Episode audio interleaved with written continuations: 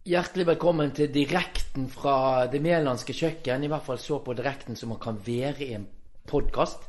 Um, og her, nå må jeg beskrive luktene, for det er jo det som gir jul. Nå lukter det livlig duft av nybakte Ikea pepperkaker, som er en av de to sortene som skal bakes i år. Det andre er kokosmakaroner. Og nå, Sissel, nå skal vi ta oss og få enda mer julestemning med å tenne de to adventlysene som man skal tenne på den andre søndag i advent.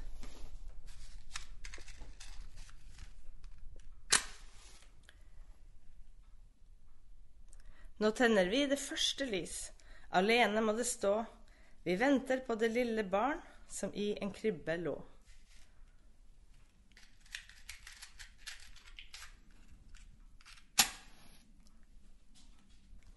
Nå tenner vi det andre lys.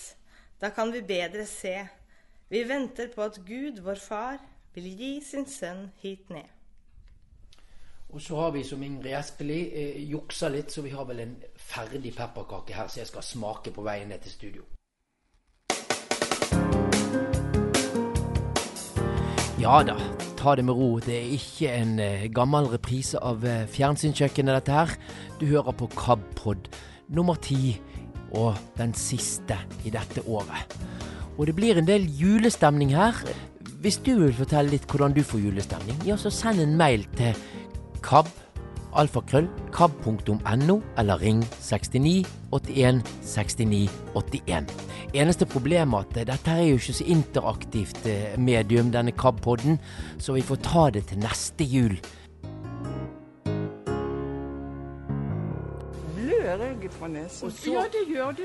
Uff a meg. Uff a meg. Hva i all verden er dette her for noe? Jeg kan ikke si annet jeg enn at du får bare følge med. Så skal du få bli klokere etter hvert.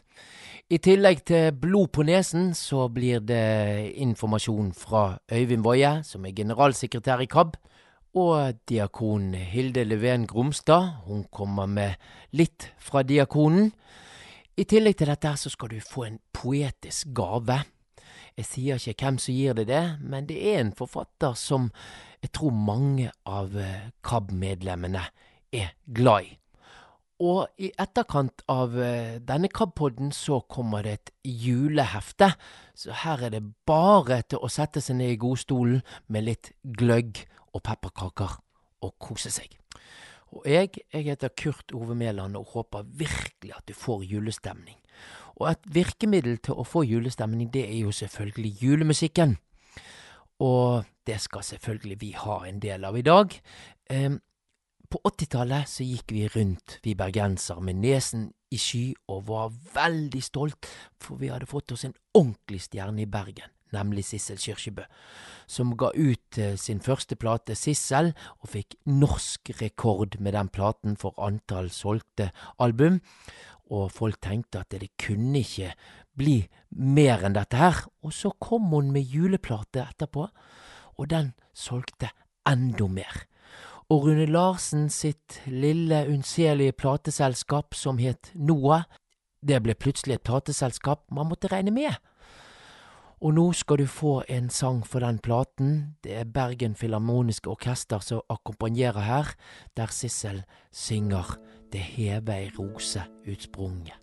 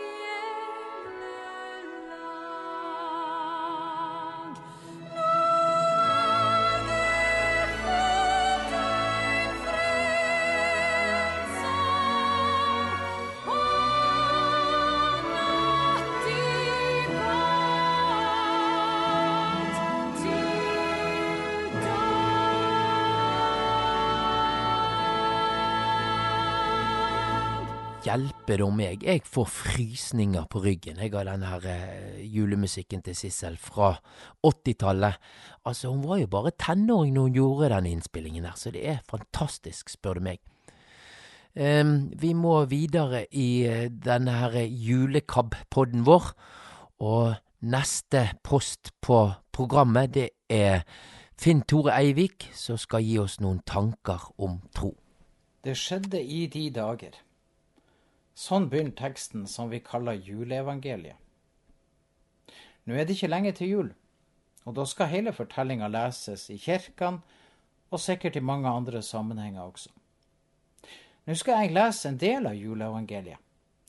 Det står i Lukasevangeliet kapittel 2, og jeg skal lese fra vers 6. Og mens de var der, kom tiden da hun skulle føde, og hun fødte sin sønn, den førstefødte. Hun svøpte ham og la ham i en krybbe, for det var ikke husrom for dem. Det var noen gjetere der i nærheten som var ute på marken og holdt nattevakt over flokken sin. Med ett sto en Herrens engel foran dem og Herrens herlighet lyste om dem. De ble overveldet av redsel. Men engelen sa til dem, frykt ikke, se, jeg kommer til dere med en stor glede, en glede for hele folket. I dag er det født en frelser i Davids by. Han er Messias, Herren. Og dere skal ha et tegn. Dere skal finne et barn som er svøpt og ligger i en krybbe. Med ett var engelen omgitt av en himmelsk hærskare, som lovpriste Gud og sang. Ære være Gud i det høyeste, og fred på jorden blant mennesker Gud har glede i.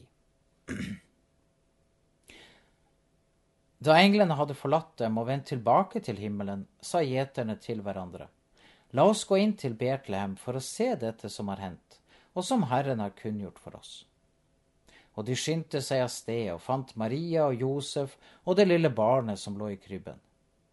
Da de fikk se ham, fortalte de alt som var blitt sagt dem om dette barnet. Alle som hørte på, undret seg over det gjeterne fortalte, men Maria tok vare på alt som ble sagt, og grunnet på det i sitt hjerte. Gjeterne dro tilbake. De lovet og priste Gud for alt de hadde hørt og sett. Alt var slik som det var sagt dem. Slik lyder Herrens ord. Sjøl om jula som høytid bare varer noen dager, og vi kanskje sjelden hører juleevangeliet lest ellers i året, så er innholdet og betydningen av dette noe som gjelder for hele året, for hele livet og for alle mennesker. Og jeg vil gjerne i dag minne litt om hva det betyr, det som hendte der i Betlehem. Og så tenkte jeg å, å bruke de sånn tre bokstavene i ordet jul som et sånt utgangspunkt. J-en i jul tenker jeg står for ordet ja. Guds ja. Jul er at Gud sier ja til oss mennesker. Det er kanskje ikke noe annet tru eller religion som gjør så stor ære på mennesket. Guds sønn blir menneske.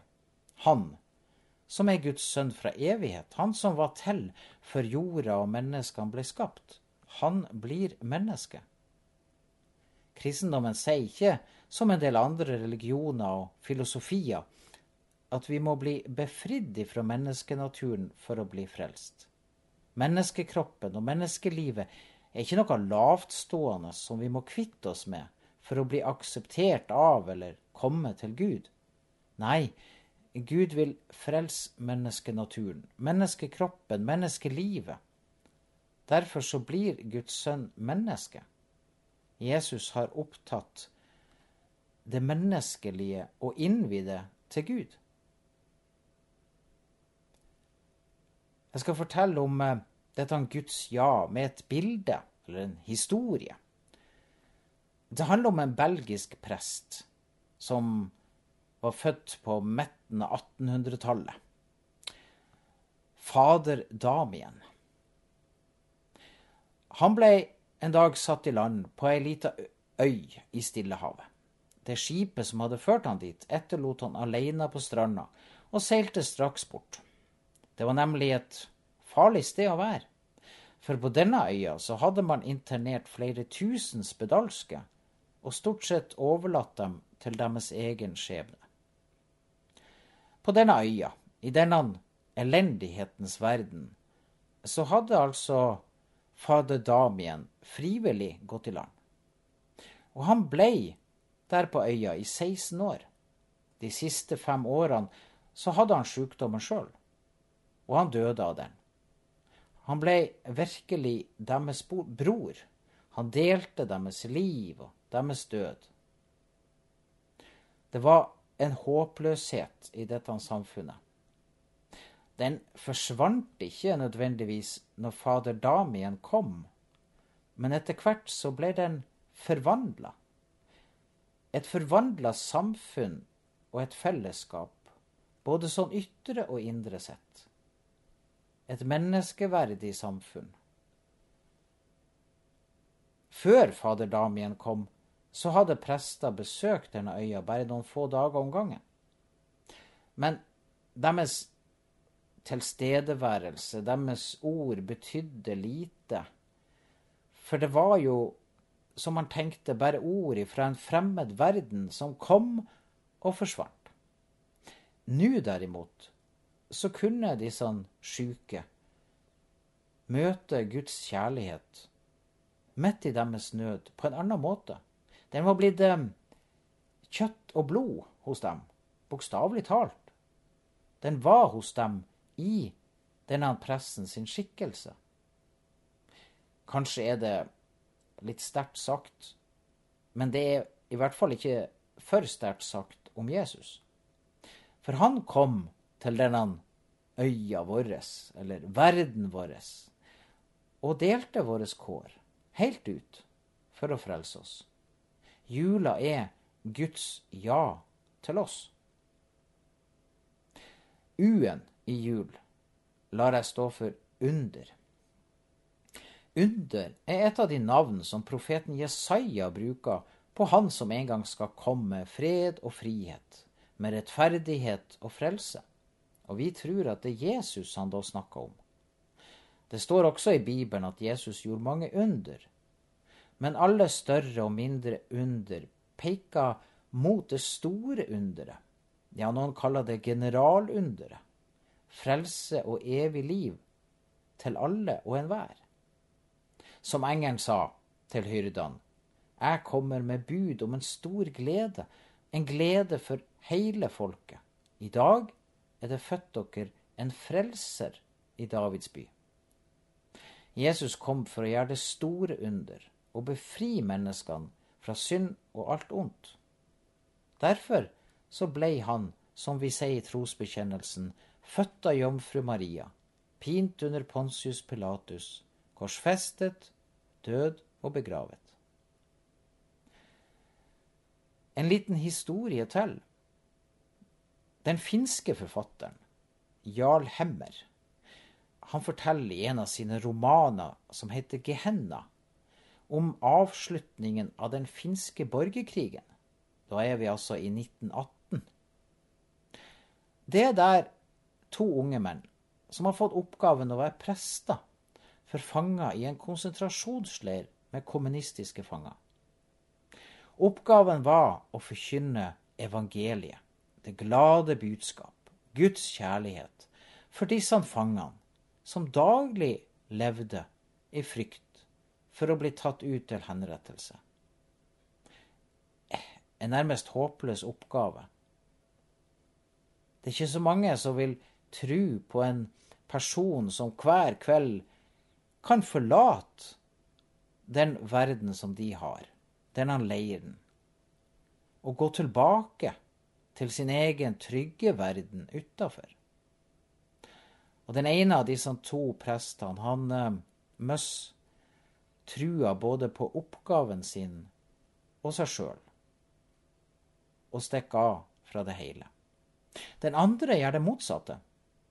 En dag da en fange deler sin fortvilelse og frykt for han, så vet han plutselig hva han skal gjøre.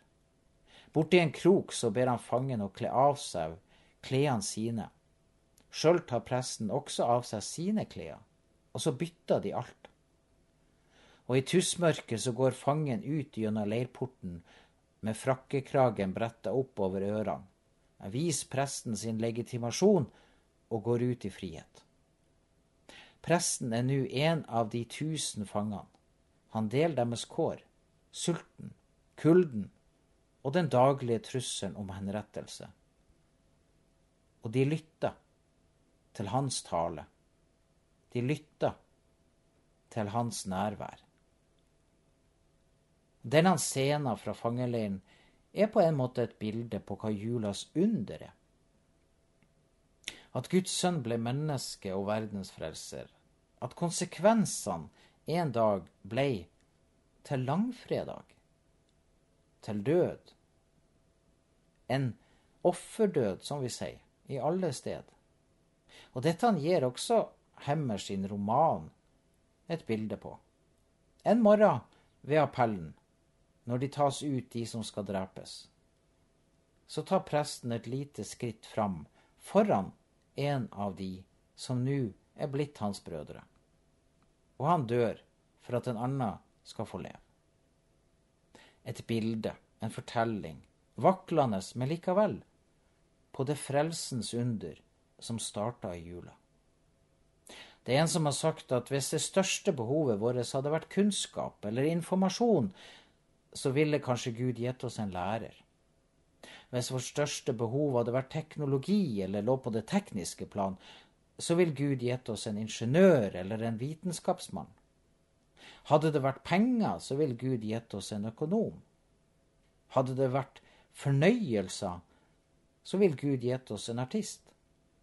Men vårt største behov er tilgivelse hos Gud og mennesker, og det å bli tatt inn i et nært barneforhold til Gud. Derfor ga Gud oss en frelser. Til slutt L-en i jul. L står i dag for lys. Det er vel mange av oss som vet hva det vil si å være mørkredd. Noen er det, andre har vært det. Kanskje ikke så ofte og lenge, men så iallfall en eller annen gang. Mange syns nok at uh, det er ikke noe kjekt å gå på øde veier i mørket. Helst ikke om vinteren. Iallfall ikke uten lys. Men uh, hva er det som kan få oss likevel til å føle trygghet i stummende mørke? Jau, kanskje hvis vi slipper å være alene. Da er det akkurat som om de som er sammen med oss, er et lys de gjør iallfall det som om lyset på den måten bryter mørket og mørkets makt. Mørket er ikke farlig på samme måte lenger. Jesus sier at han er verdens lys. Herrens herlighet lyste om hyrdene, leser vi, da englene fortalte om Jesu fødsel. Og Jesus sier seinere, den som følger meg, skal ikke vandre i mørket.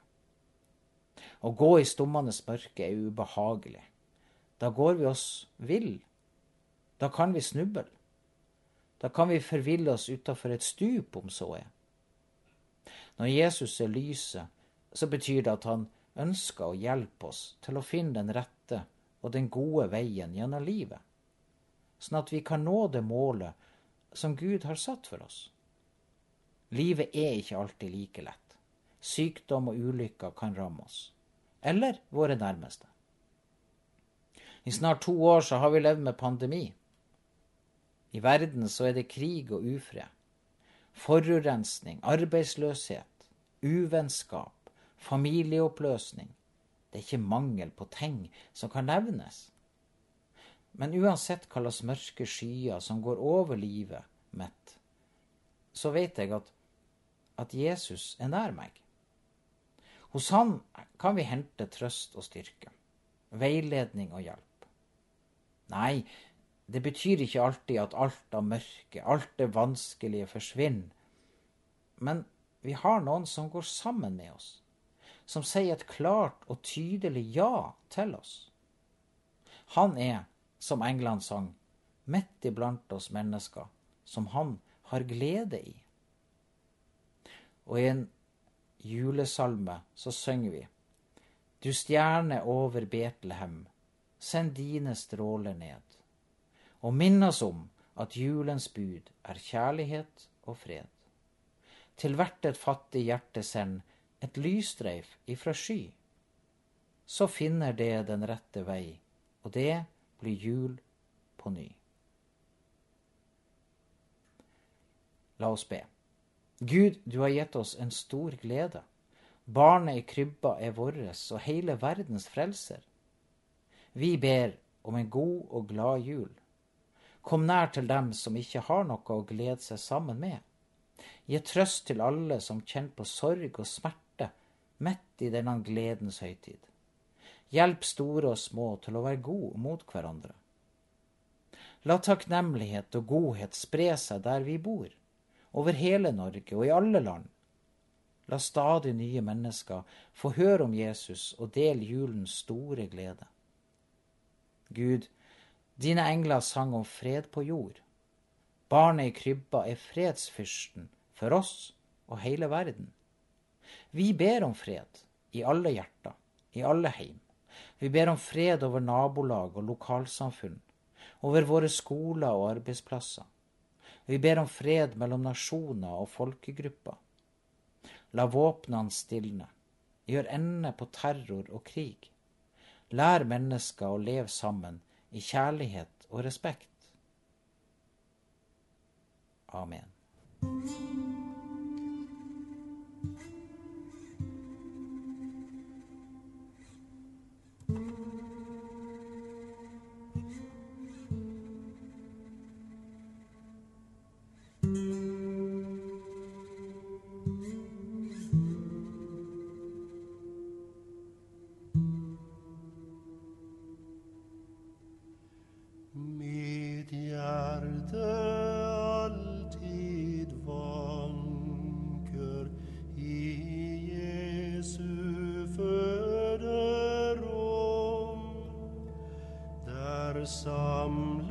curse me.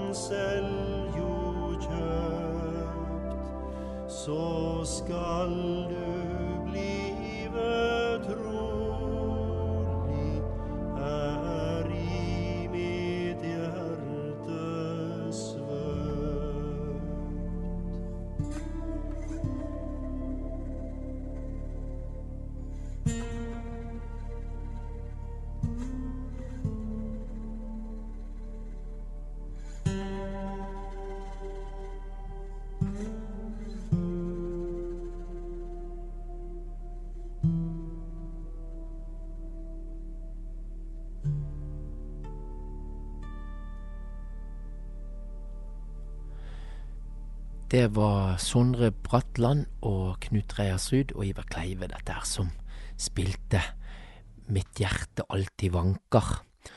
Så litt eh, fun facts av privat art sådan. Um, denne platen her, den kom ut på 90-tallet, da jeg nett hadde fått meg kjæreste. Ja, det er hun som jeg er gift med i dag. Men i alle fall så visste hun at jeg hadde at jeg ønsket meg den platen grådig. Og hun var ute og handlet julegaver med noen venninner, og skulle inn og kjøpe den til meg, men ble frarådet det på det voldsomste at man kunne ikke kjøpe en så dyr gave som en CD til en som man nettopp var kommet sammen med. Så ja, jeg tenker på hvordan det er nå. Hva slags verdi kjøper bare ungene til venner, og i alle fall til kjærester?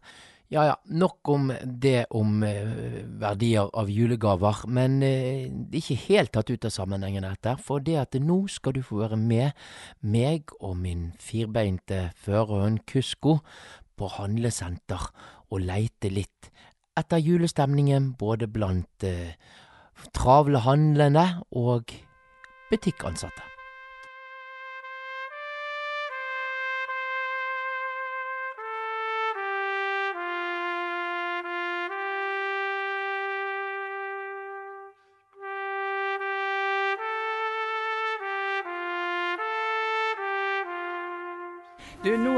Gammel dame.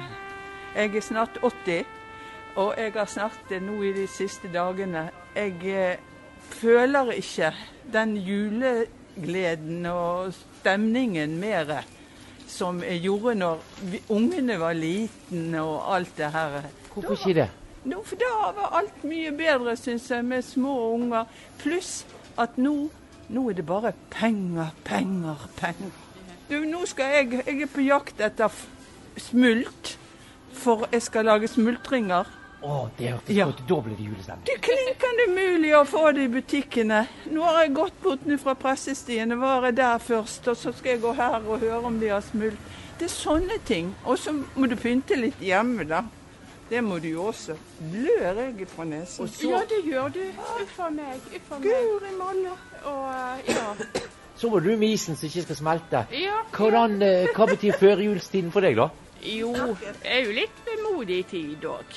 Hvorfor er det vemodig? Nei, det er vel det man eh, Ja, eh, blir jo gjerne litt eh, ja, tøffe tider. Gjerne spesielt for oss som gjerne har litt ja, tøff, trang inntekt. Og, og så er det gjerne det man har barn, og de har sine ønsker. Så er det vel Ja, det er nå ikke alltid pengene strekker til. og Nei, julestemning får jeg vel ved å være sammen med de jeg er glad i. Barna mine og familie og eh, Ja. Eh, det For julestemning er vel noe som kommer vel eh, Ja, når man er, er, i, eh, er i det, holdt på å si. God jul, må jeg si, da. Ja, riktig god jul.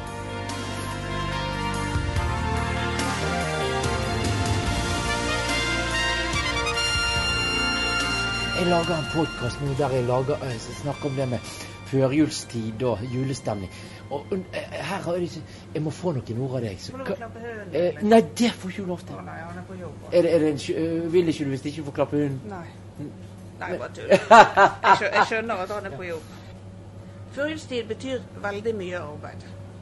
For da, har vi den travleste tiden på året, og den viktigste tiden på året. Hva, hva betyr førjulstiden utenom jobb?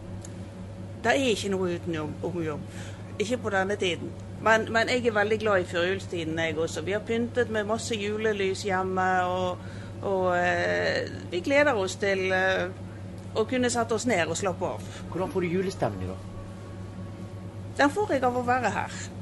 I butikken? I butikken. Og se fint julepyntet senter, og folk er glade og handler og, og alt sammen der. Det, det får jeg julestemning av. Nå er jeg inne i verdens kuleste butikk, så det at alle som vil og skal glede meg, de må kjøpe julegaver herifra, Robin. Dette er jo den fantastiske platebutikken i Åsane. Betyr, det, jul betyr eh, at jeg må jobbe mye. Nei da, det er jo fint. Jeg likte jul som barn. Hvorfor det? Hva var du Nei, Da var det gøy med julegaver og snø og vinter og sånt. Nå eh, liker jeg ikke snø, og jeg liker ikke vinter, og jeg er ikke så glad i jul heller. men, eh, men det er jo Ja, det er mye jobb, da, så det er gøy. Ja. Ja, de spiller jo litt da, og du som er musikkinteressert. Det er ganske dårlig julemusikk ute på gangen her på senteret. Åh, det, det jeg tenkte på når jeg kom på jobb i dag. Jeg er så lei av denne Kurt Nilsen-juleplaten at jeg, jeg, kunne brent den på et bål. Men, men du eh, Men det fins bra julemusikk, da, men, eh, men det er sjelden, sjelden vare. Ja. Men du kan jo ringe til meg hvis det kommer noen her inn, eller som skal kjøpe gave til meg, sånn at jeg vet det på forhånd. ja kan jeg, men, men jeg kan ikke røpe gaven. Jo, jo, så kommer jeg inn og så spør jeg. Jeg tåler ikke den spenningen. Ja. Nei, Der må du leve med Kurt. Det er en del av eh, gamet. Det er jo jul, jul, Ja. Ja.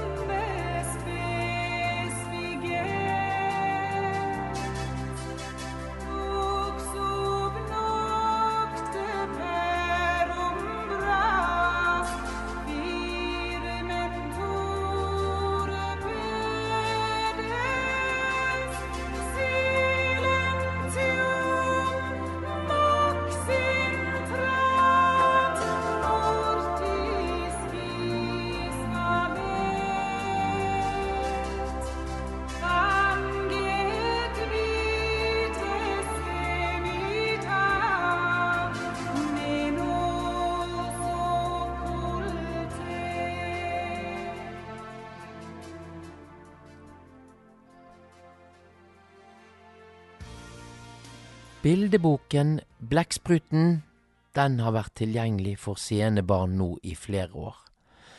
Dette er en eh, viktig bok der forfatter Gro Dale og illustratør eh, Svein Nyhus forteller en historie om det å være barn og oppleve seksuelt misbruk. Forteller Hege Eidsæter hun har vært pådriver lenge for å få denne boken lest inn på lyd, men eh, folk har ikke hatt helt tro på det at en bildebok kan bli god som lydbok. Men nå er altså boken fortalt av Hege Eidsæter, og KAB har gitt den ut. Her får du høre mer fra Hege Eidsæter. Da den kom, så ville jeg gjerne at den skulle bli lagd, og så fikk jeg tilbakemelding om at uh, det er så mye bilde i den som uh, så, så, den blir, vil være for vanskelig. Men jeg syns jo at teksten er absolutt sterk nok i seg sjøl, da. Og så er den boka så viktig. Og den er ikke viktig bare for barn. For den, uh, det er en sånn bok som kan være like viktig for ungdom, og voksne også. Men ser du for deg barn når du, når du eh, leser, eller prøver du å være såpass at, at en ungdom kan høre det òg, uten å føle at det blir for barnslig på en måte tilnærming til det? Jeg prøver å gjøre den boka med respekt, og, og ikke, ikke Jeg vil ikke gjøre den barnslig. Uh, Overhodet ikke. Um, jeg vil at den skal være sånn at den skal kunne um, treffe eller møte alle. Det er store ord og vanskelig å få til, men uh, det er i hvert fall det som er intensjonen min, da. Det å fortelle du, du, er jo en forteller, og jeg har jo sett deg i fri dressur, og det er jo voldsomt, og det er vart, og det er håper jeg, stormfullt. Eh, eh, dette må du vel slippe av, fra deg litt nå? Det her er helt, helt, helt annerledes. Um, jeg må jo sitte helt stille. Og så må alle følelsene og alt komme ut gjennom munnen. Alt må, all, alt må slippe ut bare gjennom der, av stemninga, av handling, av alt. Det er, var veldig uvant i starten, men det, er, det, det, blir veldig nært, da. Altså, boka er ordrett, sånn at den er Det eneste jeg bytta ut Eller bytta ut ett ord for å gjøre teksten litt mer forståelig. Ett eneste ord. Jeg har fått lov av forfatteren. Uh, og ellers så, så, er boka ordrett, bare at hun, hun er altså havna på en slags uh, molling. Det er jo en bok som er skrevet av Gro Dale, dette her, og mannen eh, Svein Nyhus, han har illustrert det. Uh, men når du klarer å, å, formidle en sånn bok bare verbalt, eh, er bildene overflødige da, eller? Nei, jeg tror ikke det. Men jeg tror de er, de er noe annet. Altså, jeg har hele tida hørt det der noe sterke de bildene, og alle, alle snakker om de bildene er så uh, voldsomme eller så ekle eller ja, uh, forteller så mye. Og det gjør de. Det har jeg altså skjønt. Men når jeg snakka med Svein Nyhus, så da, da, skjønte jeg at um, det er så mange forskjellige måter å fortelle ei historie på. Du fikk jo møte Svein Nyhus, og vi skal høre på den praten du hadde med han rett i etterkant her. Men mm, det var vel litt spennende når du hadde gått så dypt inn i, i, teksten, og så snakke med han som sto for det som du ikke fikk med deg? Å, det var kjempespennende, og det var, det var så gøy. Altså, det er litt sånn, kanskje litt sånn rart å bruke gøy i sammenhengen med en sånn bok, men det var virkelig Det var det. For det, det var han formidla liksom den bildedimensjonen på en måte som jeg aldri har opplevd før. Det var kjempeinteressant, syns jeg, da. Eh, og han, han, er jo et eventyr av en forteller også. Skal vi ta oss og høre på den samtalen som, som du hadde med Svein Nyhus, eh, Hege Eidsæter? Ja, det gjør jeg. Jeg er da Hege som har fortalt inn uh, Blekkspruten. Og når Blekkspruten kom ut som bok, så ville jeg gjerne at den skulle leses inn på lyd. Men da fikk jeg beskjed om at det blir vanskelig, for det her er en billedbok med bilder som er så viktige for teksten at det vil bli litt for komplekst og vanskelig. Men jeg syns teksten var så sterk i seg sjøl at det blei lydbok av det til slutt likevel. Men jeg er også nysgjerrig på de sterke bildene som alle sier å, de er så ekle, eller de er så gufne, eller de er så sterke. Så nå har vi rett og slett fått illustratøren Svein Nyhus hit. Ja. Var det alltid klart at det var du som skulle illustrere blekkspruten? Ja. Ja. Forfatteren, Gro Dale, hun er kona mi. Og vi hadde akkurat eh, Jeg vet ikke lenge hvor vi hadde vært sammen da, men nå så har vi vært sammen i 40 år. Og det betyr at når Gro skriver sånne tekster, så tror jeg hun til og med tenkte på at jeg Altså, hun skrev teksten nærmest for mine tegninger. Eh, Gro er litt undrende i språket.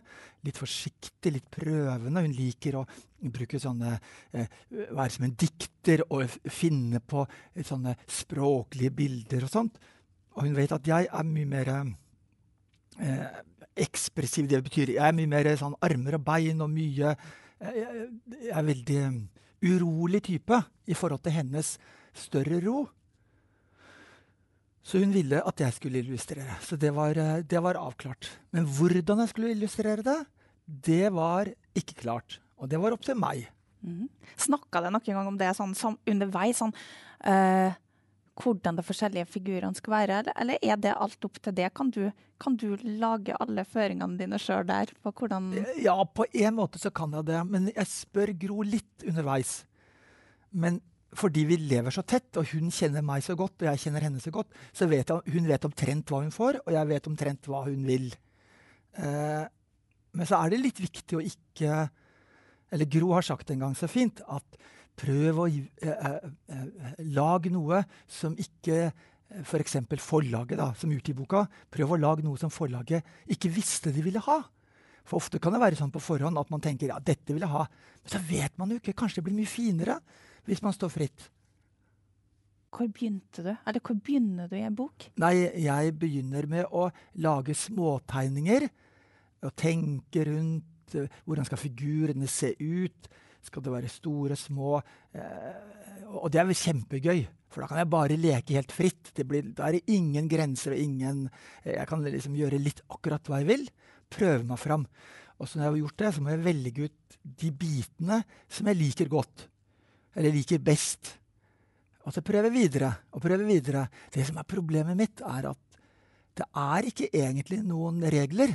Det er ikke egentlig noen sånne gjerder og grenser for hva jeg skal gjøre. Og da kan jeg gå meg vill i den store, store liksom, verden av muligheter. Jeg kan gjøre nesten hva som helst. Men kan din historie da ta en litt annen vei enn den historien som er i teksten? Ja, ja mm, det gjør det. Eh, og noen ganger så syns jeg jo det der å illustrere en tekst er ganske eh, Det er veldig gøy, men jeg syns det kan eh, Jeg syns ofte at teksten kan få lov å leve bare som tekst. For da kan den som hører på eller leser, kan da tenke sitt helt fritt. Da kan, er det jo enda større mulighetsrom. Da kan du tenke på hva som helst. Det lille gullet som er hovedpersonen her, kan være, eh, ja, være sånn eller sånn. Men når jeg tegner, så begrenser jeg og låser fast. Sånn ser hun ut. Og det syns jeg kan være litt vanskelig. Å liksom sette fast. Da, da blir det ikke så stort som det kunne vært. Men er det litt sånn da at uh, hvis du uh, um, Du kan Du kan også utdype historien, eller legge noen føringer som kanskje ikke da Gro har lagt inn. Eksempel på uh, I starten så har jeg lagt inn et bitte lite hjelpeord et sted. Ja. Storebror. Det Ja. egentlig ikke Ja, i teksten. Ja. Fordi at uh, man skal vite at apa, det er storebror. Og så mens jeg ser på slutten av boka, så har jeg jo etter hvert skjønt at i teksten er ikke storebror eller apa eller blekkspruten Det er ikke det lenger. Så Men jeg har skjønt at det er på bilder. Eller at Ja. eh, storebror fortsatt er på Ja. så han er fortsatt i familien. Men er det sånn som du putter på plass, eller er det sånn det blir enige om? Eller hvordan, hvordan er det Eh, Jeg rører lite ved Gros tekst, og hun rører lite ved mine ting. Ja. Så det er egentlig jeg som bestemmer. Eh, og da må jeg være litt sånn både en gud som skaper et skaperverk, og være litt sånn diktator og bestemmer og dikterer. Eh, og det er veldig det er gøy å få lov, få lov til å bestemme og være den som har liksom siste ord. Og fordi det ikke her er noen regler, så kan jeg jo lage litt eh, Jeg kan være veldig, veldig fri. Men det som er typisk i en bok med bilder, er at hvis bildene forteller, eller viser, da, hvis bildene forestiller nøyaktig det som ordene sier, ikke noe mer, så blir boka litt eh, blir, Da blir bildene litt um, unødvendige. Eh, sånn at jeg, føler meg noen ganger akkurat som et sånn, et sånn teaterregissør. Jeg skal lage en teaterforestilling. Og så har vi en tekst. Den er sånn. Og så må vi ha skuespillere, hvem skal passe inn i rollen, og så må vi ha litt eh, sånn eh, Oppe på scenen må det være noen eh, litt kulisser, og så må det være eh, litt lys oppe på scenen. Alt det der, det lager jo forestillingen. Og sånn er det også når jeg lager de bildene. Jeg må velge ut noen farger som jeg syns passer. Så må jeg velge ut noen skuespillere, noen figurer som jeg syns passer. Og så kan jeg også legge inn saker og ting. Vi kan jo dra opp på den scenen kan vi jo dra opp en stol. Men det kan jo være en lenestol. Det kan jo være en pinnestol. Det kan være en sofa, kanskje. Sånn holder jeg også på i bildene mine. Jeg trekker inn masse småbiter, og så sprer jeg litt utover. Og når en leser teksten, hører teksten, så er det en fortelling. Men så ser man det er stor forskjell på om noen eh, F.eks. i boka så står det ikke så mye om denne apa, denne storebroren. Egentlig, hva skjer med han etterpå? Jeg tror det står ja, Nå er jeg ikke helt sikker på om Gro nesten nevner han, men i bildene kan vi se noe rart. For der er storebroren Han blir mindre i bildene, f.eks. Det blir nesten som lyd. da, ikke sant? At det store er kanskje buldrete, og det lille er svakt og, og lyst, kanskje. Sånn er det også i bildene, at det blir stort og smått og bruker sånne ting. Men i bildene så kan vi også se at storebroren han blir mindre og mindre. Og så er det nesten som om han sitter på en stol et sted. Og det er nesten som om- det er et fengselsstol. Det er masse sånne pinner i ryggen på en stol. Så er det et sånn eh, rygglene. Og det er masse pinner i det rygglenet. Nesten som om han er i fengsel. Og hvis vi blar videre Det står at, det, at hun får lettere dager. Hun kan åpne opp vinduet, hun kan puste, hun kan føle seg trygg. Hun kan slippe inn lyset. Hun er ikke innestengt. Men jo, det er en som er litt innestengt her. For på en tegning der er det en liten gutt. En eh, storebror. Det kan vi kjenne igjen. Kan jeg liksom lage sånn at Panneluggen er helt lik hver gang, så vi kan se at det er den figuren. Han står oppe bak et sånn et gitter, et sånn eh, en balkong. Det blir liksom et fengsel. Da er det min lille historie om gutten som Han havner ikke i fengsel, men han, han blir liksom stengt litt, Ja. eller han blir holdt litt vekk. Ja. Og så er det andre sånne mange sånne smådetaljer. Ja. For eksempel handler i boka så handler det om lille Gullet, som er hovedpersonen, selvfølgelig. Hun le leker med dyr. Og derfor så er det, tror jeg forfatteren, Gro, hun har også tenkt at da kan hun leker med dyr, og det er litt sånn at, at de andre personene er som dyr. ikke sant? Eh, eh, Storebroren er som en ape. Han skal tulle og tøyse og være morsom som en apekatt. Og så forandrer han seg- og så blir han et annet dyr, kanskje med en ekkel blekksprut med fangarmer. Og de dyrene de går igjen mange steder. Og da kan jeg legge på flere dyr. Nå er jeg, nå er jeg liksom den teatermannen, så nå kan jeg slenge opp på scenekanten mange nye eh, brikker og biter og ting. Da slenger jeg opp mange smådyr. Og for eksempel kan man se at det er ofte et, en liten Jeg tror det er en slags leopard. Og den leoparden den har noen prikker på kroppen sin. Og hvis du ser ordentlig godt etter, så har gullet de samme prikkene på tøyet sitt. Eller sånne flekker, sånne leopardflekker. Og den lille leoparden, den holder hun fast på. Og til å begynne med så er det bare en liten sånn plastfigur, kanskje. Men aller sist i boka Der er ikke noe som noen trenger å tenke på, eller sånn. men hvis man følger med veldig godt Aller sist, da har leoparden blitt stor og stolt og trygg. Og den er litt rar, og det er sånn som det skal være. Da har den blitt liksom Kanskje det er lille gullet da, som har blitt liksom sterk og flott. Og alt sånt elsker jeg å putte inn. Og så er det jo sånn at teksten den må ikke være for Jeg, jeg må jo ikke liksom overta helt. Hvis det er en sangtekst, da, så kommer et orkester, vi må ha litt lyd. Og så kan man ikke høre teksten, for det er så utrolig bråkete lyd. Sånn er det litt med tegningen òg. Jeg må ikke liksom eh, over, overdøve. Jeg må ikke, eh, jeg må ikke gjemme bort teksten heller. Så jeg må prøve å være liksom sånn passe. Og det er ikke så lett for meg som er så urolig. Men du er også ganske sånn eh, hva, hva, skal jeg si, litt sånn direkte Noen av tegningene dine de er jo også veldig sånn um, tydelige. Ja. Sånn som um, underbuksa til gullet, eksempel. Ja. Eller sokker og Ja, sånn. ja, det er ikke Du er ganske direkte også. Ja, men det er supervanskelig. Hvor direkte skal man være? For hvis man blir for direkte, så blir det litt sånn Da er det ikke noe mer, det er liksom ikke noe å lure på. OK, ett stykk underbukse, ett par sokker. Ferdig med det. Men hvis sokkene er litt rare, eller hvis underbuksa ligger på et merkelig sted, så begynner det å lure litt. Og den luringa, den, eh, det å sitte og undre seg og være litt nysgjerrig, det er som en motor. mm, hva er det her for noe rart? Så begynner vi å gå videre.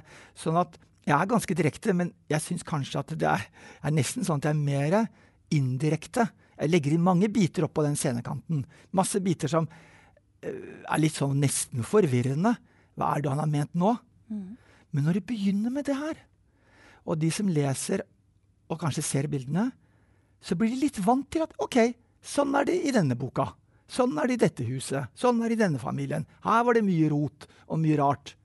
Ja, det er en underbukse, men det er også noen legoklosser. Hva gjør de? Og kanskje, kanskje noen begynner å lure og undre.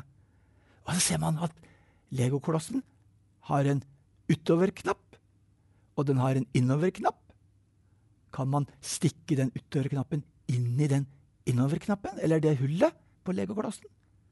Kanskje det er liksom Kanskje det kan ligne på noe? Eller hvis jeg tegner en nøkkel? Det var jo sånn at han storebroren han liksom lurte lillesøstera si inn på et rom og låste døra. Det skulle jo være hemmelig. Han trakk ned rullegardinene. Men den nøkkelen, det er noe som du stikker inn i et hull. Hva skal det bety? Stenger han lyset ute? Kommer han altfor langt inn på, eh, på, den, på gullet?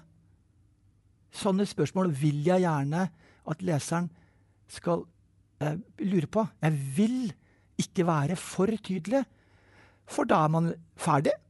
Ja, det smakte godt, dette måltidet, men det var alt. Det er fint hvis det er litt sånn hm, Det var en rar smak etterpå. Hva var det for noe rart? Jeg har nå visst noe mellom tennene. Mm, litt sånn. Det er så fint når du forteller sånn nå, for da ser jeg også den boka på en helt annen måte. Da får jeg en annen dimensjon, en tilleggsdimensjon. Ja, men det er hyggelig at du sier. Men, men, men jeg tenkte på det at man kan Jeg liker å sammenligne forskjellige liksom, kunstformer eller sånne Når man lager ting, da. Så liker jeg å sammenligne det sånn som musikk kan sammenlignes med Altså musikkopplevelser, da, lydopplevelser egentlig, kan sammenlignes med andre opplevelser. F.eks. bildeopplevelser. Eller matopplevelser. Eller kanskje det å føle noe på huden.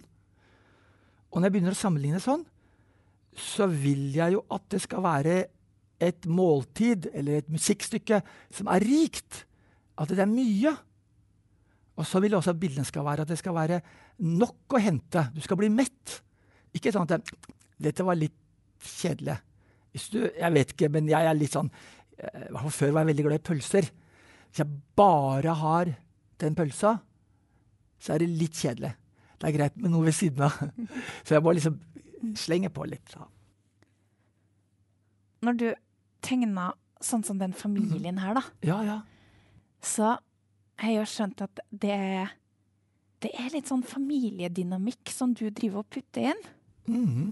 Og, og det at uh, kanskje noen sitter med mobilen sin, Ja. er det, er det litt sånne små kommentarer som du dytter inn da? Er det, er det Ja, det er det. Også i den, hvis jeg da kaller det her den, liksom, Noen sier nemlig at det er bildebøker. Det er nesten som teater. Det er sånn du blar opp eh, i boka, Oi, her var det et stort bilde i bildeboka. Det er nesten som du ser på en scene. Det er jo snakka om. Og da, hvis du da har f.eks. den mobilen, hva skal det bety?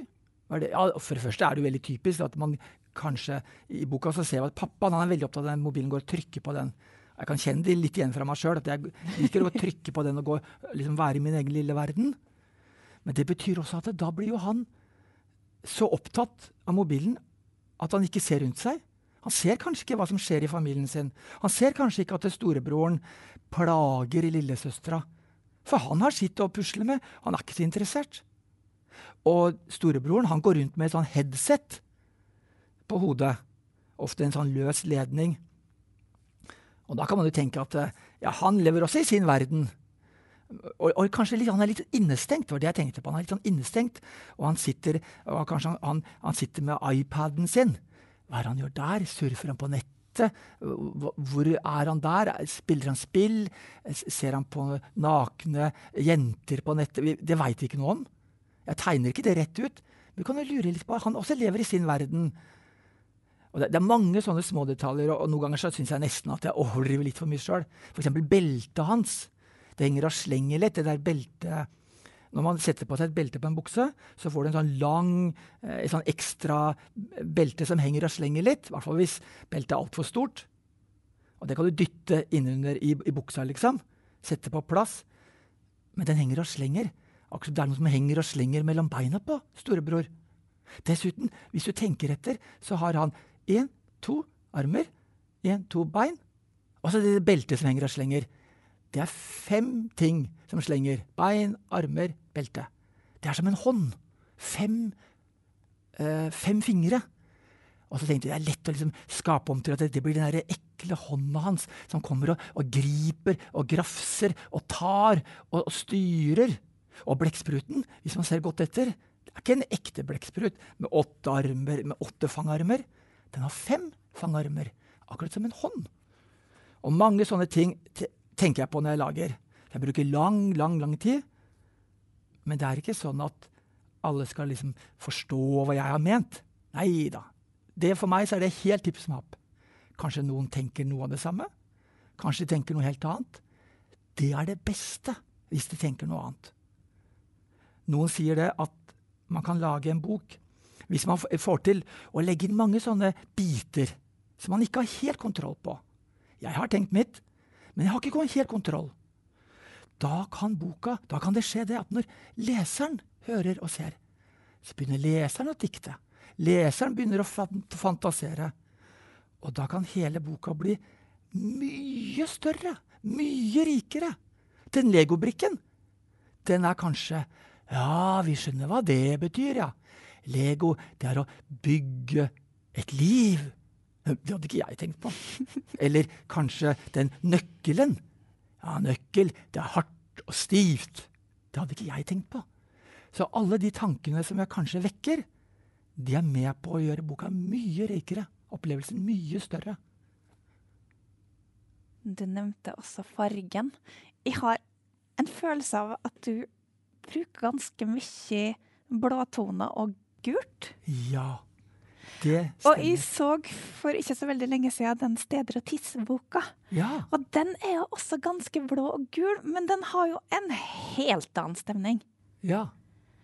Hvordan får, altså, hva gjør det for å lage stemninga til en bok? Um, nei, altså stemning Hvis jeg begynner å sammenligne Jeg liker som sagt sånn, å sammenligne liksom, mat og musikk og bilder og tekst og sånn opplevelser. Eh, og det er jo liksom noen ting som Hvis det ligner på noe som vi kjenner igjen, f.eks. En, en tegning som er veldig mørk, eh, den kan gi liksom et annet inntrykk av en tegning som er veldig lys. En tegning som er veldig tynne streker, forsiktig, gir en annen stemning enn en som er eh, hvor det er tjukke streker, veldig tydelig. Og denne boka her er sånn, sånn tegna med sånn blekk, med tusj. Og det er egentlig ganske tydelig det kan også fargene bety mye. Det er klart Hvis det er sånne farger som ikke er eh, som er litt som er litt dempa, som man ser når det er liksom kvelden, så gir det en annen stemning enn hvis det er sånne friske farger når det er midt på dagen. Og jeg bruker veldig mye blått og gult, eller sånn brunt og gråblått, Mhm. fordi at eh, Fordi det enkle svaret er at jeg er det som heter fargeblind. Og det betyr at øynene mine mangler noe, så jeg klarer ikke å se rødt og grønt så godt som de som ser på vanlig måte gjør. Rødt og grønt er litt vanskelig for meg. Det, jeg tror det virker sterkere på andre enn det gjør på meg. Og da blir jeg redd. Å, jeg kan ikke se fargene riktig. Kanskje jeg, kanskje jeg gjør noe feil. Hva gjør jeg da? Jeg bruker ikke rødt og grønt. det, det, det, det, kan gå gærent. Jeg kan velte på den sykkelen. Jeg kan ikke sykle på den sykkelen med rødt og grønne hjul. Men jeg kan sykle på sykkelen med blå og gule hjul. Og så har jeg gjort det mange ganger. Og etter hvert, etter hvert, så har det blitt sånn i mange bøker. Og så tenkte jeg det er utrolig fattig at jeg bare bruker liksom en varm farge, eller en varm tone, som er litt sånn gulaktig, og en kald farge, som er litt sånn blåaktig. Det blir litt fattig når det er sånn i hver bok. Men så har jeg tenkt det blir meg. Det er min signatur. Det er min underskrift. Det har blitt min liksom mitt uh, kjennetegn, akkurat som jeg går med et flagg. Der kommer Norge i rødt, hvitt og blått. Der kommer Danmark i rødt og hvitt. Og der kommer Svennehus i blått og gult. Litt sånn tenkte jeg. Er det da, altså når du sier det med varme og kalde, eller ja. ja det Bruker du det i stemningene i boka også? Sånn at uh, på de, hva skal jeg kalle det, traurige sidene i boka, så er det Kan du finne gult i deg? Ja. Eller er det da over i det grå og det blå? Uh, for der er det bare blekksprutblekk, da. Ja, Eller ja, altså, altså, november som Ja. Ja, du har rett. Og, når jeg ser tegningene nå etterpå, så er, nettopp fordi det ikke Jeg nevnte jo at det ikke er liksom noen grenser, og det ikke jeg kan gjøre litt hva jeg vil. Jeg må selvfølgelig holde meg innafor papiret. Jeg kan ikke liksom tegne på bordet ved siden av. Men det er så fritt, og da ser jeg mange ting jeg skulle gjort annerledes. Og her er det litt sånn jevnt spredt utover, men det er sånn som du sier, at de kalde fargene, eller de som er litt sånn mørke, litt sånn dystre, det betyr mørkt, og sånn, de er litt um, De er der hvor det er litt sånn dramatisk og litt trist. Og så er det litt lysere, gulere, litt solaktig. Det er solaktig der hvor det er eh, hyggelig og åpent, og liksom man åpner vinduet og kjenner lyset fra varmen. Nei, eh, varmen fra sola og lyset der ute. Eh, Så det prøver jeg litt. Men det som er typisk, er jo sånn eh, Sterke farger kan kanskje bety at det er Sterke farger kan kanskje bety at det er mye liv, og, og kanskje litt sånn masse inntrykk. Kanskje noe sånn positivt. Tivoli. Mens svake, svake farger kan bety at det er forsiktig. Kanskje litt innestengt, litt mørkt. Eh, Så jo, jeg bruker de fargene litt, men, men som stort sett så, så har jeg tenkt som så at farger, det får noen andre ta seg av. Det er andre som er bedre på det. Jeg er ikke så god på det instrumentet, men jeg kan spille mitt instrument. Og det er ofte liksom strekene, da. Figurene og sånn. Når du begynner, veit du da hvordan stil du skal skape boka i? Eller er det sånn som du begynner med én stil, og så kan du ende opp med noe annet, så må du starte på nytt igjen? Ja, jeg vet ikke uh, Unnskyld, det var et tullete svar. Ja, jeg begynner på nytt igjen. Og nei, jeg vet ikke hvilken stil jeg skal velge.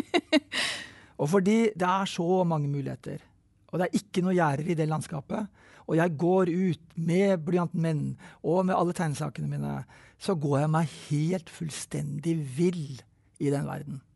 Jeg prøver det, og jeg prøver det. Og jeg prøver det, og jeg prøver det. Og alt er litt like greit. Eh, Så må jeg bestemme meg. Jeg kan ikke ha alt sammen. Det er ikke plass i boka til alt jeg vil. OK. Så omsider etter masse utprøving, så fant jeg ut det skal være tusj som er litt blekkaktig. Blekk er jo ikke sant, sånn, det er litt sånn våt strek som flyter litt utover. Og den heter jo Blekkspruten. Det kunne passe. Og så ville jeg at det skulle være blått og gult. Det bestemte jeg. Og da, når jeg har bestemt det, så er det nesten som et kart. Da vet jeg hvor jeg skal. Da har jeg kartet mitt, men jeg ser hvor jeg skal. Ja, blått og gult, og jeg skal ha tusj. Jeg skal ikke dra fram blyanten. Nei, nei, nei. Den er ikke med på denne reisen her. Det er tusjen. Og det er gjort her. Og hvorfor gjør jeg det? Jeg, for jeg blir ganske streng etter hvert. Jo, det er for å lage uh, Gi hver bok en personlighet. Noe eget. Det blir som å sette de skuespillerne opp på den scenen. Den rollen må ha den tydelige uttrykket. Og den andre rollefiguren må ha det tydelige uttrykket. Sånn er det med bøker òg, syns jeg. Hvis Svein Nyhus kommer med det flagget sitt og med sine tegnesaker, og alle bøkene er helt like Svein Nyhus hver gang, så blir det litt for likt. Liksom alle er det samme. Jeg vil at det skal være forskjellige personer, personligheter i hver bok. Det var den store blå boka. Det var den lille gule boka. Det var den breie, forsiktige boka. Ikke sant? Jeg, sånn tenker jeg da. Så jeg tenker mye. Kanskje jeg til og med tenker for mye. Da går det litt treigt hvis jeg skal tenke på alle svinger i, i verden. Det er egentlig bare å kjøre på. Sving litt hit og sving litt dit. Ikke tenke. Hvor skal jeg gå?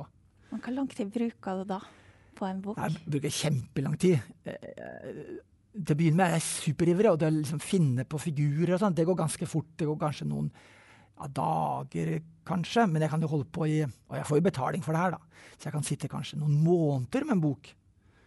Eh, den raskeste boka mi den var også tegna med en sånn, sånn blekk eh, eh, som jeg har gjort her. Sånn tusj og, og blekk. Der tror jeg brukte sånn ca. to dager. Det gikk super, Da skulle jeg vise for meg sjøl at jeg kan jobbe fort. Eh, den er super, super enkel. Den ble jeg ganske fornøyd med, får jeg si. Mens den her holdt jeg bare slite meg i hjel. Jeg holdt på sikkert i uh, Jeg går litt sånn til og fra. Jeg holdt på i ja, kan, mange, mange måneder. Og prøver på nytt og prøver på nytt og prøver på nytt og bytter ut og Ja. Så da fins det egentlig kanskje en blekkspruter et sted som ser litt annerledes ut, eller helt annerledes ut, og en gullet som ser annerledes ut, som, er, som ikke skulle være med i boka? Er det sånn? Ja da, på en måte så er det sånn. Og den kunne jo vært på så mange måter. Og det er det jeg tror er fint når du leser teksten din, at det er uten bilder. For da kan man jo liksom kjenne seg igjen sånn som man vil. Mm. Og da blir det mye rikere. Jeg har tenkt noen ganger på at liksom en av de, de rikeste ordene da, altså alle ord er veldig, altså Når jeg sier rik, så betyr det at det er Det er ikke sånn at de har mange penger, selvfølgelig. Men at ordene er liksom, de inneholder så mye. De kan være så mye. F.eks. ordet mamma. Åh, det kan være mye rart. Mamma. Det kan være en høy mamma, det kan være en lav mamma, det kan være en tullemamma, det kan være en mamma som ikke er der, det kan være en død mamma, det kan være en levende mamma, det kan være en gammel mamma. Når jeg skal tegne, pjups, da er jeg bestemt. Ok, det var sånn mamma det var. Mens når du bare sier ordet, når du bare leser teksten uten bildene, så kan det være så utrolig mye. Og det syns jeg er veldig fint. Da kan den som hører på, liksom se for seg, eller, eller lage, tenke sine tanker. Og da liksom utvider boka. Boka blir større enn seg sjøl, til og med. Mer enn det forfatteren hadde tenkt på. Mer enn det tegneren hadde tenkt på. For den blir sånn som hver enkelt lytter eh, ser det for seg. Er det noen tegning i den boka som du er aller mest fornøyd med? Så fint spørsmål. Ja, jeg er fornøyd med, med helheten. Med liksom hele barneflokken min. Ikke én, det er vanskelig å ha en, sånn favorittunge vet du, når du lager noe. Men eh, jo, nei, det er små detaljer jeg er ganske fornøyd med. Mm.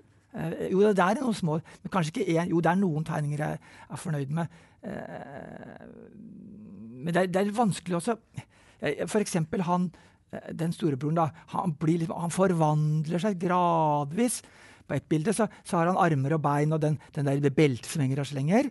Og så når vi går litt utover, så får han litt lengre armer og litt lengre bein. Og så blir han litt mer og mer De beina blir mer sånn fangarmeaktige. Det forandrer seg. Og akkurat den overgangen liker jeg. Altså, jeg liker noen sånne detaljer. Jeg liker at jeg, jeg vil lage det litt jeg vil lage det litt rart. Det skal ikke være helt sånn som man er vant til å se. Fordi jeg vil at man skal bli litt nysgjerrig. Jeg vil at leseren skal kanskje oppleve en smak, eller en, en opplevelse. En lyd, en smak, en, eh, eh noe, eh, liksom en smak for øyet sitt som det ikke har, har sett før. Jeg vil at det skal være litt rart.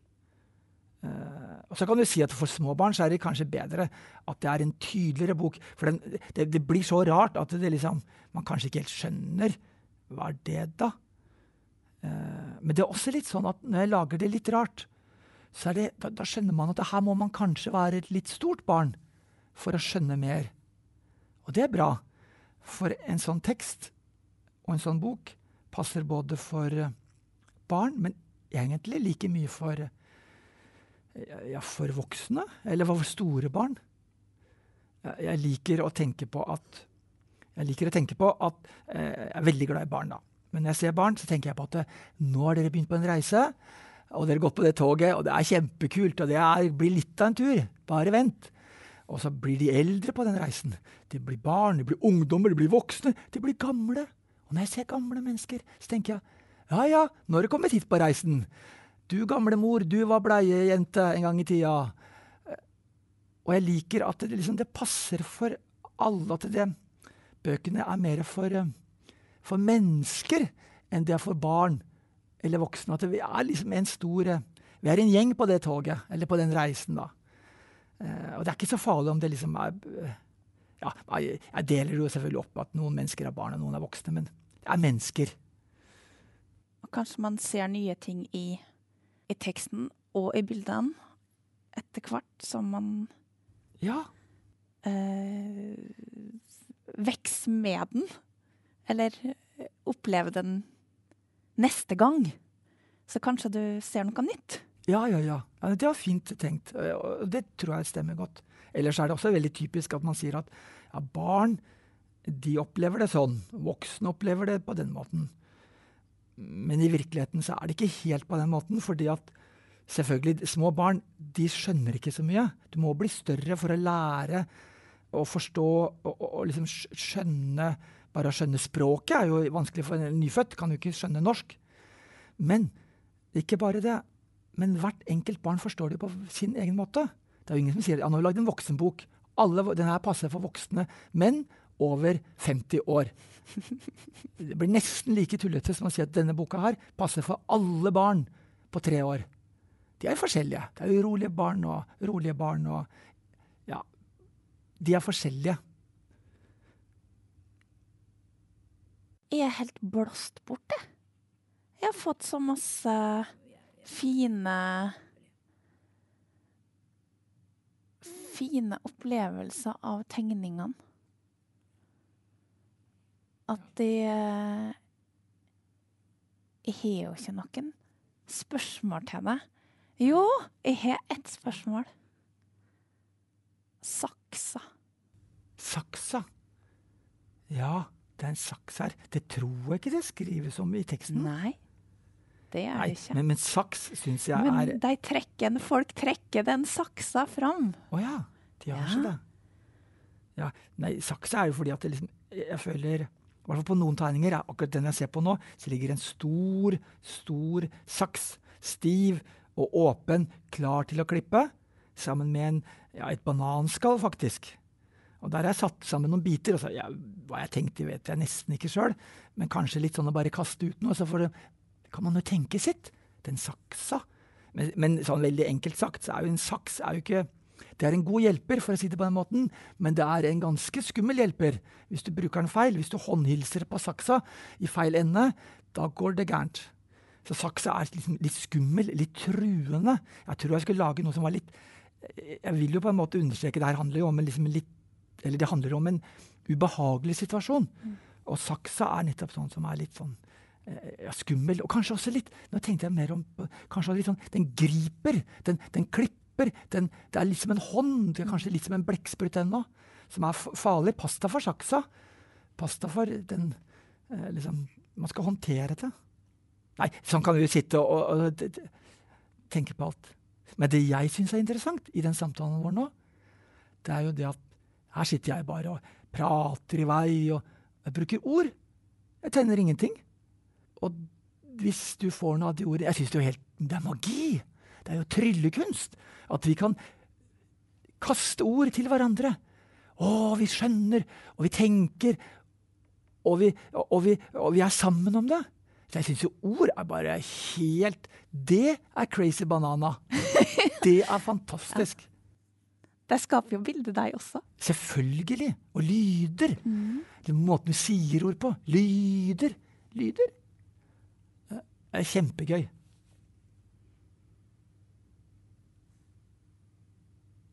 Tusen takk. Takk til deg, kjære deg. Det var Hege Eidsæter det, som eh, hadde en prat med illustratør eh, Svein Nyhus. Og du, jeg må fortelle deg at det, dette her er en av mange podkaster vi i KAB produserer til deg. Og eh, de kan du abonnere på på ulike strømmetjenester, for eksempel Spotify og Apple Podcast og de tingene der. Men du kan gå inn på nettsiden vår og få en oversikt over hva slags podkaster vi har, og høre på de der òg. Da går du inn på kab.no, og der finner du en lenke som heter Lytt til våre podkaster. Og der finner du masse forskjellige podkaster, inklusiv denne podkasten, som er en del av den rekken som vi har kalt for KAB-verdi. Nå, nå blir det en liten julegave til våre KAB-lyttere.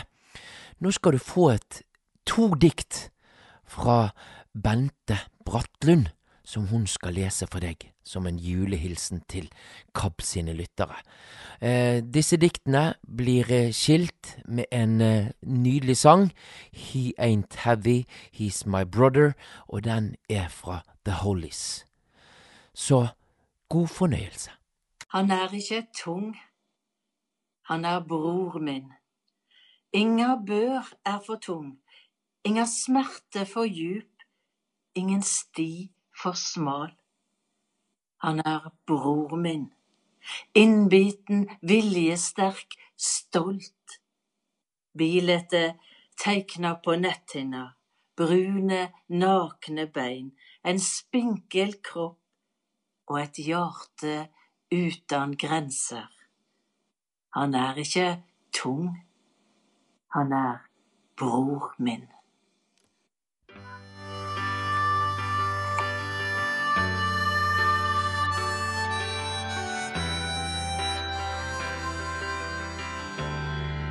The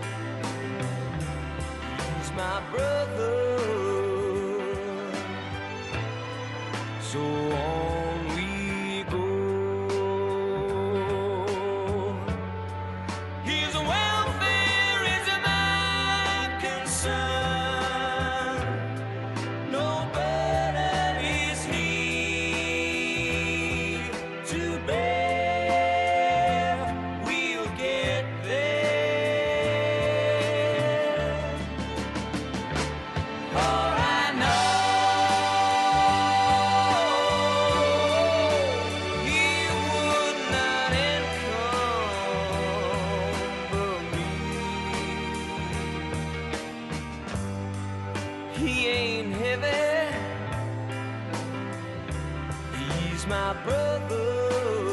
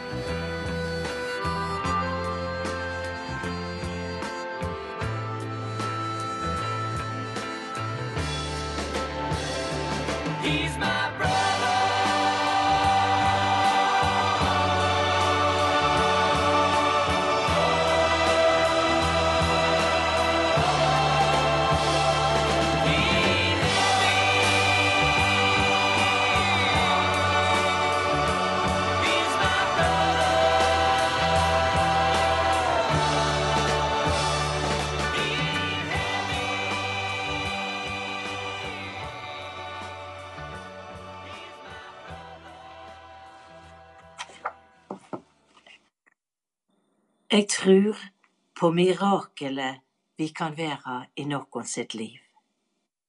Jeg tror på at lyset, hvor lite det enn er det vi ber, kan jage mørket bort for noen.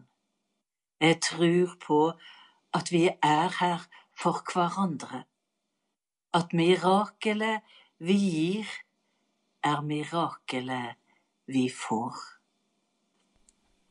Da vil jeg ønske alle, alle ei riktig, riktig god jul.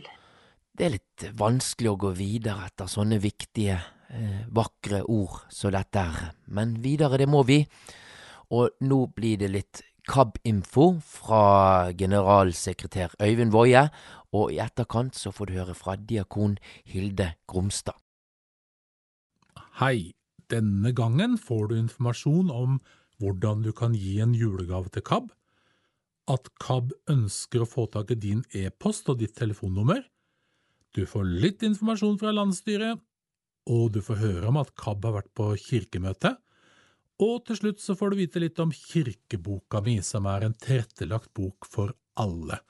Kanskje du kjenner noen som burde få denne? Men først av alt, i disse dager så sender vi ut e-poster og brev til både givere, KAB-interesserte og KAB-medlemmer. I denne utsendingen, som kommer på papir eller digitalt, så oppmuntrer vi folk til å gi en julegave til KAB. Cirka 30% av våre inntekter for å drive KAB kommer fra innsamlede midler. Og dette er penger som vi er helt avhengig av for å kunne drive og utvikle KAB. Det meste av det du får på KAB, det koster lite eller ingenting. Derfor så ber vi frimodig om ditt bidrag. Noen tenker at de er medlemmer og at det holder, og det er greit, mens andre har lyst til å både være medlemmer og gi en gave. Vi opplever at mange setter pris på KAB sine tjenester og tilbud. I dette brevet, nå skal jeg finne fram det, så forteller vi litt om hva KAB betyr for en person som er synshemmet. Hvis vi skal få folk til å gi penger til KAB, så må vi nesten fortelle litt om hva vi holder på med, ellers så skjønner de ikke helt hva KAB er for noe. Så i brevet så står det en kort historie om Hege Norseth Blikkfelt. Tittelen er KAB er en kristen grunnmur for meg. Hege Norseth Blikkfelt er en langdistanseløper i KAB. Hun har vært med siden hun var barn. I sommer gikk den blinde 55-åringen pilegrimsvandring for første gang. KAB har alltid vært en kristen, trygg grunnmur i livet mitt, sier Hege. I sommer ble det KAB-minne for livet nok en gang Jeg og mannen min Richard gikk pilegrimsvandring med flere andre synshemmede fra Stiklestad til Nidarosdomen. Ti mil på sju dager. For et tett og fint fellesskap det ble.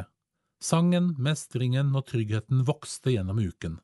Vi fikk Olavsbrev i punkt og velsignelse av biskop Herborg Finseth i Nidarosdomen, forteller Hege begeistret. Hjemme i Asker er hun aktiv i Vardåsen menighet i Asker, men trenger KAB som en viktig støttespiller. Jeg sitter i menighetsrådet i min fjerde periode. Jeg stoler på å få god tilrettelegging i kirken min fordi jeg stadig informerer om at jeg har KAB som en vaktmester i ryggen. Nå har hun store forventninger til å få salmeboken, som brukes i Den norske kirke, i en datautgave på punkt, slik at hun kan ta fullt og helt del i menighetssangen. Det er viktig for meg å kunne delta spontant på linje med alle de andre i det kristne fellesskapet jeg er med i. Jeg har lest Bibelen fra perm til perm, takket være utgivelsene fra KAB. Jeg vekslet på å lese den i punktskrift og på lyd, men vi trenger en bærbar digital salmebok, det er et must. KAB jobber for en god og digital løsning på salmeboken. Det er spennende og helt nødvendig. Jeg håper den kommer snart. Og så står det under Gi KAB en julegave og hjelp oss å sikre og utvikle gode og varige tilbud til syns- og lesehemmede. Og på framsiden av det som er giroen, så står det Hjelp KAB med en julegave? spørsmålstegn. Det varmer å lese hva Hege Norseth Blikkfeldt sier om KAB. 55-åringen mener KAB er viktig for troen hennes. KAB er en kristen grunnmur for meg, sier hun. Bedre kan det ikke bli. Derfor spør vi frimodig om en julegave til arbeidet vi i kristent arbeid blant blinde og svaksynte driver. Dessverre merker vi at gaveinntektene går ned. Nå trenger vi din hjelp til å få en god start for 2022. Med ønske om en velsignet julehøytid. Hilsen Øyvind Woie, generalsekretær. Men det er altså helt frivillig, og det er ikke noe tvang. Det bestemmer du sjøl, om du har lyst til å gi KAB penger, slik at vi kan drive KAB videre. Det, det er helt din sak. Vil du bruke VIPS, så er nummeret 20 72 9 207 29. Vil du bruke bankkonto, så bruker du nummer 300 017 069 57. Ønsker du å bli en fast giver som gir litt hver måned, da kan du ta kontakt med oss her på KAB på 6981 6981, eller gå inn på KAB sine nettsider og registrere deg via VIPS eller avtalegiro. Vi her i KAB vi ønsker at eh, organisasjonen skal vokse og utvikle seg. Og for å få til det, så trenger vi bedre kontakt med deg. Vi ønsker å kommunisere med punktlesere på punkt, og den som trenger storskrift skal få det. Vi ønsker også å bruke mer e-post og SMS, da det koster mye mindre å sende det elektronisk enn å sende det på papir, men vi sender selvfølgelig også papir når det er nødvendig. Men våre registre mangler både e-post og mobiler og telefonnumre. Derfor vil vi oppmuntre deg til å sende oss ditt telefonnummer og din e-post. Send det til oss på e-post kab.alfakrøllkab.no, kabb.alfakrøll.kabb.no, eller ring 69 81 69 81. Har du lyst til å sende på brev, så er det bare å skrive det der i punkt eller stor skrift eller med krøllete skrift eller hva du vil for noe. KAB, Kristent arbeid blant blinde og svaksynte, postboks 333 1802 Askim. Vi bruker e-post og SMS-er til å sende ut informasjon om møter i lokalforeninger, kurs og arrangementer. Det er to julemøter i KAB-foreningene i desember. De er i Oslo og Stavanger, og disse ble holdt den 5. desember i Oslo og den 8. desember i Stavanger, og de er nok allerede gjennomført når du får denne KAB-podden. Derfor er det viktig å melde inn e-post, mobil og telefonnummer. Så litt om landsstyret. 8. og 9. desember er det møte i KABs landsstyre. Dette møtet kombineres også med en førjulssamling med de ansatte i KAB. Landsstyret jobber nå spesielt med budsjettet for neste år. Det er planer om flere kortreiste arrangementer på flere steder i Norge, sommersamling og generalforsamling i juni. Vi har planer om dataspillsamlinger og påskeleir for unge syns- og lesehemmede, og vi tenker at KAB skal jobbe mer med å støtte og utvikle lokalforeningene i KAB, blant annet gjennom likepersonsarbeid og hjelp til å drive og utvikle foreningsarbeidet. Vi tenker at vi skal jobbe mer med digitale kurs og samlinger. Og styret vil eh, trolig også prioritere at det jobbes sterkere med digitalisering i lydbiblioteket. Dette gjelder først og fremst blader og aviser, som det i dag koster mye å lese inn med stemme, og noen av de må kanskje gå over til digital tale. Men vi ønsker også å utvikle flere av våre lydbøker til e-bøker. Denne utviklingen er KAB nødt til å henge med på, og derfor må vi prioritere ressurser innenfor det feltet. Så litt om Kirkemøtet. I november deltok styreleder Kjersti Lium og generalsekretær Øyvind Woie på Kirkemøtets åpning i Trondheim. Kirkemøtet er Stortinget for Den norske kirke, og Den norske kirke er det største trossamfunnet i Norge. Det er viktig at KAB er til stede og markerer at mennesker med funksjonsnedsettelse må få være med å bestemme i kirkens demokratiske prosesser. Slik er det ikke i dag. KAB jobber både inn mot Den norske kirke og inn mot Norges kristne råd. Det er de som samler alle de kristne trossamfunn i Norge. Vi opplever at synlighet og tilstedeværelse gjør at KAB blir sett og hørt. Og det er gode grunner til å tro at vi blir hørt, og at en endring er på gang. Til slutt, her er en spennende eske. En pappeske som er formet som en kirke. Og inne i pappesken så ligger kirkeboka mi, en vanlig bok i vanlig svart skrift. En bok som deles ut til fire-femåringer i Den norske kirke, de som ønsker å få den. Eh, og KAB har tenkt at uh, denne boka den må jo også andre barn som ikke ser, eller har foreldre som ikke ser, eller faddere, eller ja, folk som har lyst til å gi dåpsbarn en gave, eksempel, må jo kunne få tak i denne boka altså, og bruke den selv om man ikke har syn i behold. Derfor har vi puttet denne her kirkeboka da oppi en pappeske, og i pappesken så ligger det fem fine figurer. Uh, Og vi har da sørget for at denne boka, som jo er eh, trykket, den har eh, man mulighet til å lytte til. Så her ligger en CD-plate og et lite kort som man kan holde foran mobilen. Det høres veldig vanskelig ut, men det er ganske lett. Og så trykker man bare rett og slett på kameraet sitt og skanner en såkalt QR-kode, og så Ja. Her kommer jo bordverset ut av mobilen min. Det betyr at eh, jeg kan lære å synge bordvers. Ja, det er helt fantastisk. Eh, Man kan også høre forskjellige historier, og de eh, personene og figurene som eh, er i boka her, de ligger også oppe i denne esken. Her er det fem flotte trefigurer. Et hjerte, en sommerfugl, en engel og en liten gutt og en liten larve. Søt liten larve.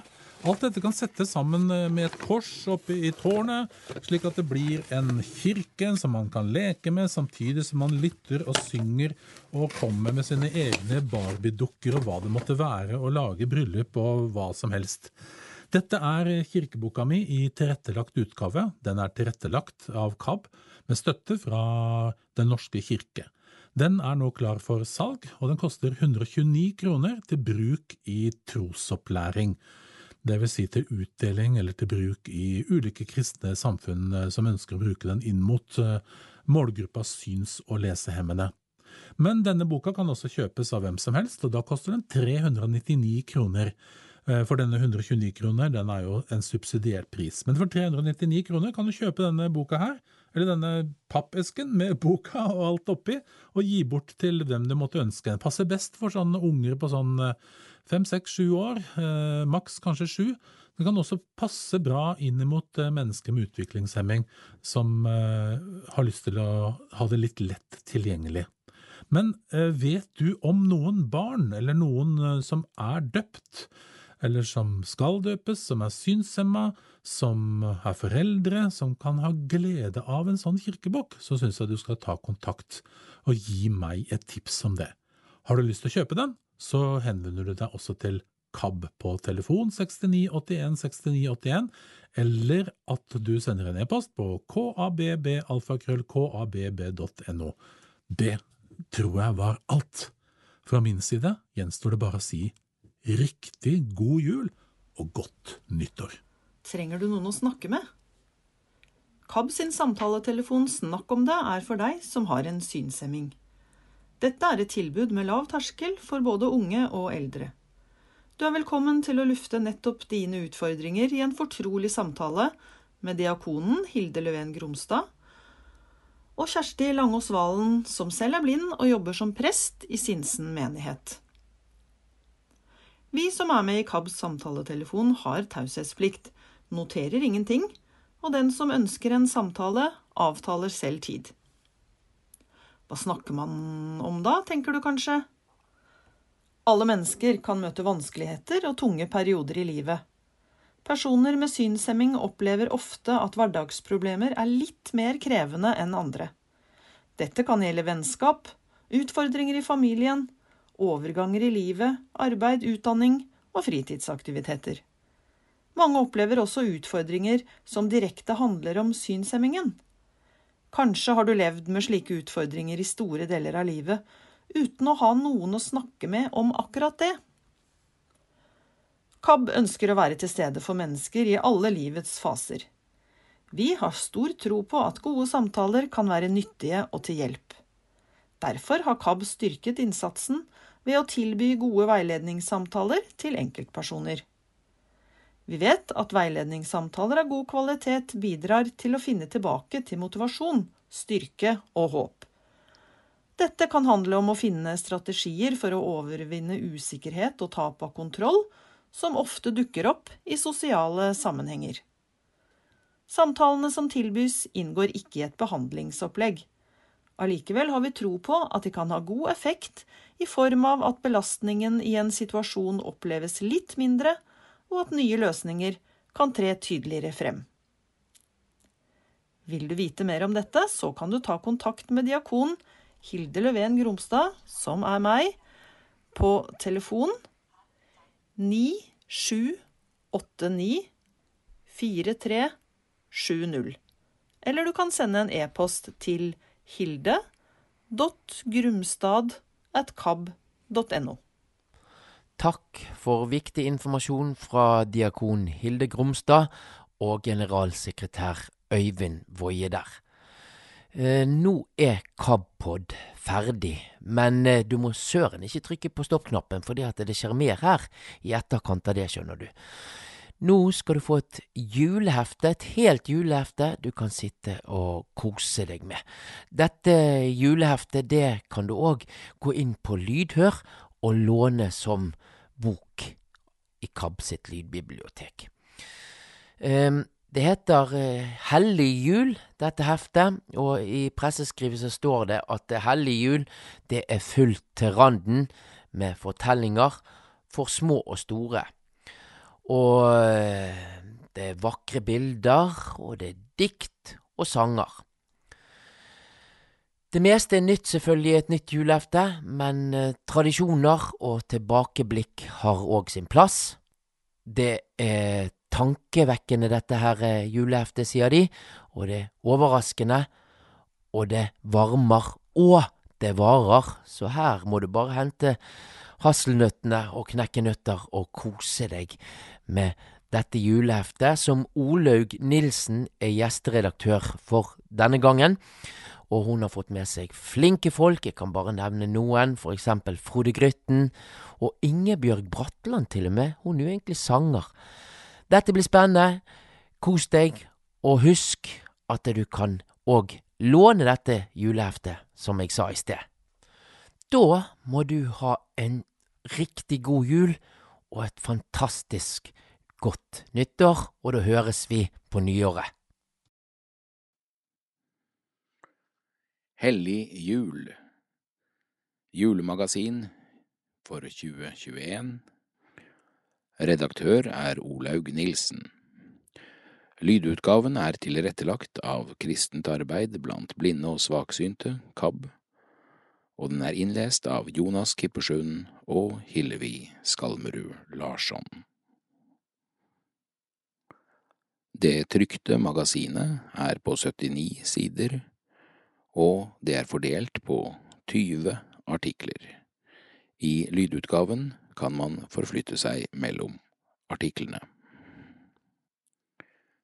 Hellig jul er fylt til randen med fortellinger for små og store, vakre bilder, dikt og sanger.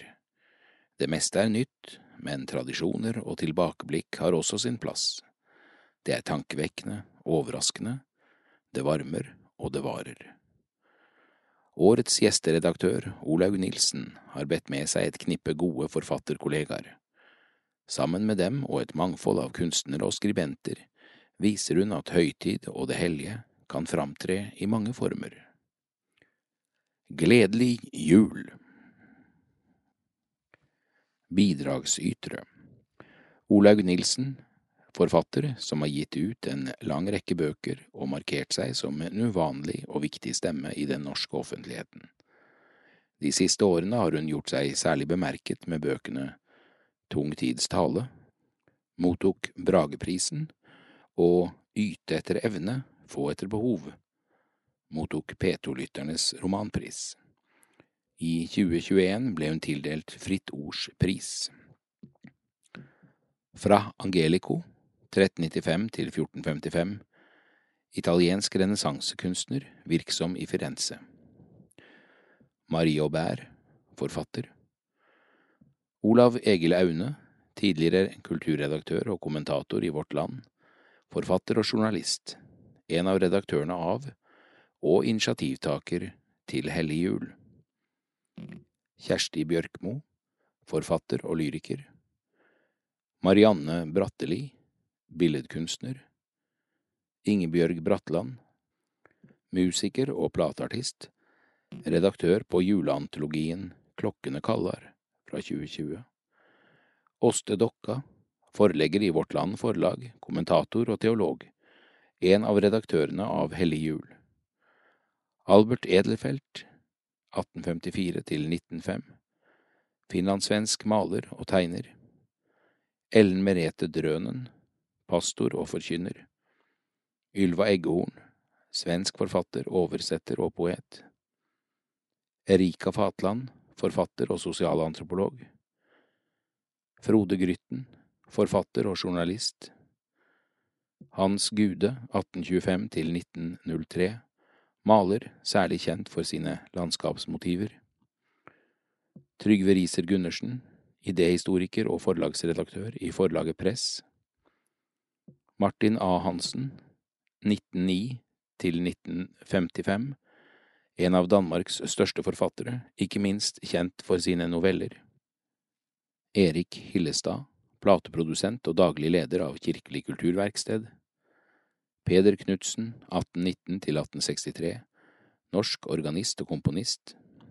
Elin Krogedal, forlegger i Vårt Land Forlag, en av redaktørene av Hellig jul. Fredrik Matheson, 1908 til 1999, tegner, grafiker og bokkunstner. Edvard Munch, 1863 til 1944, en av Norges viktigste og mest kjente kunstnere. Fridtjof Nansen, 1861 til 1930, norsk polfarer, oppdager, diplomat, vitenskapsmann og forfatter. Rolf Nesch, 1893 til 1975, tysk-norsk kunstner og grafiker. Magnus Osnes, grafisk designer og illustratør. Guido Reni, 1575 til 1642, italiensk barokkmaler og tegner. Hans Johan Sagerusten, forfatter og vikarierende sogneprest i Lom. Charles Schultz, 1922 til 2000, amerikansk stripeserietegner fra Minnesota, særlig kjent for serien Peanuts, eller Knøttene. Tuva Skare, fotojournalist. Kari Stai, forfatter og illustratør, har mottatt flere priser blant annet for barnebøkene om Jakob og Neikob. Otto Sinding, 1842 til 1909, maler og forfatter. Hans Ivar Stordal, oversetter og redaktør for bøker, tegneserier og magasiner, en av redaktørene av Hellig jul. Bernt Støylen, 1858 til 1937, teolog, biskop og salmedikter. Erik Varden, katolsk biskop i Trondheim, forfatter, tidligere munk og forskerlærer.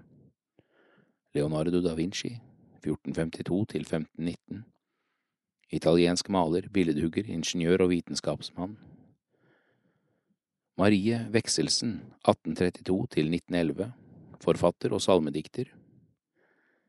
Ilon Wikland, svensk-estisk illustratør. Ivar Birkeland Aartun, 1867 til 1931, prest, lærer og salmedikter. Innhold Forord Hva er heilag jul? Erik Hillestad Om å bli fred Olaug Nilsen Høgtid i bufellesskapet Frode Grytten Desemberbarn. Olav Egil Aune i samtale med Ingebjørg Bratland.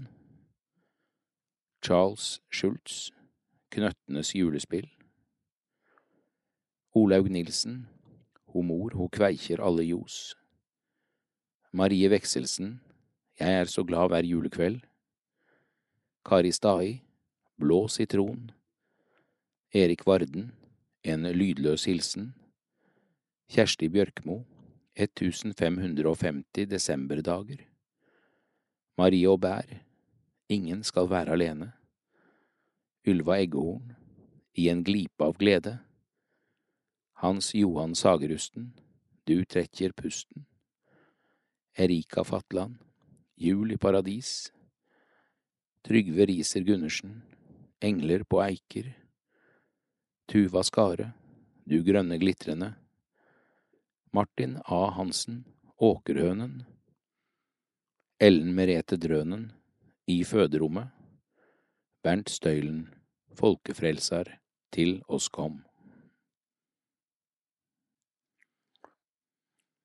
Hva er heilag jul? Forord Heilag jul Jeg veit egentlig ikke hva heilag betyr lenger. Sjølv har jeg i mange år feira juler som ikke kunne være heilage, i alle fall ikke opphøgde, og det har forma opplevinga mi av høgtid. Jeg har følt at det ikke går an med høgtid, eller at høgtid er noe som bare privilegerte har tilgang til. Er barnet i krybba like heilagt for den som har jobben med å skifte alle bleiene? Sjølv har jeg hatt hardt omsorgsarbeid gjennom både advent og jul de siste åra. Så hva har jeg kunnet bidra med til eit julehefte som heiter Hellig jul? Jeg har skrive litt om hva det vil seie å tvinge jula på et barn som ikke tåler rutinebrott. Heldigvis betyr ikke det å være gjesteredaktør at jeg skal skrive alt, eller at alt som står i Hellig jul skal formast i mitt bilde. Her er det mange tekster som viser at heilag er noe som er mulig, og særlig ved juletider. Jeg vil da særlig trekke fram Frode Gryttens vakre novelle, Kjersti Bjørkmo sitt dikt og andaktene fra Erik Hillestad og Ellen Merete Drønen. Alt i alt er dette et julehefte som jeg håper og tror kan skape ei kjensle av at det heilage kan være nær når det er jul, og at det kan framtre i flere former. Jeg ønsker deg god lesnad og ei gledelig jul. Olaug Nilsen, Hans Ivar Stordal, Olav Egil Haune, Åsta Dokke, Elin Krogedal. Slik skal lyset fra det høye gjeste oss som en soloppgang, og skinne for dem som bor i mørket og dødens skygge, og lede våre føtter inn på fredens vei. Lukas 1, 78b, 79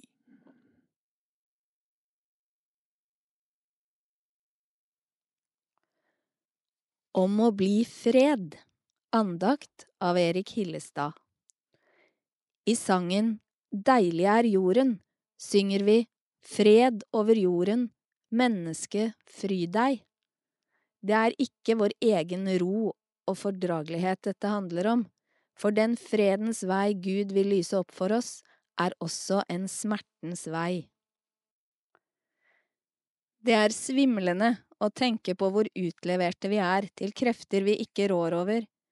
Vi befolker en planet i det uendelige universet, det eneste kjente sted hvor det finnes liv, og den planeten er plassert akkurat slik i forhold til sin stjerne at betingelsene gjør menneskelivet mulig. Og jordaksen er skråstilt, slik at tilværelsen vipper mellom vintre som nesten tar livet av oss, og somre som gir den grøden vi trenger for å overleve. Kanskje det skulle noen titalls Big Bang og flere ukjente universer i tillegg til vårt eget til, før denne skjøre balansen kunne oppstå et eneste sted i hele eksistensen slik at vi, menneskene og hele dyreriket og planteriket, kunne se dagens lys.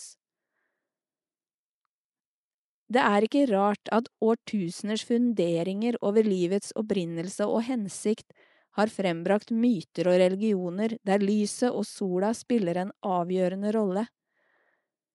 Siden lenge før kristendommen brakte oss feiringen av Kristi fødsel, har menneskene feiret den natten sola snur og dagene blir lysere.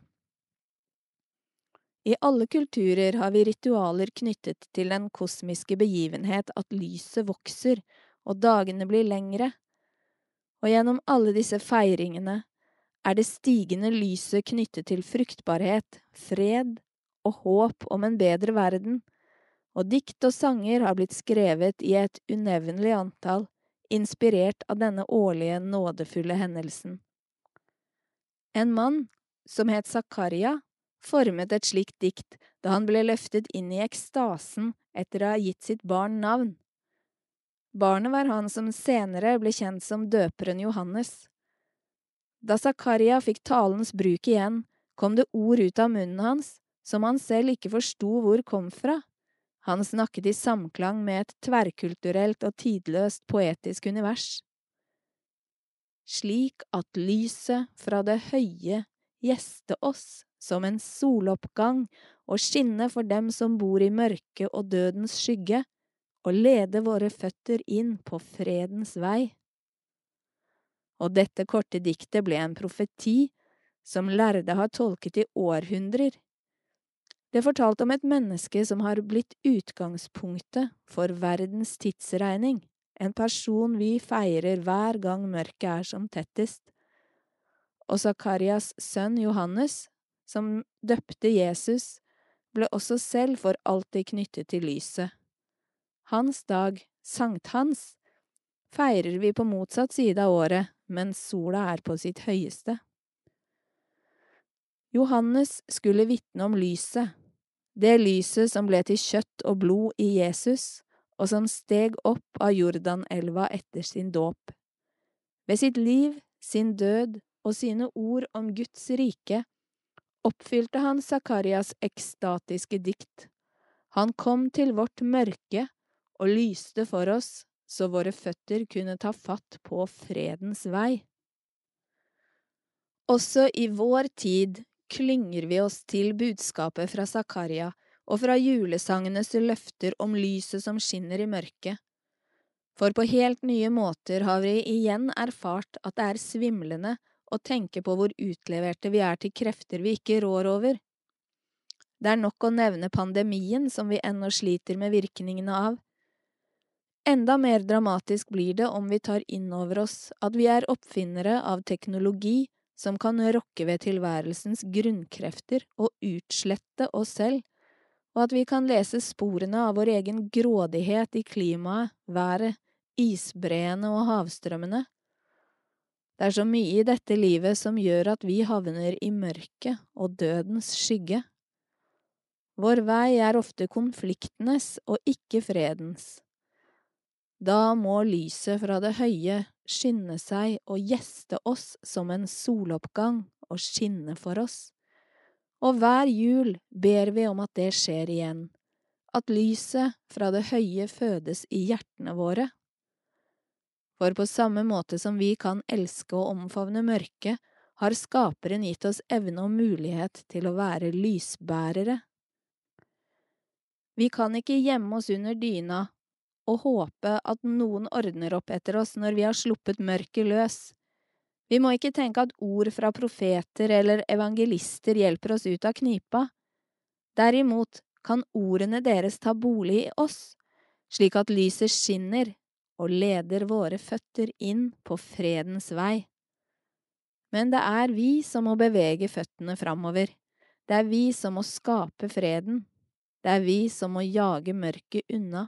Det er vi som må verne om den skjøre balansen som er skapt på jorda, dette ene stedet i kosmos hvor det gåtefulle menneskelivet har blitt mulig.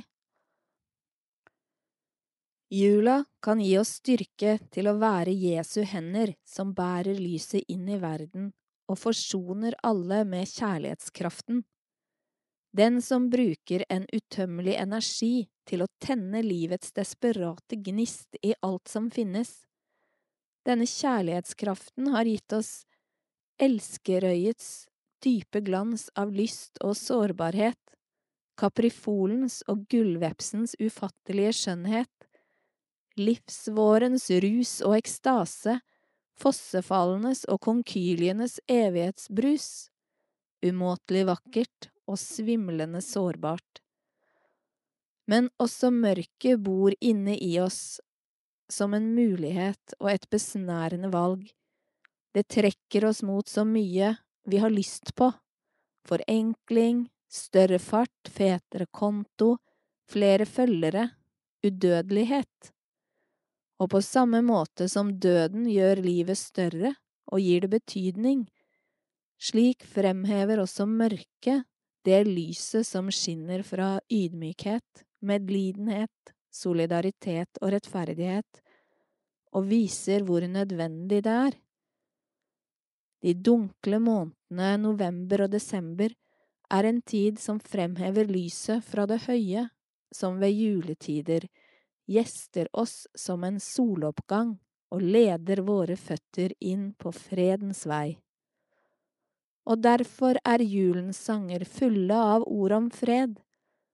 Men når vi synger Fred over jorden, menneske, fry deg, så er det ikke vår egen ro og fordragelighet det handler om. Den fredens vei Gud vil lyse opp for oss, er også en smertens vei. Det er veien til å lære av Frans av Assisi, og be den bønnen som ikke bare handler om å få fred, men om å bli fred selv. Da må vi be slik.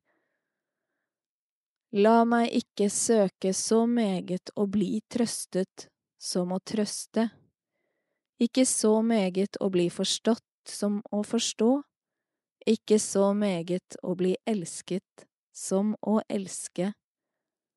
For det er gjennom å gi at man får, det er ved å glemme seg selv at man finner seg selv, det er ved å tilgi andre at man selv får tilgivelse. Det er ved å dø at man oppstår til det evige liv. Høgtid i bufellesskapet Essay av Olaug Nilsen Det er umogleg for oss å ha ei roleg og koselig jul. Da eg var lita, var jula magisk, og ofte tenker jeg at jula vår kunne bli sammenfatta slik som Astrid Lindgren og teiknaren Ilon Wikland sammenfatta Bakkebygrennas jul. Gleda over førebuingane som barna var med på, slik som pepperkakebakst og juletrehogst. Gleda over tradisjonane på julekvelden, slik som overeting og julegåveåpning, lesing av juleevangeliet og juletregang. Men kanskje aller mest det å skulle legge seg på vesle julaftan i kaos og å våkne til ordna jul. Da jeg gikk og la meg den kvelden, var jeg nokså urolig, for jeg tenkte at mor klarer nok aldri å få alt i stand, det blir visst ikke helt ordentlig jul, tenkte jeg. Men da jeg våknet julekvelds morgen, fikk jeg se noe annet, og nede i storstua sto treet ferdig pyntet, og det brant på peisen, og alt var herlig. Ho mor, ho kveikjer alle ljos, som det heiter i songen.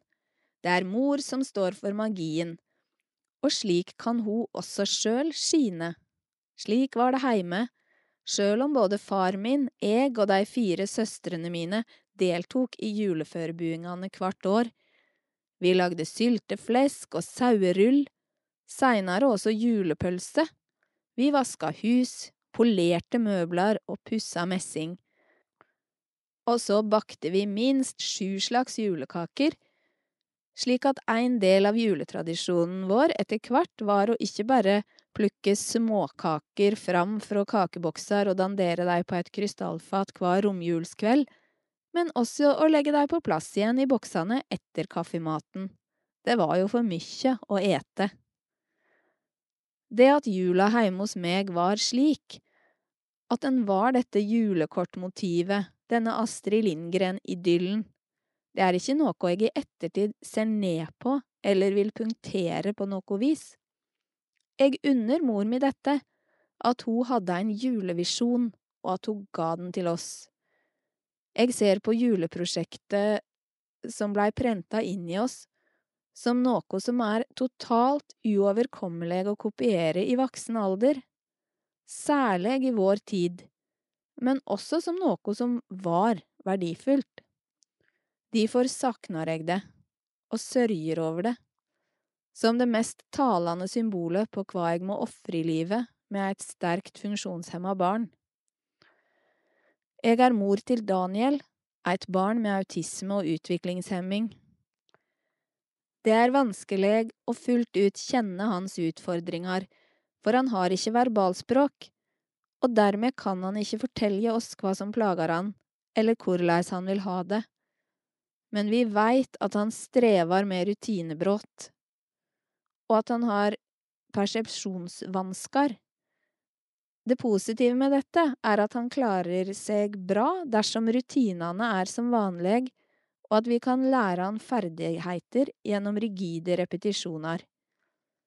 Det som ikke er så positivt med dette, er at det er vanskelig å holde noen form for høgtid. 17. mai er et mareritt av ståk og overveldende sanseinntrykk, og jeg har for det meste vært på fjellet med Daniel dersom han er heime med oss det på denne dagen. Det er ikke noe poeng å presse han til å være med der søskna helst vil være. Reaksjonene hans på ubehag er valsame, og det er ikke kjekt for deg som liker flagg og hornmusikk å få dagen ruinert av et rasende, brølende barn, uansett hvor mye vi som foreldre måtte ønske at han skulle lære seg å like 17. mai. Jul er vanskeligere. For det første er avlastning alltid stengt på julaften og nyttårsaften, slik at det ikke går an å søke om at han skal slippe å være heime disse dagene. For det andre er det som regel ikke like freistende for noen av oss å feire julaften på fjellet, tatt i betraktning at det er en av årets mørkeste kvelder, og at det ofte er både kaldt og utrivelig vær på den tida av året. For det tredje er jula ei familiehøgtid som skal gjennomføres i heimens lune hygge, slik at det uansett er vanskelig å trekke seg tilbake fra den. I alle fall dersom noen i familien virkelig ønsker seg høgtida. I vårt tilfelle gjelder det ikke bare Daniels søsken, men også foreldra hans. Vi har lyst til å feire jul, vi. Når barneskoler holder julekonsert, er det stort sett foreldre, tanter og besteforeldre som synes det som blir framført, holder høy kvalitet. De keitete barna som har pynta seg, og som med ulik evne til innleving i musikk, dans og drama boltrar seg på scenen, får som regel rungende applaus for innsatsen. Eivind Hofstad Evjemo skrev om en slik konsert i boka Det siste du skal se, er et ansikt av kjærlighet. I dette tilfellet er det snakk om en konsert der spesialavdelinga deltar med et innslag for de øvrige elevene, og det på en slik måte at jeg som mor til et barn som går på spesialskole, får vondt i magen. Så er det Redam sin tur til å synge. En elev får latterkrampe og må springe ut av rommet, men Redam merker ikke det. En gutt i syvende følger konsentrert med på hva kultursjefen gjør på gitaren, ettersom han selv forsøker å øve inn fingerspillet. Det skrelles mandariner, Noen hviler hodet mot bordet, andre sovner. I never open myself this way, synger hun. Life is ours, we live it our way. Så lavt at man kunne tro hun ikke sang i det hele tatt. Redams mor, som har kommet for å høre på datteren, står bakerst i rommet med armene i en gledesløs knute og ser på. Tveiterås skole i Bergen er en rein spesialskole. Her går det bare elever som på en eller annen måte har særskilde behov, og disse behova varierer sterkt. Enkelte av elevene kan både snakke og skrive, men har sosiale utfordringer likevel. Andre kommuniserer ikke verbalt i det hele tatt. Nokre kan ikke gå, og nokre kan knapt røre på kroppen sjøl. Daniel er langt ifra det eneste barnet på denne skolen som blir stressa av forsamlinger. Forsamlinger er uføreseierlige og uoversiktlige.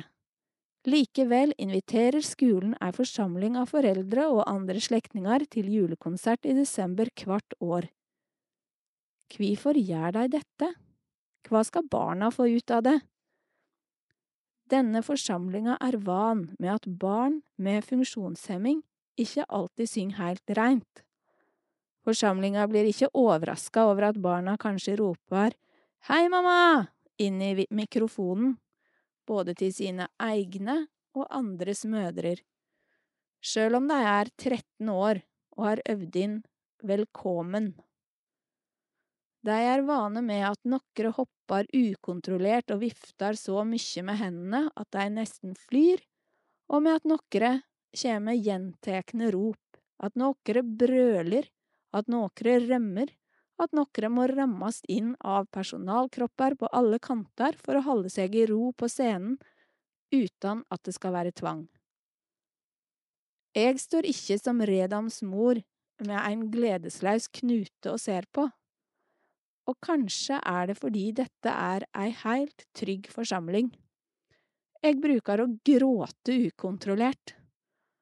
Eit år var det en gutt som sang Tusen biter av Bjørn Afselius, medan en vernepleier sto på gulvet framfor scenen og song til og saman med han. De hadde augekontakt gjennom hele framsyninga. Eit annet år var det en gut som sang Bli med-songen, med det nebbet han hadde, slik at det eneste som kom tydelig fram var linja Du er mer enn, mer enn god nok. En gang var det nokre jenter uten balanse og verbalspråk som hadde øvd inn å slå på klokkespill. Musikkterapeuten gikk mellom dei og heldt fram klokker på en slik måte at de sammen spilte en melodi. En gutt hadde eit år snurpa saman hetta over hovudet, slik at bare nasen var synleg. Musikkterapeuten song og heldt gitaren i ulike grep, medan gutten slo på strengene. Hvert eneste år er det noen som klarer å synge Jeg har to øyne som jeg kan se med, og munnen kan jeg blant annet le med. Kvifor skal dei gjøre dette? Hva får dei igjen for det? Daniel liker ikke gåver.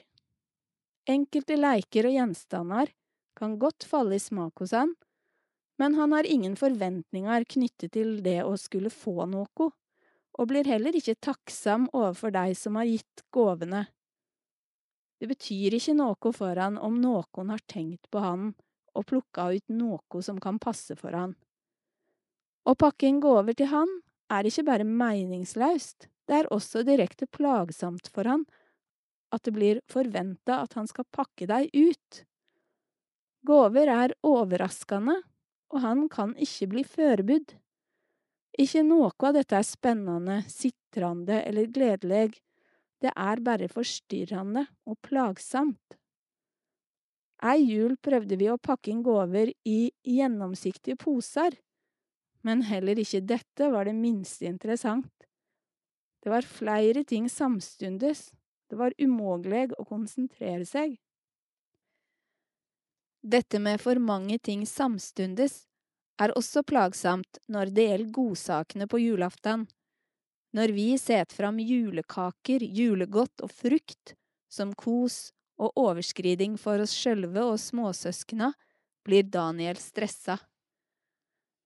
Han har så mykje godt å velge i, og klarer ikke sortere og disponere. Han vil helst ha alt sammen samstundes, og blir fortvila over at det ikke går.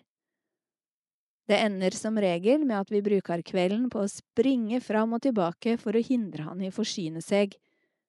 I alle fall for å hindre han i å forsyne seg på så brutale måter at kakefata velter og godteriet går ned i magen uten at papiret blir fjerna først. Det er umågelig for oss å ha ei rolig og koselig jul. Daniels småsøsken har måttet finne seg i at bare én av foreldra, og knapt nok det, har kunnet delta i deira glede over juletradisjoner og gåver. Som regel veit ingen av oss hva Daniels småsøsken har fått til jul når kvelden er omme. Som regel ligger en av oss på gulvet på Daniels rom og håper han skal klare å sove etter den kraftanstrengelsen han trass alt har gjennomført på sitt ville vis. Som regel sovner han ikke, så det blir ikke akkurat noe ottesong eller julefrokost, med påfølgende kontemplasjon over barnet som blei født i en stall. Sist jul delte vi oss i to.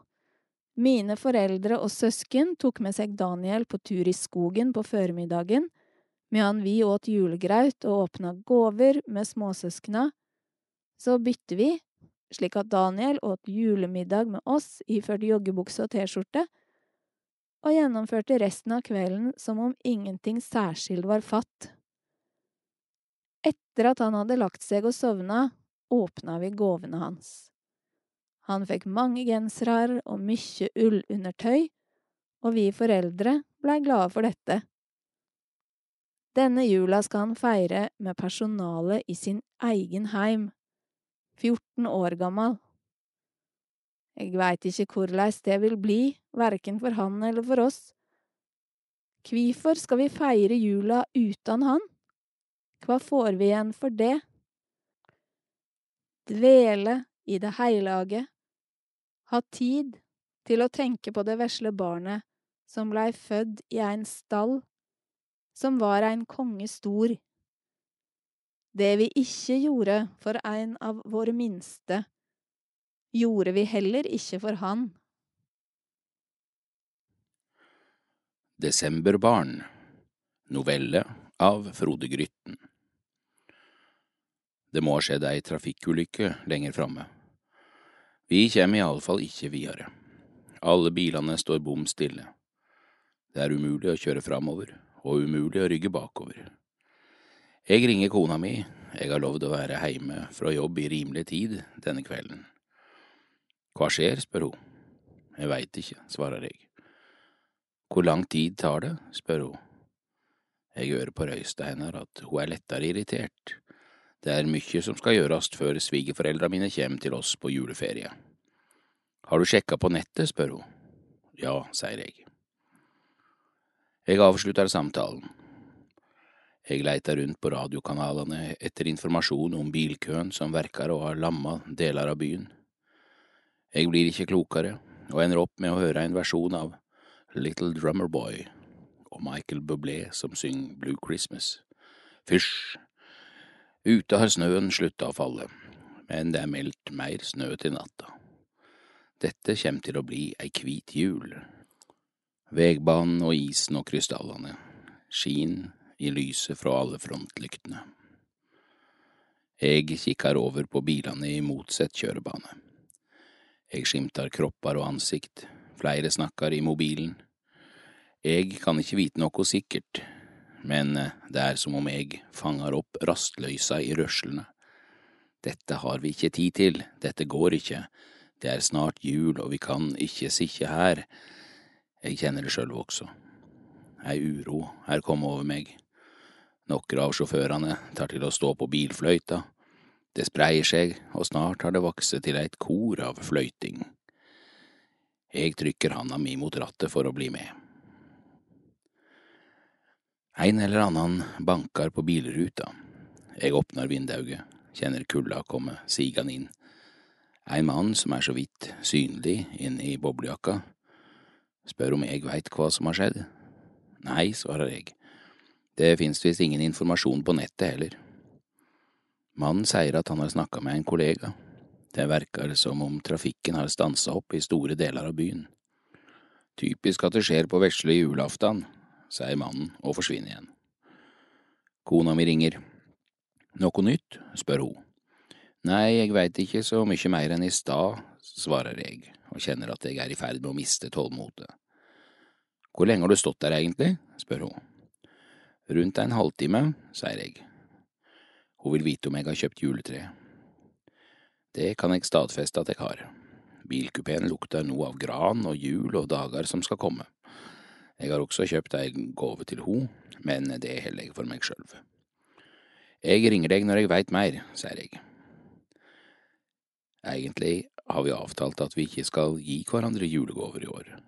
Vi har nettopp kjøpt ny bostad og har slett ikke råd til gaver. Da kona mi foreslo at vi kutta deg ut denne jula, nikka jeg bare og sa meg heilt enig. Men tidligere i dag tenkte jeg at det ville bli trist om første jula i nytt hus skulle være uten gaver. Nå ligger en liten pakke i passasjersetet, kvadratisk med et bånd av gull rundt. Jeg veit at hun vil bli glad. Jeg gleder meg til å stå bak henne og feste smykket rundt halsen hennes og kysse henne i nakken.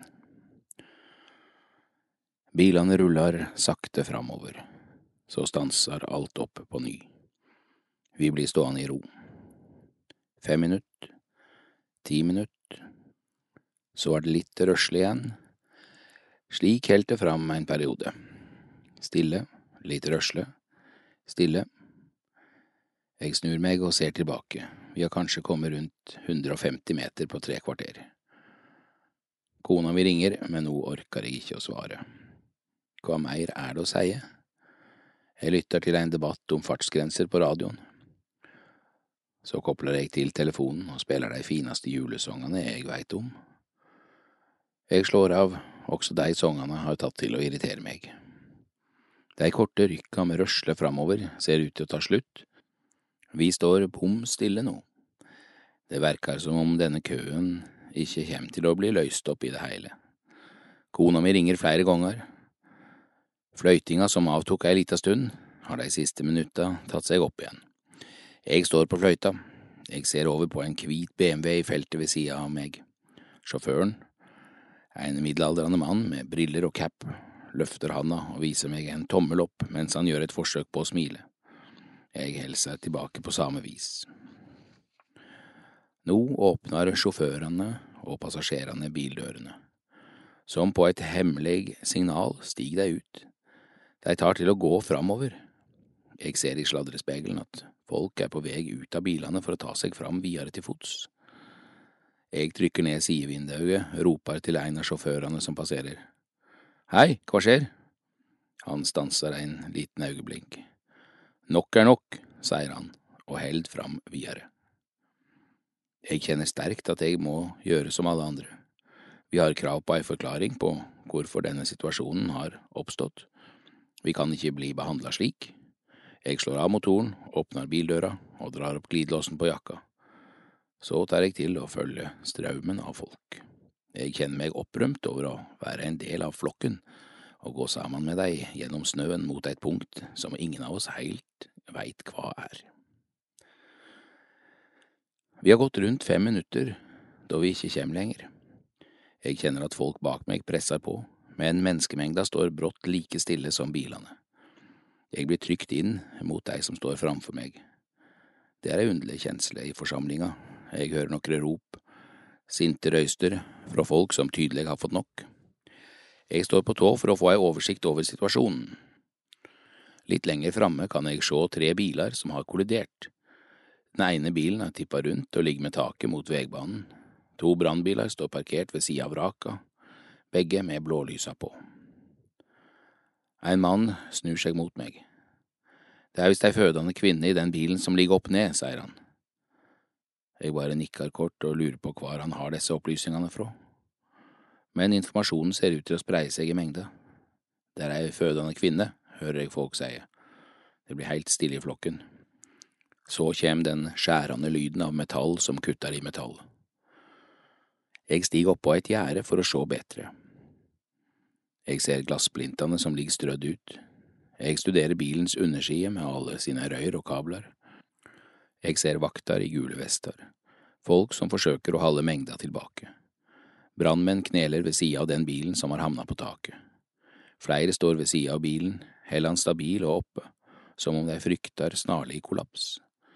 Gule gneistrar spruter ut fra vraket idet de jobber seg gjennom karosseriet. Brått kjem flere brannmenn løpende til for å holde i bilen. En mann kravler ut fra innsida.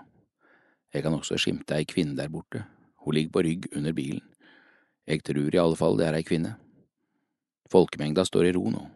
Ingen rører seg, går verken fram eller tilbake.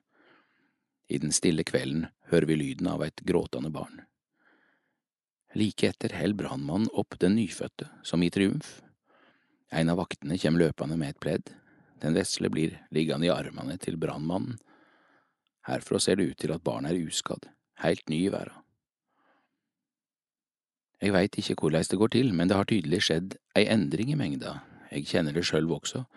Jeg er helt rolig nå, og uten at noe er avtalt, tar folk til å synge. Alle verker å stemme i. Songen stig opp fra gateplan, over bilene, over husa, stig opp i den kalde desemberlufta, opp i denne kvelden før julaftan. Jeg ser rundt meg, smiler, og så blir jeg også med i koret.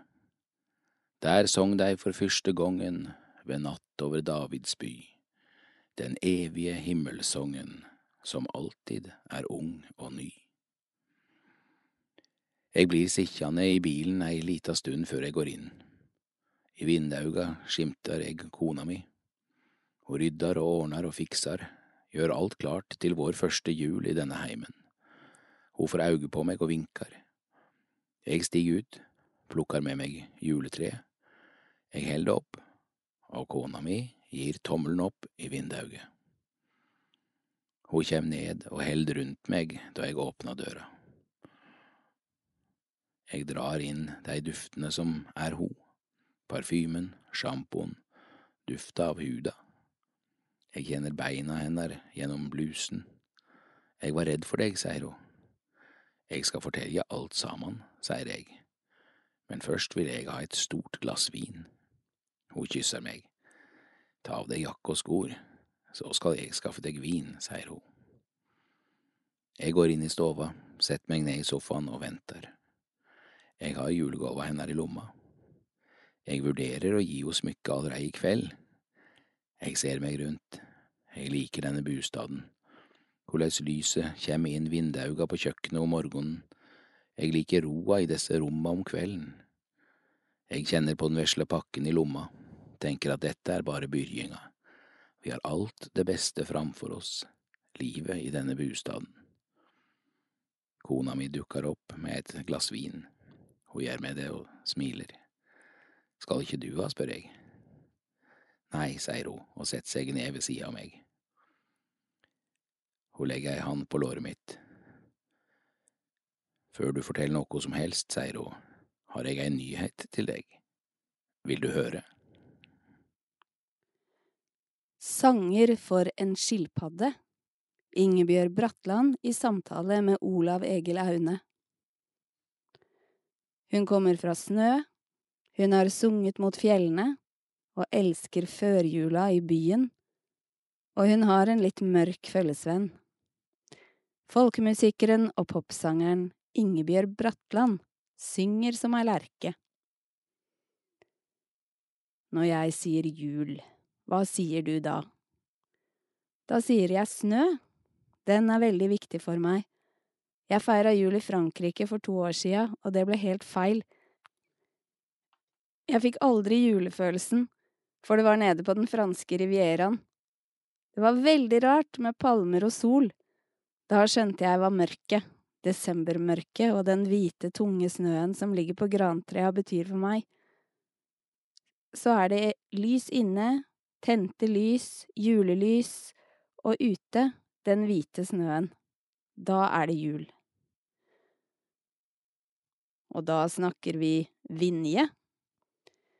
Ja, vi snakket vel egentlig Vinje, men jeg har feiret mange juler hjemmefra etter hvert. Jeg har ikke barn, og opplever jo at julen er en barnehøytid. Da julemagien på et vis forsvant, kjente jeg at det går an å være andre steder også. Men det blir liksom ikke riktig, det heller. For å si det sånn, det er noen motstridende følelser her. Jeg er glad i Oslo i desember. Folk er glade, travle oppgava, skal ha tingene unna. Det er noe med at alt er pynta, og så er det dette bilyset som gir en ekstra stemning. Jeg husker da jeg flytta hjemmefra til Skien, så syntes jeg det var helt fantastisk å gå rundt i nabolaget og bare kikke inn til folk. Det var så koselig og varmt. De hadde julestjerner i vinduskarmen og sjuarma lysestake i vinduet. Det var noe veldig godt med det. Selv hadde jeg bare en trist hybel. Så kom de følelsene, da. Det var ikke akkurat som når du kommer hjem til bygda. Dit har du lengtet, kanskje mens du var på turné. Dit har du dratt. Nå har ikke det med musikken å gjøre, men jeg husker da jeg var 22.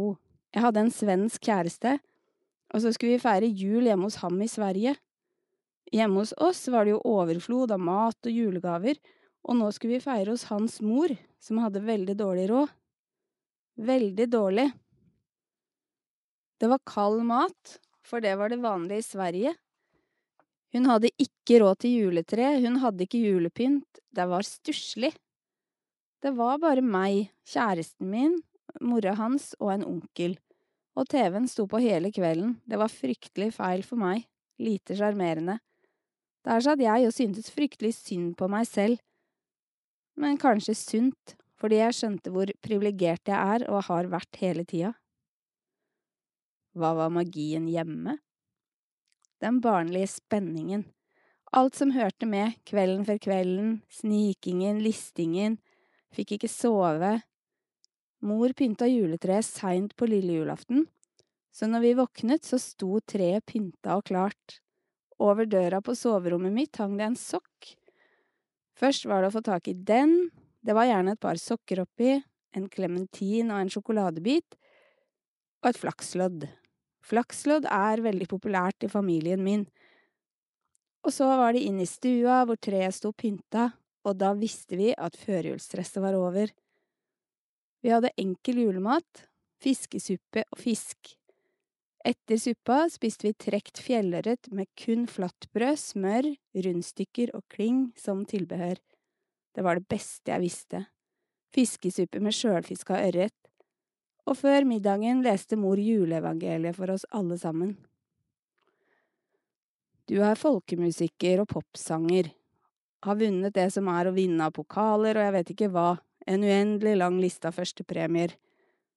Du står støtt i en stor telemarktradisjon, dermed også en stor tradisjon av måter å synge folkemelodiene på.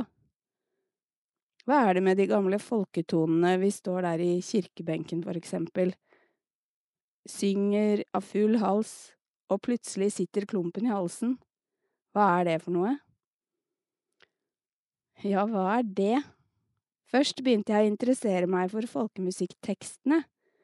De var utrolig fascinerende. Det var den gamle tidas eventyr. Da hadde de ikke Netflix, eller bøker for den saks skyld, så jeg levde meg inn i de gamle balladene om jentene som ble bergtatt av bergekongen, eller skipsforlis, som jeg syntes var veldig spennende. Og så tror jeg at for mange er de gamle tonene noe veldig nært. Det er noe der. Når jeg synger, skal jeg formidle. Jeg skal treffe folk helt ujålete. Hvis du har blitt sunget for av moren din som barn, så er det nok noe som minner om det.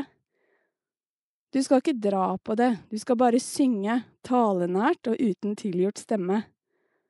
Tror du ikke dette med klumpen i halsen har med at det er noe du har hatt med deg fra du var liten, noe du har hørt som føles hjemmekjært og nært?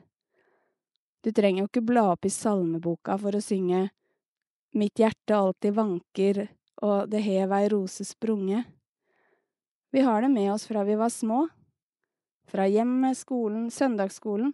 Jeg tror det er noe med det. Og de er såre. De gamle religiøse folketonene er ofte såre.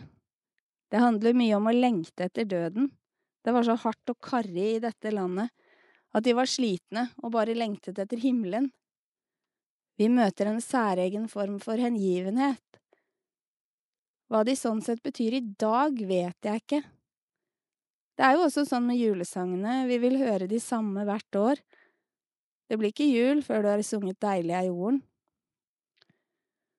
Det er naturlig å spørre hvor kommer den spesielle stemmen din fra, alle ornamentene som pryder tonene, i det hele tatt det som sniker seg inn i oss? Hjemmefra? Nei, hvor kommer det fra? Jeg har jo drevet med dette så lenge jeg kan huske. Jeg begynte da jeg var fem. Ellen, moren til Odd Nordstoga, kom og hadde sangstunder med oss i barnehagen. Og så kom jeg hjem fra skolen og bare sang og sang og sang det hun hadde sunget.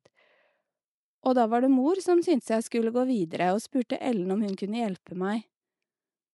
Og sånn var det i gang. Hun sang ei linje, og så hermet jeg. Og slik gikk det. Men ornamentene, de vet jeg ikke helt hvor jeg har fra. Jeg husker når jeg ville lære triller da jeg var fem.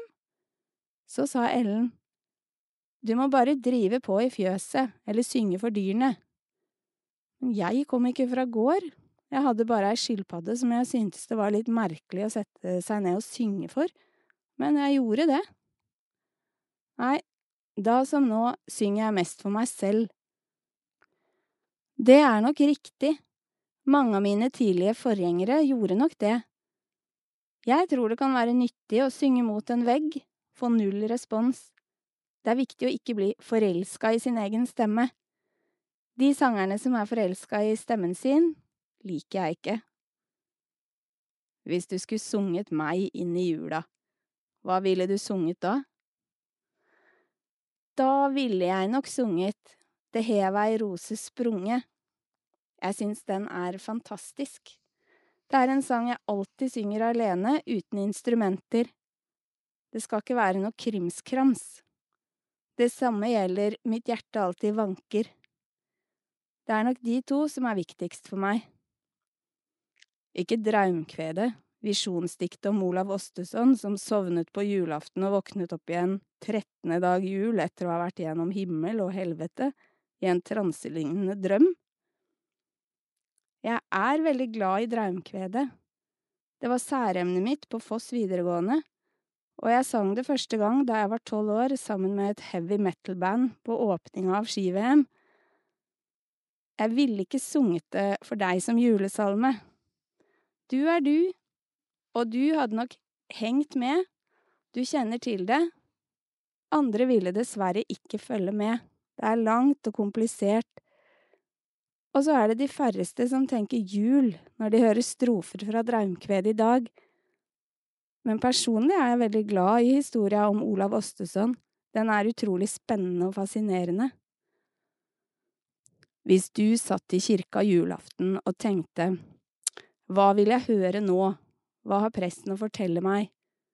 Musikken er greit, men ordene?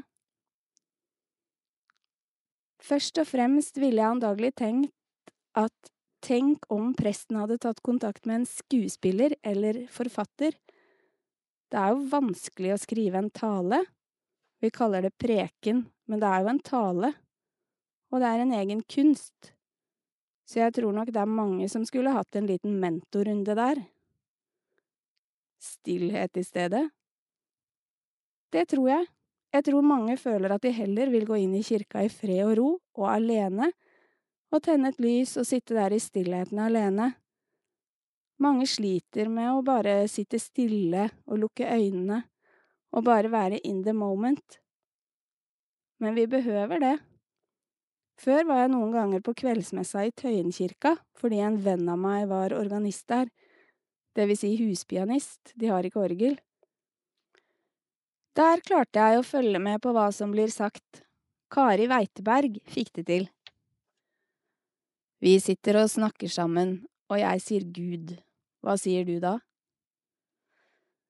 Da sier jeg at jeg syns det er vanskelig. Jeg tenker at hvis det finnes en gud, så syns jeg han gjør en litt dårlig jobb for tida. Jeg er veldig i tvil. Jeg var på en salmeturné for to år siden med Espen Lind. Han tok gamle salmetekster som jeg fikk lov å være med på å plukke ut, og lagde nye melodier. Og da var det veldig viktig for meg at vi tok tak i de tekstene som hadde mye nestekjærlighet i seg. Jeg sliter med de gamle salmene som er veldig pietistiske og fordømmende og skremmende.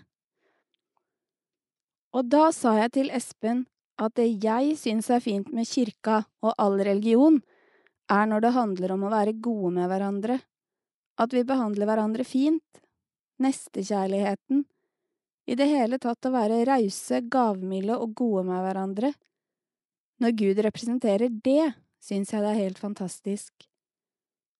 Og jeg syns det er forferdelig når folk bruker Gud som en slags dommer som bestemmer hva som er rett og galt. Jeg synes det er vanskelig når noen er der. Da blir ordet Gud negativt ladet for meg.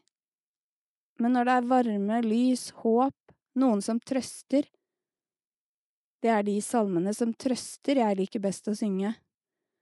For jeg tror det er mange i dag, og før og alltid, som har behov for at det er noe som møter en etter dette livet, noe som representerer det gode.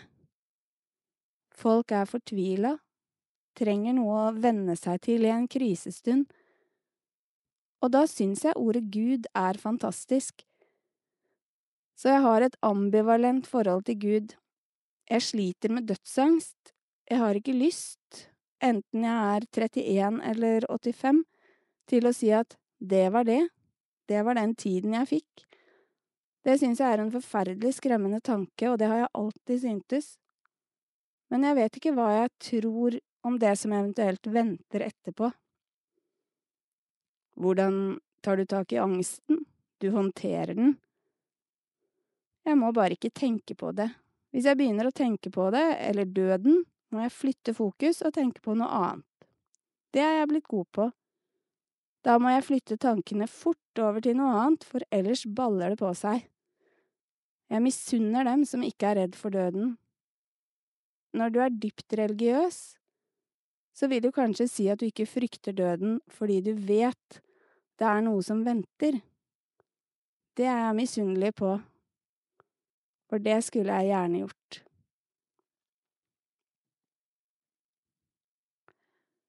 Kom, Jesus, lys din fred på jord. Tekst Ivar Birkeland Aartun, 1917 Denne salmen fra første verdenskrig synger Ingebjørg Bratland på Til alle tider, salmeplaten hun og Espen Lind ga ut sammen i 2019. Kom, Jesus, lys din fred på jord, for vær i ferd i ville, og bror seg reiser opp mot bror, og striden herjar ille. Kom, Jesus, til de kyrkje ned, så me kan vegen kjenna, til landero og folkefred, og broderstriden enda. Kom, Jesus, lys din fred på jord, så hatet bort må brenna, og tal som før ditt skaparord, så rettferdsdag må renna.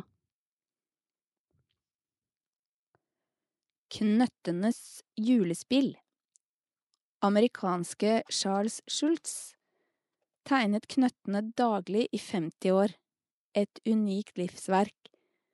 De 17 897 stripene har gullkorn på gullkorn av varme, visdom og menneskelighet som setter tegneserien i en liga for seg selv. Ved skaperens død gikk serien i 2600 aviser.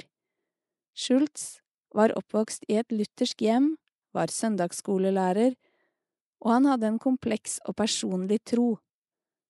For millioner av amerikanere blir det ikke virkelig jul uten knøttene og tegnefilmen A Charlie Brown Christmas fra 1965. Baltus leter etter julens sanne mening, symbolisert ved et lite pjuskete juletre, da de bestemmer seg for å øve inn et julespill. Høydepunktet kommer da Linus, skråstrek Espen, med suttekluten, deklamerer engelens hilsen fra Lukas 2. I dag er født dere en frelser i Davids by. Selv i 60-tallets USA var ikke Bibelens jul nødvendigvis god butikk i tegnefilm, og produsentene spurte om det var nødvendig. Schultz' svar var hvis ikke vi gjør det, hvem gjør det da? Den følgende episoden er et av foreleggene for tegnefilmen, først utgitt julen 1960, oversatt til norsk av Knut Nærum.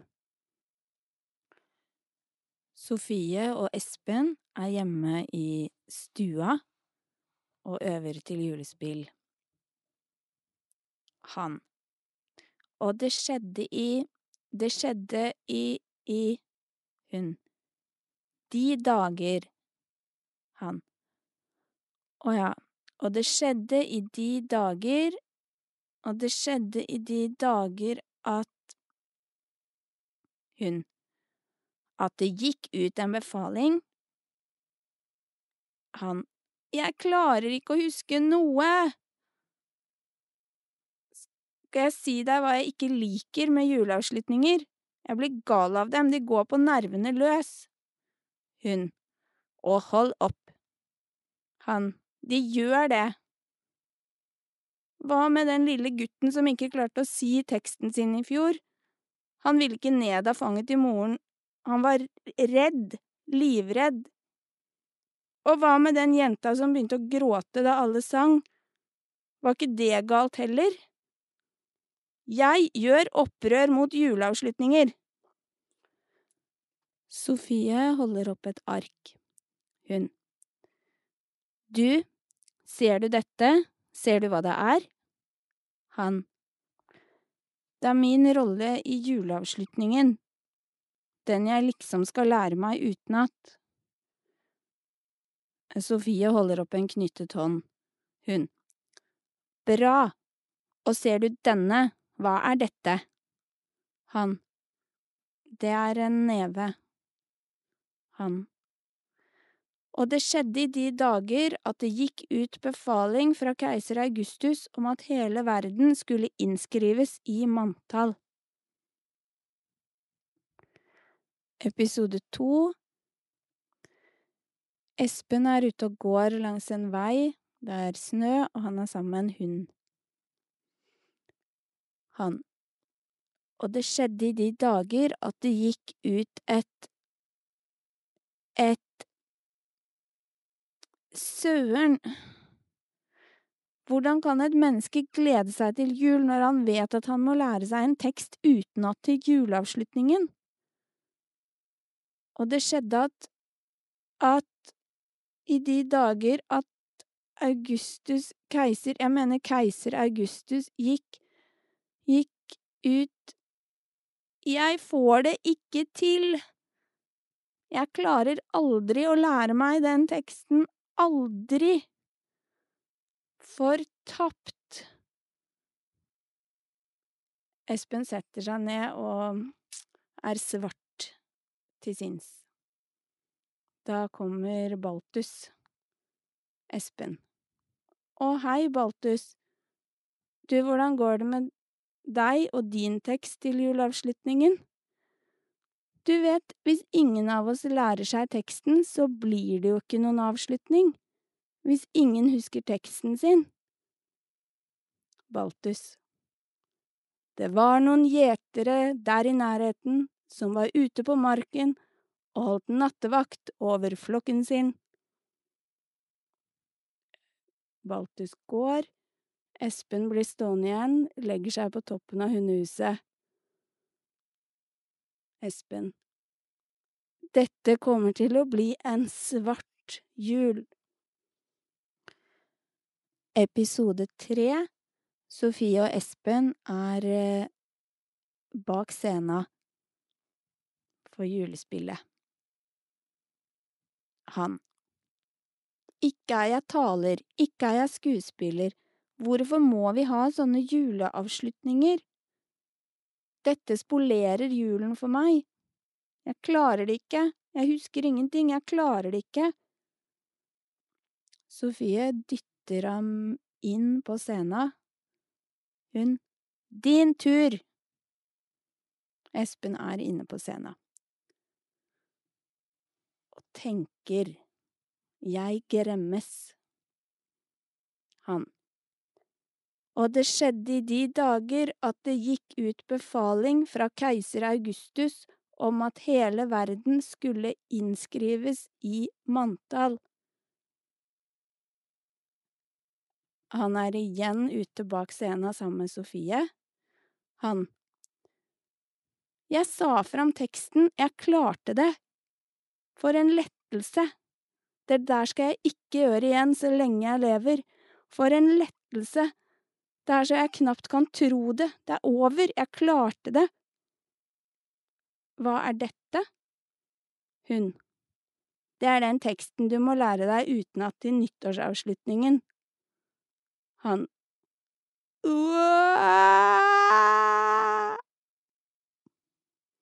Han løper ut. Ho mor, ho kveikjer alle ljos, av Olaug Nilsen. Jeg er så glad hver julekveld er egentlig en av de kjedeligste julesongene. Seigt og pertentlig maser vi oss gjennom vers etter vers. Aldri kjem det nokon spanande melodilinjer. Songen er like traust og enkel som en barnehagesong. Og det er vanskelig å formidle glede linjene, påstår der ein traska rundt og rundt treet. I vår familie måtte vi innføre å snu gangretninga etter annethvert vers, ettersom monotonien rett og slett var litt svimlende. Men songen må med, ettersom han er skriven av Marie Wekselsen, som er grandtante til min farfar. Jeg er sjølsagt stolt av slekta, og det er ikke Wekselsen si skyld at melodien er så keisam. Det er stas at Wekselsens tekst har overlevd tidas tann. Det er ikke så mange kvinnelige diktere som har kommet gjennom glastaket på den måten, særlig ikke innenfor den kristne tradisjonen.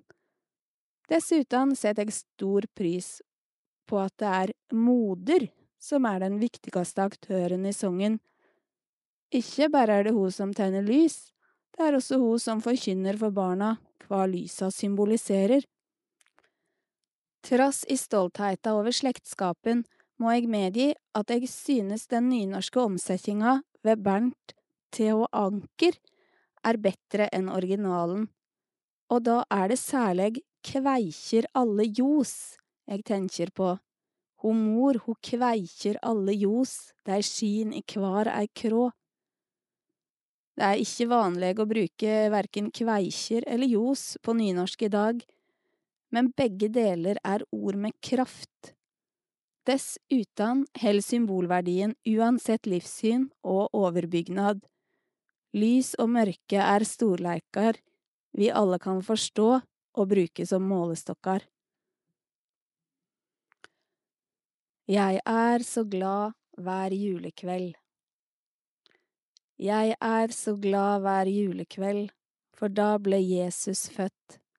Da lyste stjernen som en sol, og engler sang så søtt.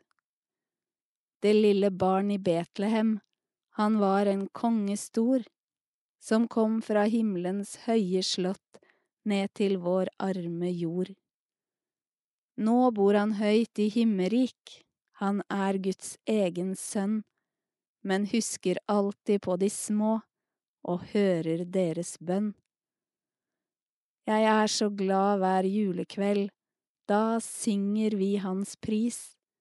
Da åpner han for alle små sitt søte paradis. Da tenner moder alle lys, så ingen krok er mørk. Hun sier stjernen lyste så i hele verdens ørk. Hun sier at den lyser enn og slukkes aldri ut, og hvis den skinner på min vei, da kommer jeg til Gud. Hun sier at de engler små, de synger òg i dag, om fred og fryd på jorderik, og om Guds velbehag. Og gid jeg kunne synge så, da ble visst Jesus glad, for jeg jo også ble Guds barn en gang i dåpens bad. Jeg holder av vår julekveld og av den Herre Krist, og at han elsker meg igjen, det vet jeg ganske visst. Blå sitron av Kari Stai Ella er i barnehagen. Hun går inn på malerommet. Det lange bordet er dekt med hvitt papir, derfor male hva de vil. Nokre laga lange strekar i raut og gult. Eg vil ha Duploborg i julegave, sier ei. Eg vil ha en bobledress av sjokolade, roper ein annan. Ella vil ikkje seie hva hun ønsker seg. Da er hun redd ho ikke får det, at nissen ikke forstår seg på det. Når Ella ønsker noe veldig sterkt, lukker hun augelokka. Bak dei flyter fargar og strekar som blir til fuglar. Dei flyr over Johan. Ella duppar penselen i koppen med blått. Hun formar to runde flekkar. Dei veks seg større og større. Sander puttar to svarte punkt midt inni dei. Sjå, nå ser dei ut som auga, sier han glad. Ella springer på do. Hun låser døra, sjøl om hun ikke tør, så renner det fra begge auga hennes. Hun tenker på auga til Johan, og da gruer Ella seg til jul. På vei heim ser Ella inn i butikken fra bilen. I vindauget glitrer det i de fine tinga. Om hun bare kunne kjøpt noe til Johan der. Johan, å Johan, om hun kunne trylla veslebroren frisk. Han er så kvit nå, og litt blå. Før hadde han brunt bustehår. Han var troll under trappa når de leika. Nå ligger han bare der, i senga på sjukehuset. Ella er stor jente nå. Hun er sterk storesøster med fem år inni seg. Ella må gjøre noe, for Johan er hvit og uten hår og bare fire. Når de er på sjukehuset hos Johan, er mora og faren glade, men når de kommer hjem uten Johan, er de triste og slitne. Ella lurer på hvordan jula blir i år. Foreldra har ikke begynt å ordne, og snart er det julekveld. Hvor finner hun juletreet og alt som skal henge på det? Ella må gjøre noe. Tidlig om morgenen er det heilt rolig på malerommet. Ella er først i barnehagen. Arvid kommer inn med en kaffekopp og spør om hun gleder seg til jul. Jeg forstår om du tenker på veslebror, sier han. Hvordan kan han vite det? Kanskje du vil male ei gåve til han? Spør han så. Ella får heile arket for seg sjøl. Hun har alle fargene i fred. Det blir ein hest og ein blome og ein måne som smiler til sola. Sola er litt sur. Men så kjem regndråpene og sprutar på henne så det kiler. Og så er det fyrverkeri inni blomen som fyk til alle kantar. Da må hesten ned igjen, og så vil blomen eksplodere utover hele arket. Og så kryp hesten opp på ryggen til sola, og så kommer det ballonger. Stygt, sier Ella og gnir inn alt med svart. Nei, det var så fine farger, sier Kaffi-Arvid. Men det er jo Johan som trenger fargene, ikke bildet. Johan er hvitere enn alle ark til saman, kvitare enn skya og egga og svanene. Hva skal Ella gjøre?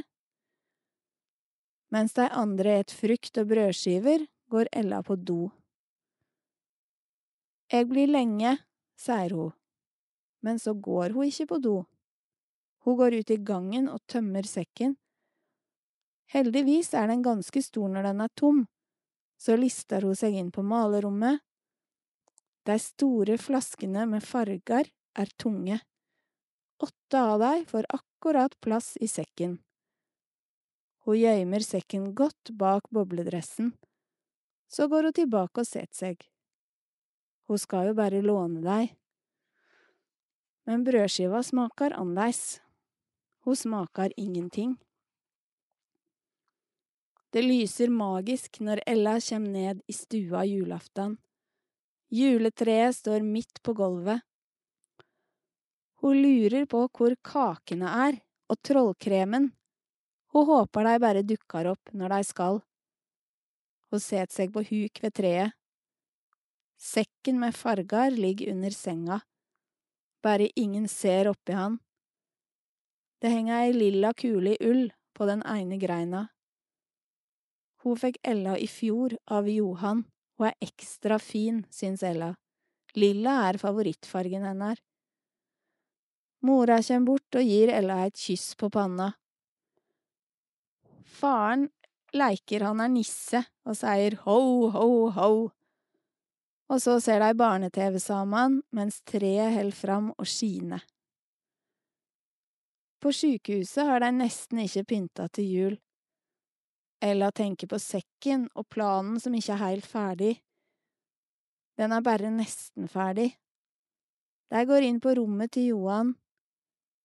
De som jobber der, sier god jul og smiler til Ella. Johan ligger i senga. Sekken er tung. Johan har på en rød julegenser. Han smiler til Ella. Smilet varmer Ella i magen. Men planen gjør hun kald. Det skulle jo være bra, men så er det ikke det. Skal hun bare åpne sekken og gjøre noe? Plutselig kommer en klovn inn i rommet, og ei dame med boller og rød saft. Det forstyrrer planen til Ella. Det var hun som skulle fylle dagen med farge. Alt det hvite, Johan, veggene, dyna.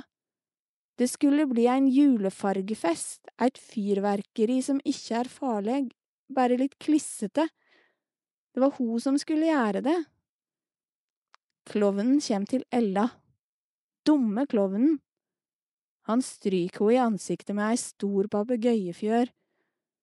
Gå bort, sier Ella. Gå bort, dumme dumming. Ella ser ned på sekken og åpner han.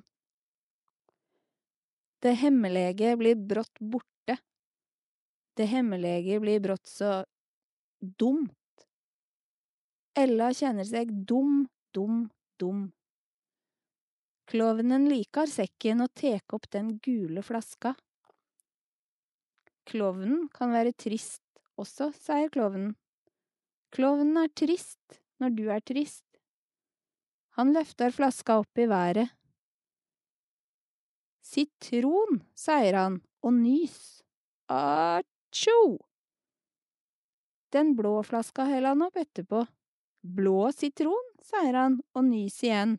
Atsjo! Da ler Johan, og da ler Ella også. Og når klovnen begynner å danse med flaskene, ler Johan og Ella til de hikker. Jeg ville bare gi Johan fargene, sier Ella og tek hendene framfor auga. Jeg lånte deg i barnehagen, jeg er en tjuv. Johan ber Ella komme bort til han, heilt, heilt inntil. Hun går bort med hendene framfor auga, Sett seg ved han. Sjå på meg, Ella, sier han, sjå da. Ella åpner auga, ser grundig, lenge. Da ser hun det. Noe som holder på å bli rødere, leppene. Noe som holder på å bli lysebrunt, huda. Noe som holder på å komme fram. Trollhåret. Johan gir Ella en lapp. Han har skrevet han sjøl, med litt hjelp. Til Ella. Jeg blir snart frisk, og jeg blir glad, og Ella òg. Og god jul fra Johan. Det blir stille. Det blir farge. Det er noe som eksploderer inni Ella. Fargar. Det går ikke an å holde seg, fargene sprenger på inni heile ho. Men hun får ikke til å si noe. Plutselig får hun en sprut i ansiktet. Det er klovnen som lurer bak senga. Han har en blomme som spruter når han klemmer på han. Han spruter på Johan også. Blå sitron, sier han og vifter på parykken. Kom, Johan, vi tar han, vi tar klovnen. Og så springer Ella etter han i ring rundt senga til Johan, og Johan veiver med armene og roper Heia Ella! En lydløs hilsen. Meditasjon av Erik Varden. Ordet ble kjød, leser vi på første juledag, og tok bolig iblant oss. Og så ble det taust. Det evige Guds ord, som er alle tings opphav, som på den første dag hadde runget gjennom tomheten da Herren befalte, det blir lys, ble i Marias liv et foster som ordløst lot seg modne til å fødes som barn. Det latinske ordet for barn er infans. Det betyr bokstavelig en som ikke kan tale. Middelalderens troende elsket paradokset verbum infans, ordet som er taust. Selv har vi mangt å si om julen. Vår julestemning bygger på beskrivelser. Vi setter frem krybber med okse og asen, Betlehems stjerne, gjerne noen velfriserte får. Julekortene vi mottar, utgjør en kunsthistorisk kavalkade over motivet mor og barn. Jomfruen som satt i lønn, markens hyrder og dalende engler med paradisgrønt er prentet inn i vår bevissthet, kulisser for høytiden vi feirer, med større eller mindre grad av ro. Vi trenger en fantasibro fra vår egen virkelighet til juleevangeliet. For som det står i Trygve Hoffs nordnorsk julesalme, det er langt sør til Betlehem. Står vi i fare for å prate bort mysteriet? Hva med i år å lytte bevisst til ordets selvvalgte taushet?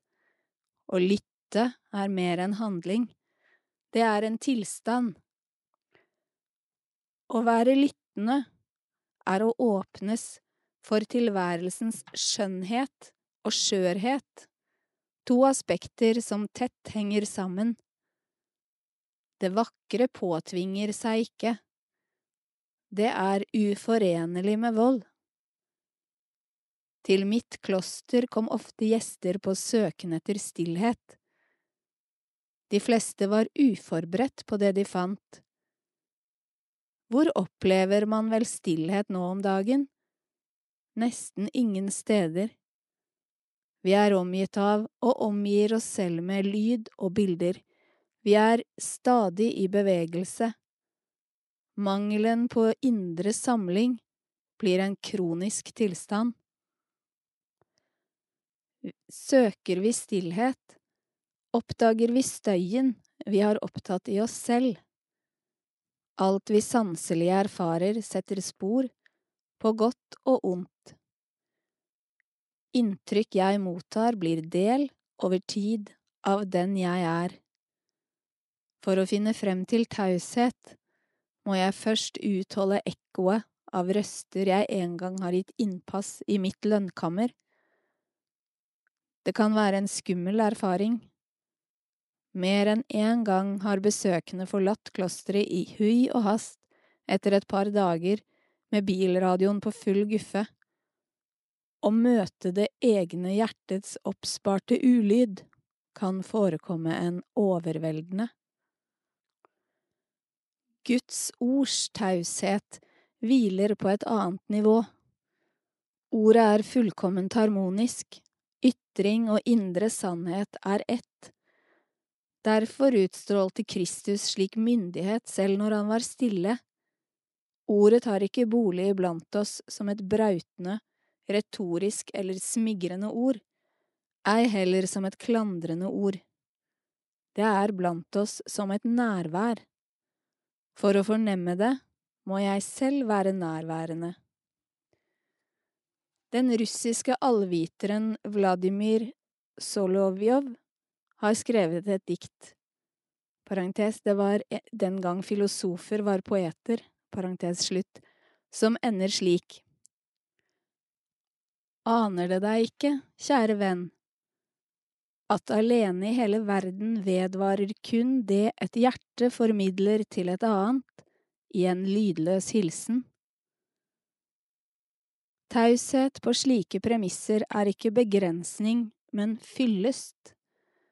Det vesentlige lar seg erkjenne, ikke ved tillærte formler, men ved et møte på dypet. For å møte en annen må jeg selv falle til ro, være åpen, avventende, fri, med andre ord, taust samlet. At Gud, for å komme oss i møte, samlet seg slik, er vidunderlig. Tenk at den allmektige åpenbarer seg stillfarent. Tenk at hans kraft finner uttrykk i overgivenhet. Fritt gjør han seg sårbar. Barnet som svøpes stramt og legges i en krybbe, er et bilde på den voksne, men fremdeles unge mann som lot seg spikre på et kors med sine armer utstrakt til omfavnelse for å trekke alle folk til seg. Han vil lære oss å leve i fryktløs kjærlighet, raus tjeneste. Han vil lære oss å dø for å oppstå til liv. Fornemmer da våre hjerter det evig pulserende håp, som ordet i vårt kjød ennå lydløst formidler? 1550 desemberdager av Kjersti Bjørkmo Det snør på 1550 desemberdager inni meg, og på vottene min mor har strikket, så jeg skal gå mellom husene som et elsket barn. Det snør på morfar som løfter meg opp for å se den lille fuglen som er festet med ståltråd i juletreet. Det snør på dama på lekeplassen som sier at datteren ikke skal leke med blokkunger og kommunister. Det snør på engler. Det snør på mus og griser. Det snør på bråsinnet som går i arv i familien. Det snør på korsangen fra radioen i stua. Det snør på kveldsmaten og sjelenes pilegrimsgang. Det snør på hundens labber som løper i søvne. Det snør på lillesøsteren min som sover med åpne øyne, og på hånden min når jeg stryker det runde kinnet. Det snør på Tromsø, det snør på Oslo, og det snør på Mo i Rana. Det snør på 70-tallet, det snør på 80-tallet, og det snør på 90-tallet. Det snør på gutten i julespillet, som gjør det skarpt som esel. Det snør på pepperkakerestene på fuglebrettet og på juletreffesten i bomberommet og veien hjem. Det snør på nissen som røyker rullings i bilen. Det snør på rypehjertene som ligger i en skål ved vasken. Om jeg bærer ett i munnen, begynner det å banke. Det snør på tusen julelys og kjælenavnene moren min har gitt meg. Det snør på brente mandler og den svimlende tanken på å være blindpassasjer på et skip. Det snør på brøytepinnene som lyser opp når noen tenker på hverandre samtidig. Det snør på havaristene og skrønemakerne vi stammer fra. Et stort hell har brakt oss hit. Det snør på katten som har sitt faste tråkk over garasjetaket. Det er den som bærer skumringen på ryggen. Ingen skal være alene. Novelle av Marie Aubert. Lørdag før jul er Berit på forsiden av VG. Hun ser det da hun nærmer seg kassene.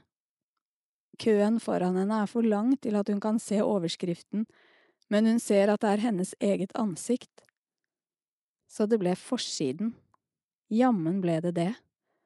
Hun skvetter alltid av å se seg selv på bilder, etter at hun ble 80. Hun kan ikke venne seg til at det der gamle ansiktet er hennes, tennene er begynt å bli gule. Men det er ikke ille likevel, det bildet. Hun er ordentlig på håret og har på perlene. Fortsatt elegant, tenker hun. Smerten har begynt å murre i bena. Hun lener seg tungt mot rullatoren. I starten hvisker den bare lavt ned i fotsålene, men når hun står stille i køen, tar det ikke lang tid før den kryper oppover i leggene. Hun har kjøpt en ekstra kaffepose og klementiner og en konfekteske. Alt er til TV-folkene. Er det deg? sier noen og stikker avisen opp i ansiktet hennes. Hun rørte Norge til tårer, står det. Det var du som var på Dagsrevyen, sier han som spurte, en ung mann med strikkelue og spent ansikt. Det var nok det, sier Berit. Hun prøver å gjøre seg saklig i ansiktet, men smilet presser seg fram, hun kan ikke for det. Og nå snur hele køen seg mot dem. Noen kikker på avisstativet for å se, noen hvisker, og jenta som sitter i kassen smiler over hele ansiktet, hun svenske som ellers alltid er sur. Dette syns jeg var veldig modig, sier den unge gutten og gir henne en klem før hun får summet seg. Du verden, Berit klemmer tilbake, det kiler fint gjennom henne. Fremmede kan være så gode med hverandre. Så fint at noen tør å sette ord på det med ensomhet, sier en dame foran i køen. For en lørdag det er. Det ringer i vesken hennes. Lyden er hard og insisterende. Hun kjenner svetten bryte fram under kåpa da hun ser på den. Hun slår av lyden. Heller ikke denne gangen husker TV-folkene å ta seg på føttene. De toger rett inn med det tunge kamerautstyret. Husk at dette er et hjem, sier Berit og peker på gulvet, og de unnskylder seg og tar skoene av. Flott leilighet, sier kameramannen. Det er en ny en, mens reporteren er den samme som sist. Hun heter Åse, eller Åsa, og gir Berit en klem. Jeg er så glad du fant noen, sier hun og blir stående med hendene på Berits skuldre. Det er jeg også, sier Berit. Tenk om jeg skulle sittet her alene, du. De drikker kaffe og leser VG-artikkelen sammen i sofaen, mens kameramannen setter opp lyskastere. Stua ser grell ut i det kraftige lyset. Vi gjør opptak nå, og så sender vi det i kveld, sier reporteren. Erna Solberg kommer i studio for å kommentere. Det har jo blitt litt sånn folkebevegelse, det her. Den nye familien ringer på like etterpå. Berit åpner mens kameramannen fanger inn alt. Der er de, moren og faren og de to guttene. De har glade ansikter, rene, det stråler av dem, alle fire. De er sånn som hun har ønsket seg, og det er hyggelig ståk og klemming i gangen. Snart sitter de presset sammen i sofaen og spiser konfekt. Og kameraet går, og reporteren spør den yngste gutten med de store fortennene hvorfor de ville feire jul med Berit. Fordi, sier han og blir morsomt rød under fregnene mens han anstrenger seg for å høres flink ut. For hun sendte det brevet til VG om at hun ikke hadde noen familie å feire jul med, og da sa vi at hun kunne komme til oss. Hvem var det som kom på det, da? sier reporteren. Pappa, sier gutten, og faren i sofaen smiler flau og stolt over kaffekoppen. Fordi ingen skal være alene i jula, roper den eldste gutten. Den setningen de har skrevet i avisene om igjen og om igjen den siste uken, og folk har sagt det på Dagsrevyen, prester og politikere og alle sammen, ingen skal være alene i jula. Alt på grunn av hennes brev. Og du fikk over hundre svar, Berit, sier reporteren. Hvorfor ble det akkurat familien Fjell? Nei, de skrev sånt hyggelig brev, sier Berit, og viser fram brevet. Kameramannen bikker kameraet helt nær der alle fire har skrevet navnene sine nederst på arket. Det virker som noen skjønne og rause mennesker. Telefonen ringer i gangen. Kameramannen senker kameraet og blir stående. Skal du ta den, sier reporteren. Det slutter snart, sier Berit. Det er bare selgere som ringer hit. Det er stille mens telefonen ringer og ringer. Til slutt reiser Berit seg. Hun skritter tungt over leggene til faren i familien, og over alle kablene på gulvet. De har brakt teppet i uorden. Hallo? Sier de i telefonen. Stemmen til Solveig er så plutselig nær at hun blir overrumplet. Det er mange måneder siden de snakket sammen sist. Selv om Solveig bor bare halvannen kilometer unna. Berit har gått omvei med rullatoren hver dag. Hun står stille og puster ikke, hun er varm i ansiktet. Jeg har prøvd og prøvd å ringe, sier Solveig i den anklagende tonen Berit ikke tåler. Den hun bruker når hun roper at Berit aldri har akseptert henne som hun er, som om alt rotet hennes er Berits feil. Vi skal ikke ha noe, sier Berit høyt, så de i stua skal høre henne. Jeg er ikke interessert. Så legger hun på. Hun kjenner blodet banke i ørene, må stå stille et par sekunder før hun går tilbake og setter seg. Går det bra med deg? sier Åse. Jo, sier Berit. Det snør utenfor. De snakker mens kameraene går, om ensomhet og det å tilhøre et fellesskap, at jula er en vanskelig tid for mange, da blir det ekstra sårt, og moren i familien forteller at hun selv har kjent på ensomhet før hun fikk familie. Vi skal liksom være så vellykkede i vårt samfunn, sier moren. Det skal mye til for å tørre å be om hjelp. Hun snakker så fint, hun ser på Berit med varme i øynene. Berit prøver å smile tilbake. Hun må svelge, hun svetter i hendene. Det kjennes ekte med den ensomheten moren i familien har hatt. Hva hadde hun sagt om hun visste om Solveig, om hun hadde hørt telefonsamtalen? Hun prøver å fremkalle det julaftenbildet hun har hatt i hodet, så hun ikke skal begynne å gråte. Et pyntet bord med rød duk og mat og mennesker rundt. Bare mennesker som hun ikke er sint på, og som ikke er sinte på henne, men bare lager behersket og hyggelig stemning. At hun sitter ved enden og har en naturlig plass, er velkommen og omsluttet. Etterpå kan hun si ha det og gå hjem til seg selv. Hun har sett for seg at hun vil være fylt opp, ingenting rotet til, i balanse. Det er ikke for mye forlangt, tenker hun, det er lov å ønske seg det. Nå virket det ikke som du var helt med, Berit, sier Åse, kan vi ta det om igjen? Hun vil ikke ta det om igjen, hun vil ikke høre mer av hva moren skal si, ingenting av det vil hun høre. Men hun får møblert ansiktet på et vis, og hun smiler, mens moren i familien sier det om ensomhet en gang til. Det var enda finere da hun sa det første gang. Og så ringer det på. Det var mye trafikk hos deg i dag, sier Åse, og alle ler. Skal ikke Berit liksom være ensom? Berit går tungt ut i gangen igjen. Hoftene er stive av å sitte på sofaen så lenge. Hun lukker døra til stua. Det er Solveig som står ute i oppgangen, med boblekåpe kneppet skjevt og haka sint løftet. Håret ligger i mørke, våte striper. Hun ser ut som en boms, tenker Berit. Hun kikker bortover gangen etter ungene, men Solveig er alene. Snør det ute?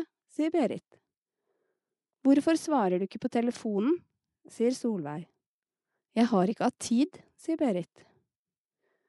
Hvordan tror du det var for meg å se den forsiden i dag? sier Solveig. Skal dette også handle om deg? sier Berit. Munnen til Solveig skjelver. Berit flytter urolig på seg, hun er varm i kinnene, kaster et blikk innover gangen, de er stille der inne. Det passer litt dårlig nå, sier Berit og prøver å dempe stemmen. Jeg har besøk. Ja, det har du vel, sier Solveig og retter seg i ryggen. Hun går ikke. Det er dammer under føttene hennes. De støvlene der er ikke noe tess i sånt vær, sier Berit. Solveig svarer ikke. Hun ser over Berits skulder og innover i gangen. Åse står der og kikker på dem. Vi holder bare på med et opptak her, vi, sier Åse og smiler og peker. Skal du på TV igjen? sier Solveig, har det klikka for deg? Reporteren ser usikker ut, hun åpner munnen så vidt. Hei, sier Solveig og rekker fram hånden, jeg er datteren hennes. Hva? sier Åse. Berit får henne ut i oppgangen og lukker døra bak dem. De stirrer på henne begge to. Berit vet ikke hvem hun skal se på, det verker fryktelig i bena nå, hun vil bare sette seg ned. Men du har jo ikke, sier Åse. Jo, sier Solveig og ler kort, det har hun faktisk, hun vil bare ikke feire jul med meg. Du vil ikke feire med meg heller, sier Berit høyt, hun har tårer i øynene. Mamma, sier Solveig, hun ser i taket og rister på hodet. Å, mamma, sier hun igjen. Men, sier Åse, du har jo ikke villet se meg, sier Berit. Jeg trodde ikke akkurat du skulle begynne med noe sånt som dette her, roper Solveig. Men så tar hun seg sammen og retter seg opp. Kan jeg få komme inn i hvert fall, så kan vi prøve å snakke om det her? Berit ser på hele henne, den tynne, sinte skikkelsen. Hun kjenner hun har lengtet etter henne. Hun lengter etter henne nå, akkurat nå. Berit, sier Åse, hun står liksom og tripper på tuppene av de spisse støvlettene sine. Skal jeg si til de andre at vi må avbryte? Berit kjenner en skjelving gjennom kroppen. Jeg slipper henne inn, tenker hun og ser på Solveig. Tanken er en brå og heftig bølge. Jeg kan slippe inn Solveig og bare la det stå til. Bare la Solveig gå inn og avbryte, sende familien der inne hjem. De som har kommet hele veien hit. Erna Solberg og NRK. Alt hun hadde tenkt hun skulle hvile seg i. Bare for å la Solveig rote til alt. Rote det til igjen. Hun gjør det ikke. Hun står stille på dørstokken og ser på Solveigs våte støvler og husker alt de ropte til hverandre sist. Hun gjentar inni seg at Solveig ikke har ringt henne siden september. Setningen står og sperrer inni henne som en vegg. Hun lytter til stillheten i gangen, og fortvilelsen vokser i henne. Hun kan ikke. Solveig ser på henne og senker til slutt blikket. Skuldrene hennes blir mindre. Nei, nei, sier hun, hvis det er sånn du vil ha det. Hun hører Solveigs skritt nedover trappene, fjernere og fjernere. Åse biter i håret sitt. Vil du at vi skal fortsette med opptaket? sier hun til slutt. Det er håp i stemmen. Berit flytter på seg, føttene sover. Ja, sier hun, vi går inn igjen. I en glipe av glede av Ylva Eggehorn. Det står et ja skrevet over den unge kvinnen som møter engelens blikk fra Angelicos vidunderlig vakre maleri i San Marco-klosteret i Florence. Ikke ennå, men snart kommer hun til å si det. Inntil videre lytter hun bare i åndeløs, totalt konsentrert forundring på det engelen har å si.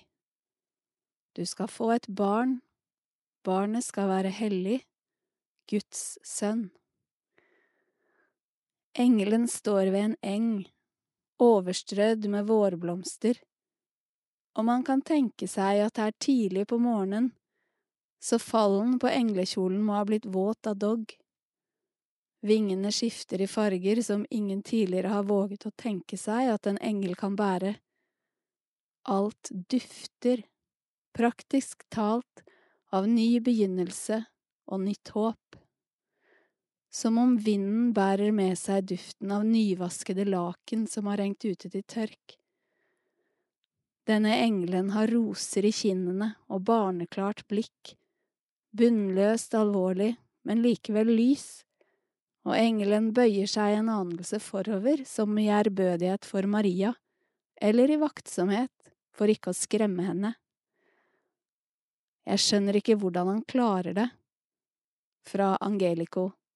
Maleriet er et mirakel i seg selv. Øyeblikket før Maria sier ja.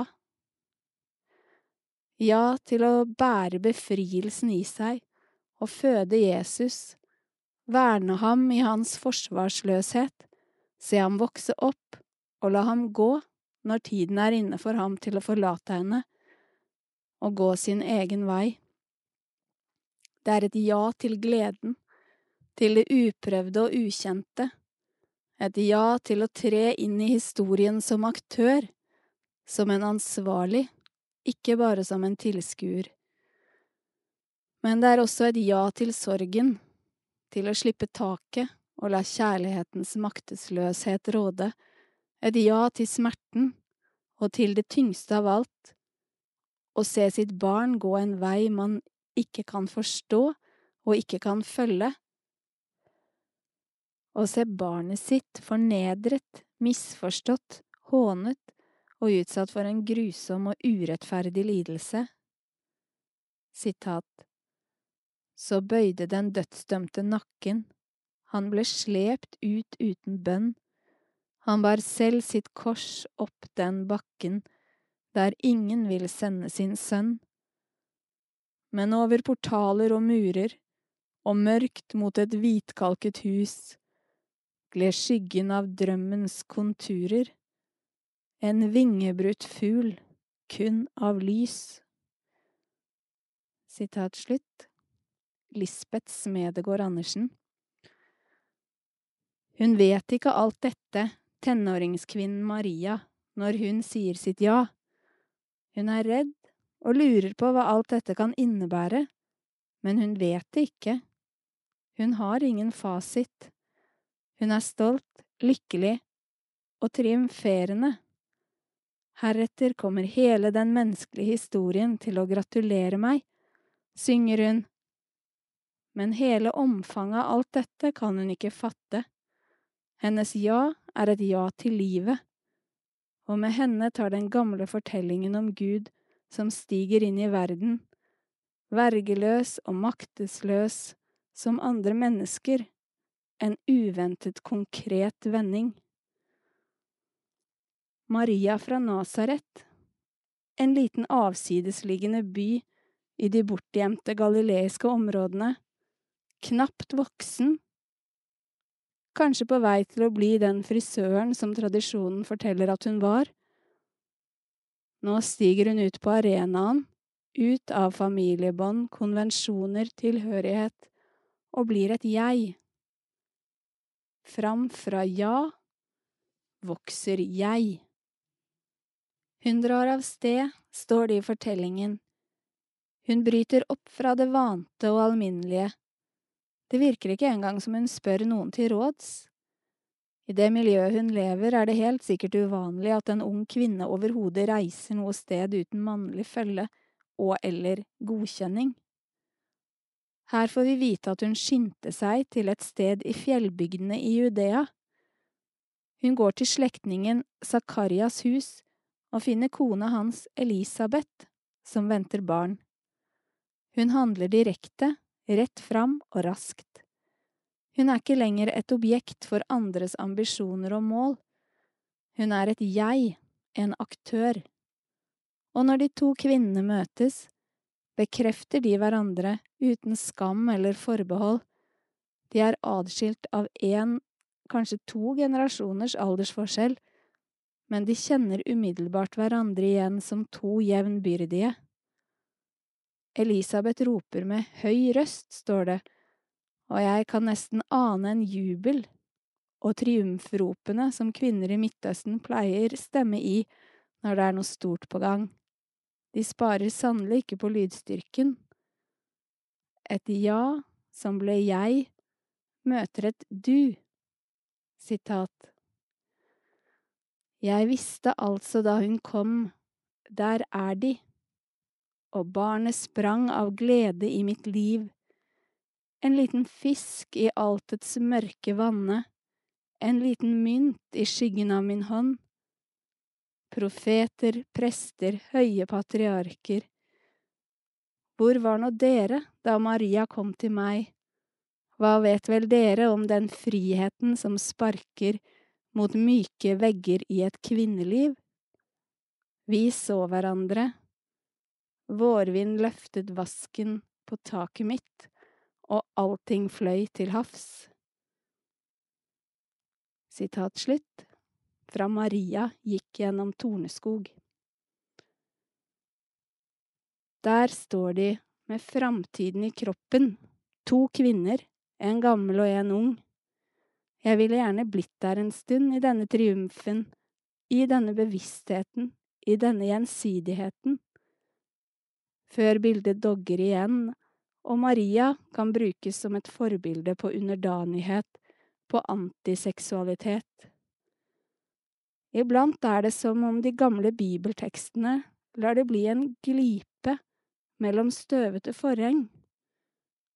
Møtet mellom Elisabeth og Maria er en slik tekst.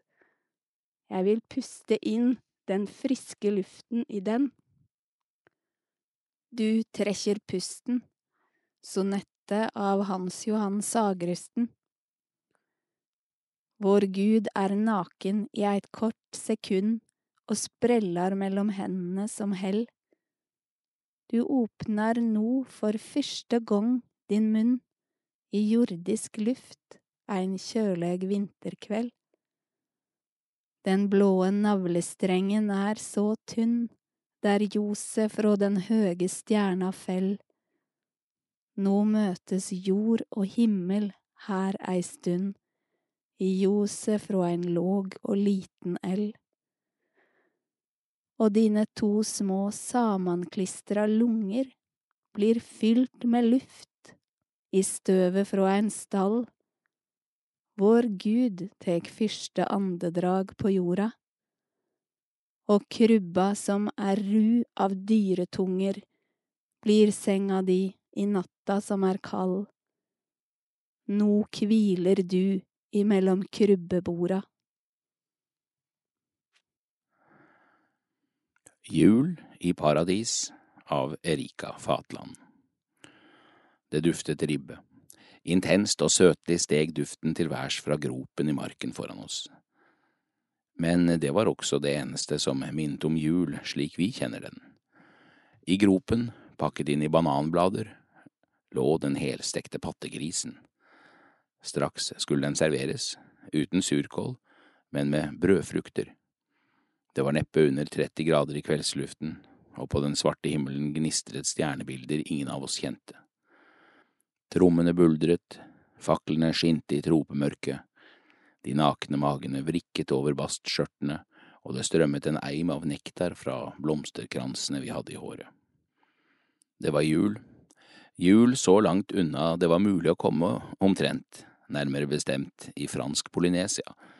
Hvis du lurer på hvor det ligger, så kan du bare peke rett ned mellom føttene dine. Det er korteste vei. Julen handler om så mangt, alt etter hvem du spør, men vi kan vel samles i et minste felles multiplum, for de fleste handler det nok om forventninger. Som kjent skal man bli som barn igjen, men det har ikke utelukkende sjarmerende sider når voksne mennesker får sammenbrudd i bilen julaften ettermiddag fordi de ikke rekker hjem fra lystenningen på mors grav i tide til å se Donald Duck og vennene hans feire jul klokken 15 slik de alltid har gjort, i all evighet, altså siden de selv var barn. Prosedyren skal følges, nøyaktig som i alle år, med nøtter til Askepott og stivede servietter, tradisjonene skal respekteres, som mandlene i den grøten ingen liker, og juletrekulen etter oldemor som er så gammel og skjør at man må hviske glade jul når man runder den grenen på treet. De samme tingene skal skje i samme rekkefølge. Nervene er på høykant, stressfaktoren skyhøy. Lite skal til før forventningene brister. Og vi har holdt på lenge. Vi har båret edelgraner gjennom slapsete bygater, stått i overfylte butikker, atter en gang for sent ute med alt, vi har pakket inn berg med gaver som snart skal pakkes opp igjen, og tenkt, hva skal dette egentlig være godt for? Jeg har venner jeg bare møter lille julaften, tre intenst hyggelige minutter før vi løper videre hver vår vei med hver vår gave i hendene. Jeg tør ikke engang tenke på hvordan førjulstiden må arte seg for dem som har barn. Tre ganger hittil i livet har jeg holdt på å bli overkjørt, alle tre gangene av småbarnsforeldre i et gangfelt i Kirkeveien siste uke før jul. Ja, hva skal dette være godt for? Slik har vi tenkt, og for noen år siden ble vi enige om å porsjonere ut julehyggen. Siden den gang har vi gjort julen til en biennale, altså noe som går i en toårssyklus. I oddetallsår pakker vi hver vår gave i kofferten og stikker av fra ribbekjøret. Jeg har en snill mann, men aldri har han sett snillere ut enn ute på revet i paradis, da vi sto til brystet i krystallklart saltvann. Rundt bena våre pilte det fargerike, useriøse småfisk, samt noen meterlange haier som visstnok bare var nysgjerrige. Nysgjerrigst var imidlertid rokkene, også meterstore, som med jevne mellomrom dultet oss i ryggen for å få kos. Det var jul i paradis, og vi var som barn igjen, snille barn. Rokkene også, de var umettelige på kos. I dag er det turister i paradis. Det står ikke til å nekte at det var vi også, selv om vi skulle bli værende i mange måneder. Særlig julekvelden sto i turismens tegn. Hulaen, trommene, pattegrisen, faklene, alt var iscenesatt på et luksushotell i nærheten av huset der vi bodde.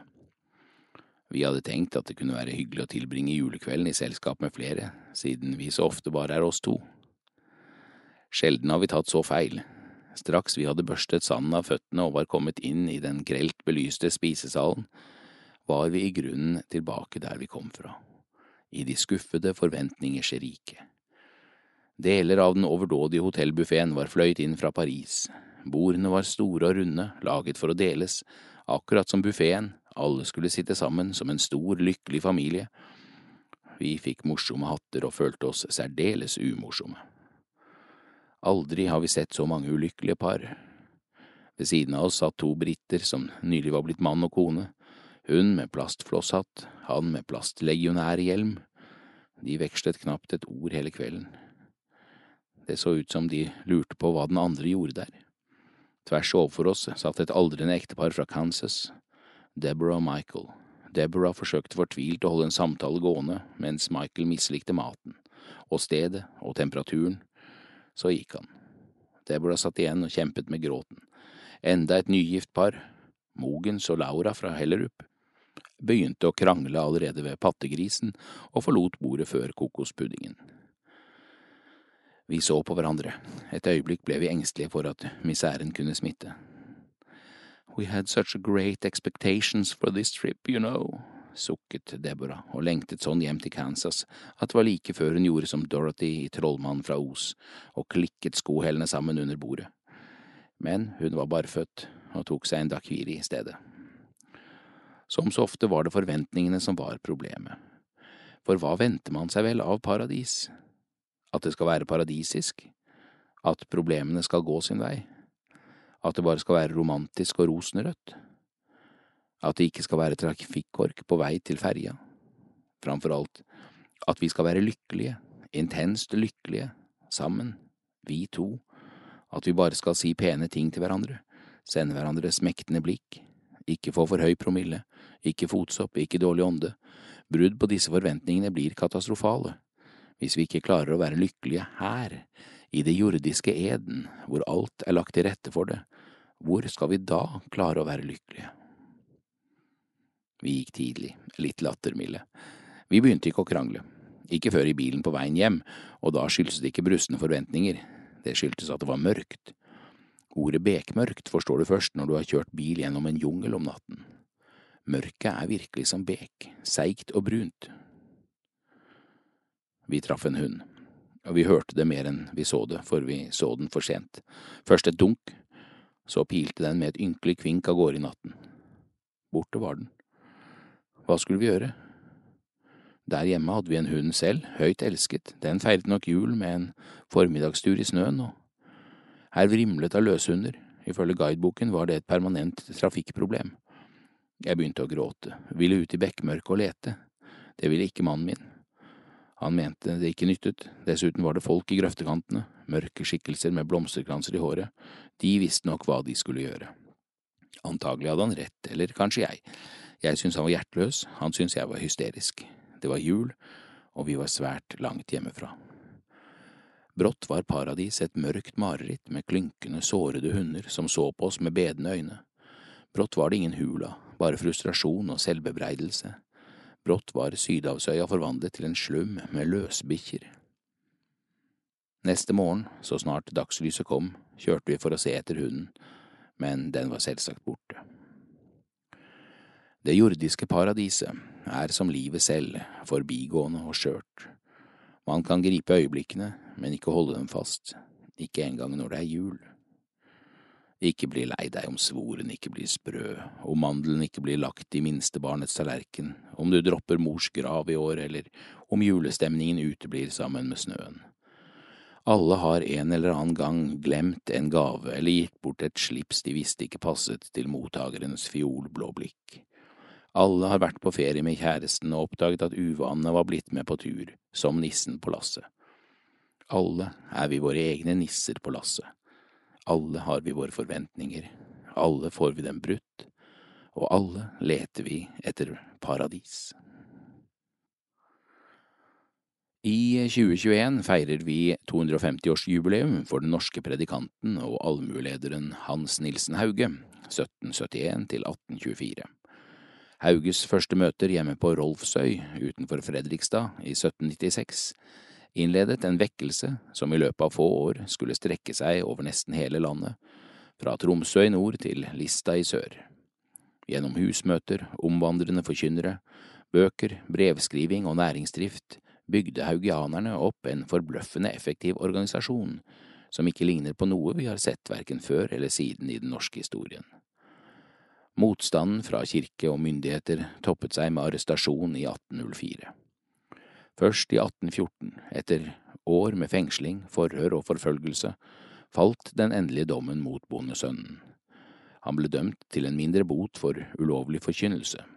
Bevegelsen fortsatte å vokse etter løslatelsen, men i en langt mer forsiktig utgave enn tidligere. I dag regnes haugianismen som en av de viktigste forutsetningene for det moderne, demokratiske norske samfunnet. Tidligere i høst ga Trygve Riiser Gundersen ut boka Haugianerne på Cappelen Dam, om den første haugianervekkelsen. Utdraget vi leser her, utspiller seg i romjula 1798, da vekkelsen til statens forskrekkelse var i ferd med å spre seg eksplosivt i østlandsområdet. Trygve Riise Gundersen, Engler på Eiker. Rett før jul 1798 kom Hans Nilsen Hauge til Drammen. Han hadde vært borte i over et halvt år etter at han dro fra tunet på forsommeren etter arrestasjonen i Kristiania. Måneder i Bergen først, deretter den lange reisen hjem langs kysten, stopp underveis, samtaler, taler, trykkerier. Tilbake igjen hadde alt forandret seg. Alle predikantene på vandring hadde hatt sin virkning på byene og bygdene.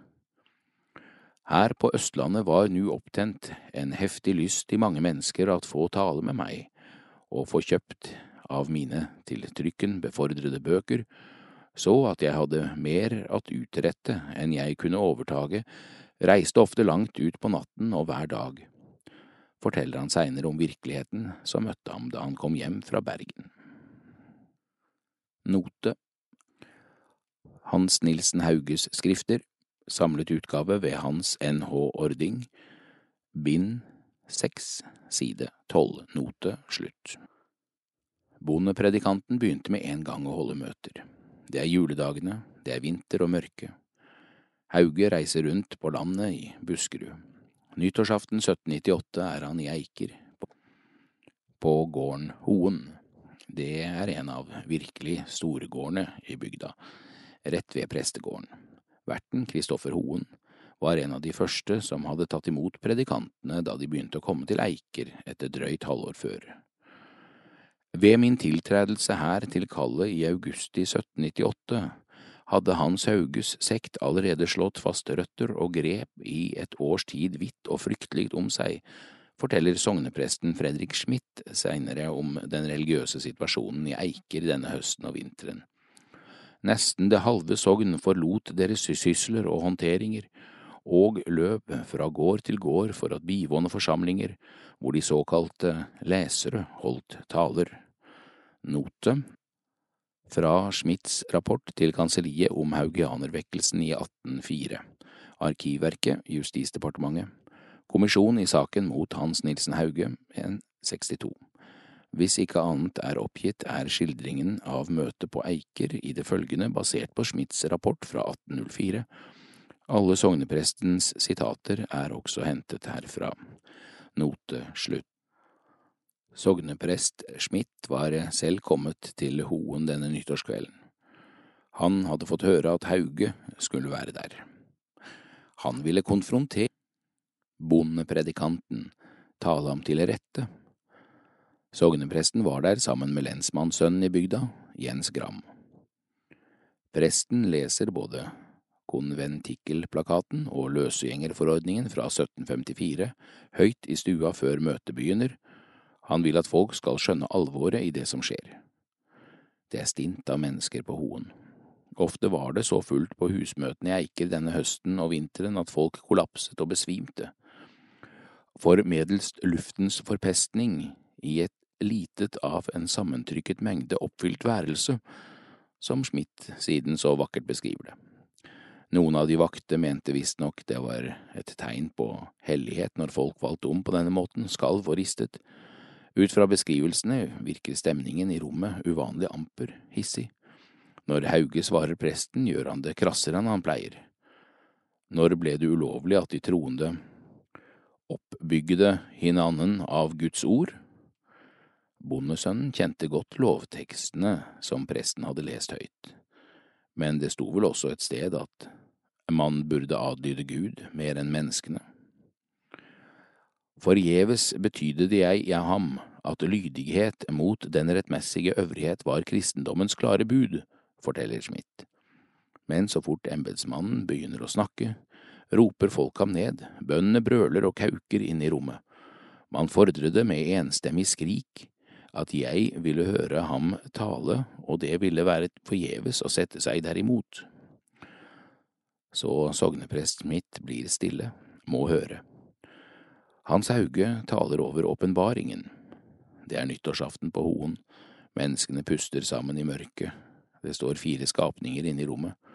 Det klikker i klørne deres når de beveger seg på gulvet. Kropper dekket av fjær, tre par digre vinger på ryggen, øyne over det hele, også over og under vingene.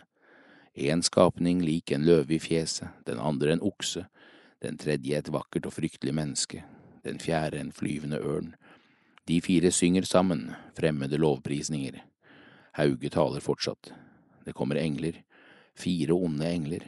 De stiller seg i hvert sitt hjørne og blåser. Stua på Hoen fylles av alle vindene deres. Luften feier kaldt gjennom rommet, gjennom alle som er der. Hans Nilsen regner opp for dem hva vindene er, hva de sier om menneskene. En ny engel kommer, en god engel. Han kommer i soloppgangen. Sola går opp midt inne i rommet. de forsøker å se. Alt lyset blender dem. Englene har skarpe sverd, sverdene hugger og skjærer i menneskenes bløte kjøtthjerter. Etterpå taler han til alle som er der. Han råber med stor røst, vender alle deres krefter imot det onde. Så setter engelen sitt tegn på dem, tegner sitt blodige seil i pannen på de troende. Allmuefolkene fra Eiker får ildrøde rennende merker over øynene, som et vitnesbyrd om at du har kjøpt oss til Gud med ditt blod av hver stamme og tungemål, og du haver gjort oss til konger og prester for Gud, at vi skal regnere over jorden.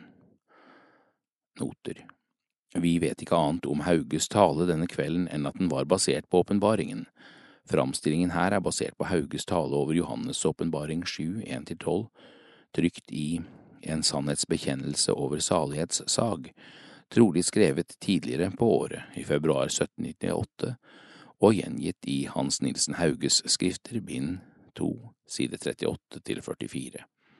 Sitatene i teksten er hentet herfra.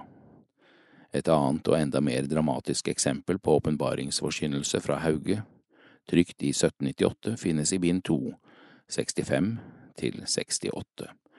Note slutt. Etterpå blir det stille. Sogneprest Schmidt kremter, snakker, forklarer bondepredikanten at hans forhold ikke alene var lovstridigt, men at hans foredrag, der vel var fullproppet av bibelspråk, men uten sammenheng, slett fortolket og upassende anvendt, vitnede om at han selv snarere trengte til undervisning enn havde kall til at undervise andre. Men ingenting hjelper nå. Jeg Eiker fortsatte de å fortelle om denne kvelden mange år etterpå. Anton Christian Bang hørte en av disse fortellingene når han besøkte bygda på 1860-tallet, brukte historien i biografien sin, derfor har vi den i dag. Hauge skal ha gått bort til Schmidt til slutt, lagt hånden på skuldrene hans, tatt på sognepresten, sagt til teologen at han ikke måtte forskrekkes over at en bonde snakket over åpenbaringen. Det er ingen lukket bok, til i så fall hadde den ikke fått navn av åpenbaringen. Vi bruker den hele hellige skrift og tale over hva vi får nåde til. Note. A. Christian Bang, Hans Nilsen Hauge og hans samtid, et tidsbilde fra omkring år 1800, Oslo 1910, 1874, side 161 til 162, note. Slutt. Schmidt mente han nå ikke hadde annet valg enn å be lensmannen om å pågripe den ustyrlige Hauge. Rommet var enda varmere, argere. Forsamlingen begynte endog at blive temmelig tumulatorisk. Kristoffer Hoen står fram foran mengden til slutt, ber prest og lensmann om at han i alle fall skulle få lov til å stå for skyssen av Hans Nilsen Hauge til arresten i Hoens egen slede. Det sier embetsmennene ja til. Sogneprest Fredrik Schmidt i Eiker var sønn av den gamle biskopen i Kristiania, Kristen Schmidt. Presten var ny i bygda. Om kveldene i prestegården dyrket han fortsatt sine interesser for opplysning, poesi, politikk, patriotisme. I Kristiania hadde Fredrik Schmidt vært den første redaktøren av det nasjonalpolitiske tidsskriftet Hermoder. Bladet ble et samlingspunkt for byens radikale intellektuelle på 1790-tallet. Den unge teolog Schmidt ble ansett som noe av en rabulist, noen gikk så langt som å kalle ham en jakobiner. Note. Om Fredrik Schmidt og kretsen rundt Minerva, se Odd Arvid Storsveen, Hermoder, et norsk Minerva, i Eivind Kjønneland, redaktør, Opplysningens tidsskrifter, Oslo, 2008, side 177 til 191, note slutt. 16 år seinere, i 1814, satt Fredrik Schmidt som representant for Buskerud amt i den grunnlovgivende forsamling på Eidsvoll.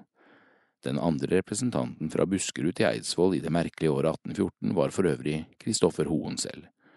Bondegodseieren fra Eiker, som lokalhistorikerne kaller ham. Hans Nilsen Haugesvert, den røsselige skikkelsen med sagbruksprivilegier og husmannsplasser og lakserettigheter i elva en av bygdas aller fremste menn. Note Se Einar Sørensen Kristoffer Borgersen Hoen og gården Nedre Hoen i Øvre Eiker, side 208 til 211 i Jørn Holme, redaktør. De kom fra alle kanter, Eidsvollmennene og deres hus, Oslo 2014. Fortellingen om hva som skjedde videre denne kvelden går sånn. Utenfor bondegården gjør lensmanns sønn Gram og Hoen sledene sine klare, spenner for hestene, fangen blir satt på plass. Sogneprest Schmidt skal hjem, den svære prestegården lå rett ved.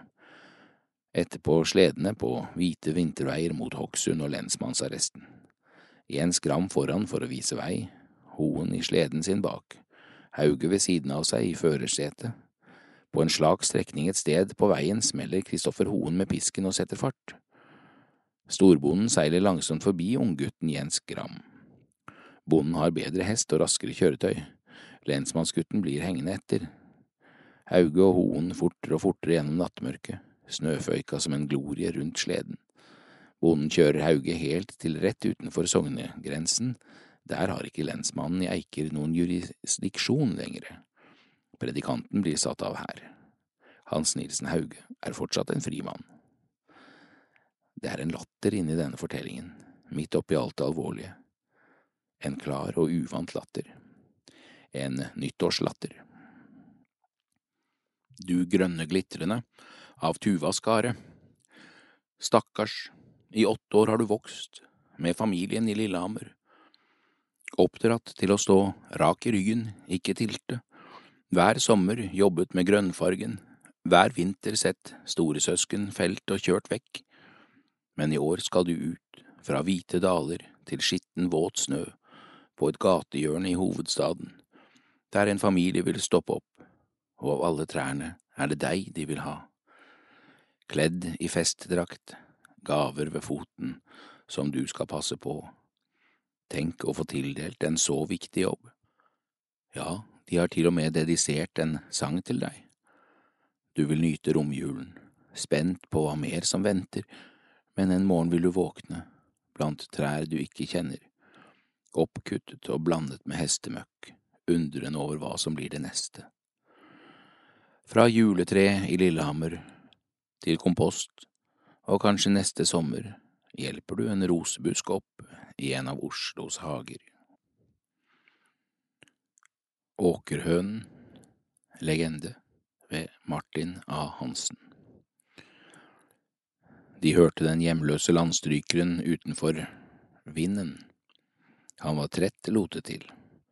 Nå og da la han seg ned på bakken for å hvile, men så måtte han opp igjen. Og en gang imellom reiste snøen seg opp foran vinduet, virvlet i lystig polka og var borte igjen. Den kikket inn, tenkte de, den morer seg over oss, selv om det ikke er noe mores over her. Det blåste, og kvelden gikk.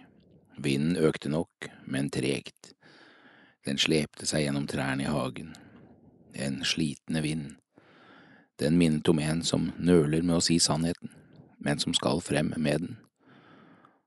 Det var nok det de voksne hørte i den slitne vinden. Kvelden gikk, og hele kvelden snødde det. Først kom store, brede fnugg seilende fra mørket og inn mot ruten, og ble til store, lysende anemoner. Siden ble fnuggene mindre og tettere, og en lang stund kom de på skrå. Litt etter litt satte de farten opp og kom mer på langs, fykende. Når da ikke snøen gjorde holdt, snudde seg i den lange, hvite kappen og kikket inn. Se på snøen, sa den minste piken. Søsteren hysjet på henne. Barna gledet seg alltid over snøvær, men nå var det annerledes, syns de. Og hele kvelden ble det ikke sagt stort annet enn det den lille sa om snøen. Det var under krigen, den første store krigen, på et avsides sted, i et beskjedent hus, hvor det var noe i veien. Faren satt og leste i en avis. Han leste det samme stykket hele tiden. Han kom midtveis, så begynte han forfra. Moren stoppet strømper. Det gikk fort. Nålen inn, nålen ut, inn og ut, tråden over neste hull altfor fort. Barna satt sammen ved et hjørne av bordet og så i gamle ukeblad. De var stille og enige. I et skikkelig lys hadde stuen sett hyggelig ut, velstelt og med pene småting, lysduker, bilder, nips. Men ned fra taket hang det en underlig livløs tingst som gjorde de andre tingene livløse. Det hjalp ikke at petroleumslampen var pusset og skinte i messingen. Den var tom. Den ikke bare hang, den var hengt. Lyset fra karbidlykten oppe på hyllen, faren hadde prøvd å skjerme den, men det var likevel et rått lys den sendte fra seg. Den var skjev og blå i den stikkende flammen, og den hveste så lenge den hadde krefter nok. Så begynte den å blinke og vippe med flammen som en skjære med halen. Menneskelig ble den først like før den døde. Lykten sto og pekte på de slitte stedene på møblene og på flekkene på tapetene. Den viste fram alle feilene, gjorde skriften i de smale ansiktene lett å lese. Det harde lyset gjorde alt fattigslig, også sjelene som savnet olje til sine lamper. Det hendte at landstrykeren der ute drev en lang arm ned i skorsteinen, så ovnen ga røyk fra seg. Barna så måpende opp, endelig noe interessant å se på. Men det var da glør i ovnen, stuen var ikke helt uten varme. Hvis en fremmed plutselig kom inn, ville han kanskje ikke lagt merke til noe. Da ville foreldrene gjøre sitt beste. Det var deres stolthet å skjule alt til det siste. Av og til kom det jo kjentfolk på besøk. De hadde nok sine anelser, og noen av dem hadde ikke så skarpt blikk som karbidlykten. I all hemmelighet undersøkte de barnas ører. Jo, de var rene. Og klærne var lappet. I smug kikket de under familiens tresko. Jo, de var velholdte og nyhalvsålte. Det så nok ikke så aller verst ut for familien. Det var i hvert fall en svært pen fattigdom. Det er slurv og likegladhet som pleier å røpe at det går gale veien. Til å begynne med var det gått riktig bra for familien, men så hadde faren vært lenge på militærtjeneste. Etterpå ble det dårlig lønnet arbeid, høye priser og nedoverbakke. Så kom sykdommene. Det vet man jo på forhånd. Nå er det min tur, sier sykdommen alltid når motgangen har brutt hull. De levde av farens spade, men nå ble den stanset av frost og snø. Det kunne ikke skjules lenger. I lengden er det ikke mulig å henge i én finger. De hadde skjult elendigheten under et dekke av renslighet og orden så lenge at nå sa musene opp og nektet å komme i spiskammeret mer. Faren leste i avisen, det samme stykket om og om igjen. Morens nål smatt fort ut og inn, ut og inn. Neste strømpe, garn i nålen, inn og ut, inn og ut. Det går ikke lenger, bare litt by byggrøt.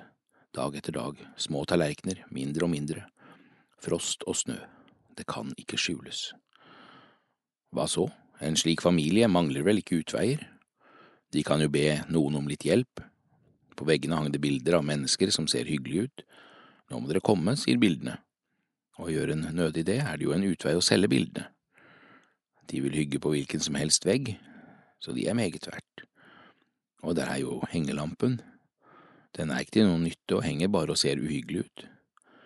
Men moren holder den så blank og skinnende at den må være verdt mange penger for den som har olje. Og der har vi jo den gamle konkylien på kommoden. Den er kostbar, for den har alltid noe underlig å fortelle. Hver gang far tar den i hånden, begynner han å fortelle om hva han har lest om fremmede land. Det ser ut som det kommer rett ut av konkylien. Ja, familien kan saktens greie seg en stund ved å selge av tingene sine, for alle i stuen vet at de er verdifulle. Faren leste i avisen, moren stoppet strømper, barna bladde i gamle ukeblad som var bløte og skjøre i papiret etter flittig bruk, og ingen sa noe, og kvelden gikk mot sengetid. Men vinden hadde økt, den hadde fått makt og var ikke lenger noen landstryker, den var en hærfører som reiste med et stort følge. Det var store brusende minutter når en hær passerte og halen på snødrevets hester pisket rutene. Og underlig døde øyeblikket da det var stille rundt huset og de hørte vinden ri gjennom de store trærne på kirkegården. I et slikt dødt øyeblikk hørte de et dumt slag på ytterdøren. Mellom stuen og ytterdøren lå både kjøkken og gang, men de hørte det, det ene slaget. De så på moren, og hun så på dem. Morens øyne var store, og det var deres også, mørke, fulle av frykt. Og alle, mor og barn, vendte det stirrende blikket mot faren. Han så fremdeles ned i avisen, men blikket flyttet seg ikke, han leste ikke. Han snudde seg ikke mot dem, og de visste ikke hva han tenkte. Han var en mann, annerledes i sinnet enn de, og i fryktens øyeblikk visste de ikke noe om ham, når han ikke snudde seg og så på dem. Men mor og barn var forstenet. Når noe ukjent nærmet seg, var det frykt i dem. De husket for mye. Det var en natt de lå og sov. Da banket det på. En mann sto utenfor vinduet. Du skal av sted i natt, du er innkalt. Det var fremdeles krig. Faren løftet hodet og så på klokken som hang på veggen, og sa bi og ti, bi og ti. Det var et merkelig skjær i blikket hans, kanskje det lønnlige svaret fra mannesinnet når det ville og ukjente roper ja, jeg kommer. Hva var det, hørte de moren hviske. Han snudde seg og møtte alle øynene, og det kom styrke i hans. Mens skrittene hans fjernet seg ut gjennom kjøkken og gang, satt de lyttende, så stille og urørlige som om han hadde tatt med seg deres livsånde. De hørte ham åpne den frostbundne døren. Vinden tok tak. Da det ble stille igjen, hørte de ham spørre, Er det noen her? De syntes det varte lenge. Men selv om de hadde hørt hvert skritt, begynte de å skjelve da han sto der i døren, alvorlig undrende. Han bar noe i hendene. En av småpikene skrek litt ved synet av det, og det isnet nedover ryggen på dem. Så forferdelig syntes de det var. Hva er det? hvisket moren. Det er en åkerhøne, svarte faren. Da skjedde det noe i barneøynene. Da så de at det var en liten åkerhøne. Faren holdt en liten butt fugl i hendene. Det lille fuglehodet hvilte mot den ene tommelfingeren. Den lå på trappen, sa han. Ja, men hvem, begynte moren. Det fantes ikke spor i snøen, svarte faren, den har fløyet rett mot. Moren tok fuglen, hun kysste den på vingen. Den er helt varm ennå, kom og kjenn, sa hun, og barna kom bort og kjente på fuglen. Jo, den var varm under fjærene. Det var ikke til å forstå at en død fugl kunne være så brennende varm under de slappe vingene. Underlig, sa faren den nærmest for seg selv, den er nok blitt blindet av snøen, men at den skulle treffe akkurat døren så vi hørte det. Jeg tror nok jeg kan forklare det, sa moren, og mens småpikene varsomt rørte ved våkerhønen, listet broren seg nølende bort til vinduet. Han presset ansiktet mot den svarte, kalde ruten og så ut. Han visste hva han ville få se. Så ble alt tydeligere, og han så en mørk skikkelse, større enn menn, forsvinne mellom trærne.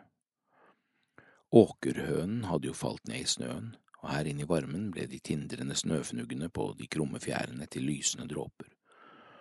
Noen sier at åkerhønen er tarvelig kledd, og det er riktig at den ikke er noen reklameplakat, men fornemt bærer den sin fattigdomsdrakt, som den har fått farger til av det brune løvet, den modne hveten, en knivspiss fra valmuen, et par dråper fra nattens mørke. Den er markens hemmelighet, og den som kjenner den, må gi den et navn til, men det må holdes hemmelig. Vakre små føtter hadde den, fine og harde. Alt på fuglen var bløtt og avrundet, hodet med de halvlukkede øynene, nebbet som det kom noe rødt fra. Faren satte seg til med avisen igjen, men straks etter kom han ut i kjøkkenet til de andre. Nesten hele familien felte tårer. Men åkerhønen var jo død, og plukkes skulle den. Det var da meningen med den. Den gjorde ikke stort av seg da fjærene var borte. Små krøllete tarmer, lever, krås og et ufattelig lite fast hjerte kom frem. Det var i sitt indre fuglen hadde de lysende fargene. Faren gikk ut i snøværet, og han kom inn igjen tilsnødd, med en håndfull frisk persille. Det ble lagt fett i stekepannen, det siste kanskje. Men så tok moren resolutt av sine siste reserver. Potetene kom i kasserollen og ble satt over glørne, og bunnen ble ikke skrapt i selvoppgivelse, for nå tilberedte hun et håpets festmåltid. Og skjønt det var langt over sengetid, ble det lagt duk på bordet, hvit og vakker, selv i lyset fra karbidlykten. Men så ble lykten båret ut, hvor den kunne hvese fra seg, og et dyrt talglys ble tent på bordet. Ute i mørket bruste vinden. De vasket seg, gredde håret, pyntet seg, så satte de seg ved høytidsbordet. Åkerhønen ble delt, og det ble lite til været. Men det er sannhet at den lille fuglen mettet dem alle. I føderommet andakt av Ellen Merete Drønen. Og mens de var der, kom tiden da hun skulle føde, og hun fødte sin sønn, den førstefødte, hun svøpte ham og la ham i en krybbe, for det var ikke husrom for dem. Noen få ganger har jeg kommet inn i et rom hvor det nettopp er født et barn. Alt gikk bra, en stille stemning preger rommet, jeg husker det som noe hellig. I det rommet er det nytt liv som setter tonen. Vi som sto rundt, tilpasset oss. Stemmene var stille, varme og vennlige. Det nye livet var sentrum, alt annet perifert akkurat da. Vi ble mindre, og likevel rikere, mens barnet ble større og større for oss. Var det slik der i stallen? Jeg ser det for meg, stille, varmt og vennlig, en ettervarme og anerkjennelse av kreftene og slitet som det kostet både mor og barn å komme til dette punktet, en kjærlig og rolig beundring av det hellige barnet i føderommet. I min fars hus er det mange rom, sa Jesus. Det er det jammen i livet også, mange rom. Ulike avdelinger som krever sitt. Planlegging og organisering, jobb og trening, familie og venner, smerte og trøst, minner og kjærlighet, skam og mørke, velvære og kos. Ulike livsrom til ulik bruk. Det blir fort mye å holde styr på, man kan få lyst til å flytte eller bytte hus med noen andre innimellom. Av og til kunne livet gjerne vært noe enklere, som en ettroms leilighet med sjøutsikt. Min bestefar ble født hjemme, på ett rom, på ei øy i Hordaland. Det var vanlig da. De fleste av oss er født på sykehus, på offentlige institusjoner, omgitt av andre liv og konstellasjoner. Der starter livet i verden utenfor magen. Men det var innenfra vi kom, fra det skjulte morslivet.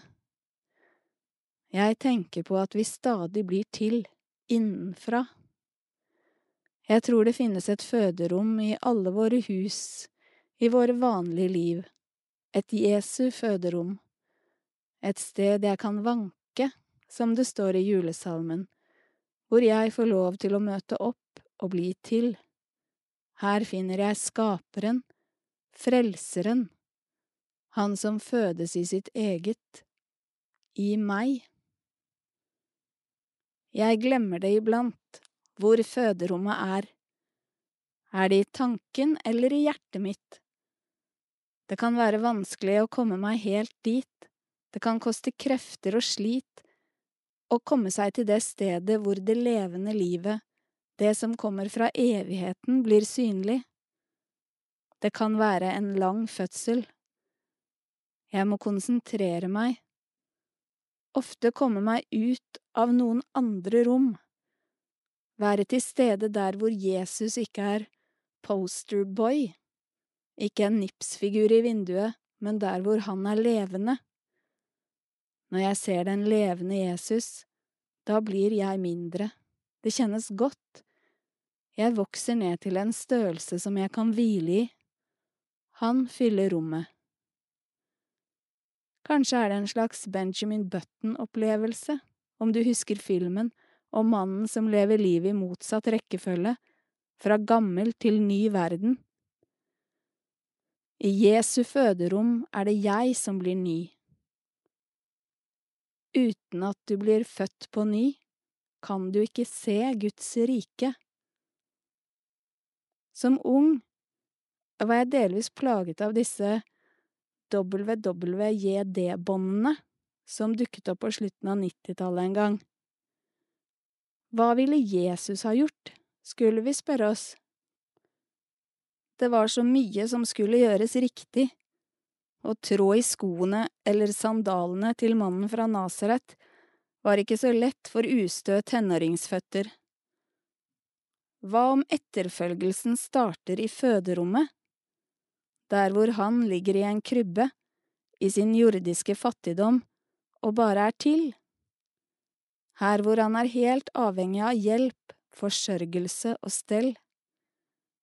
Hvis jeg lukker øynene, kan jeg se det for meg, at det er meg som ligger i krybben.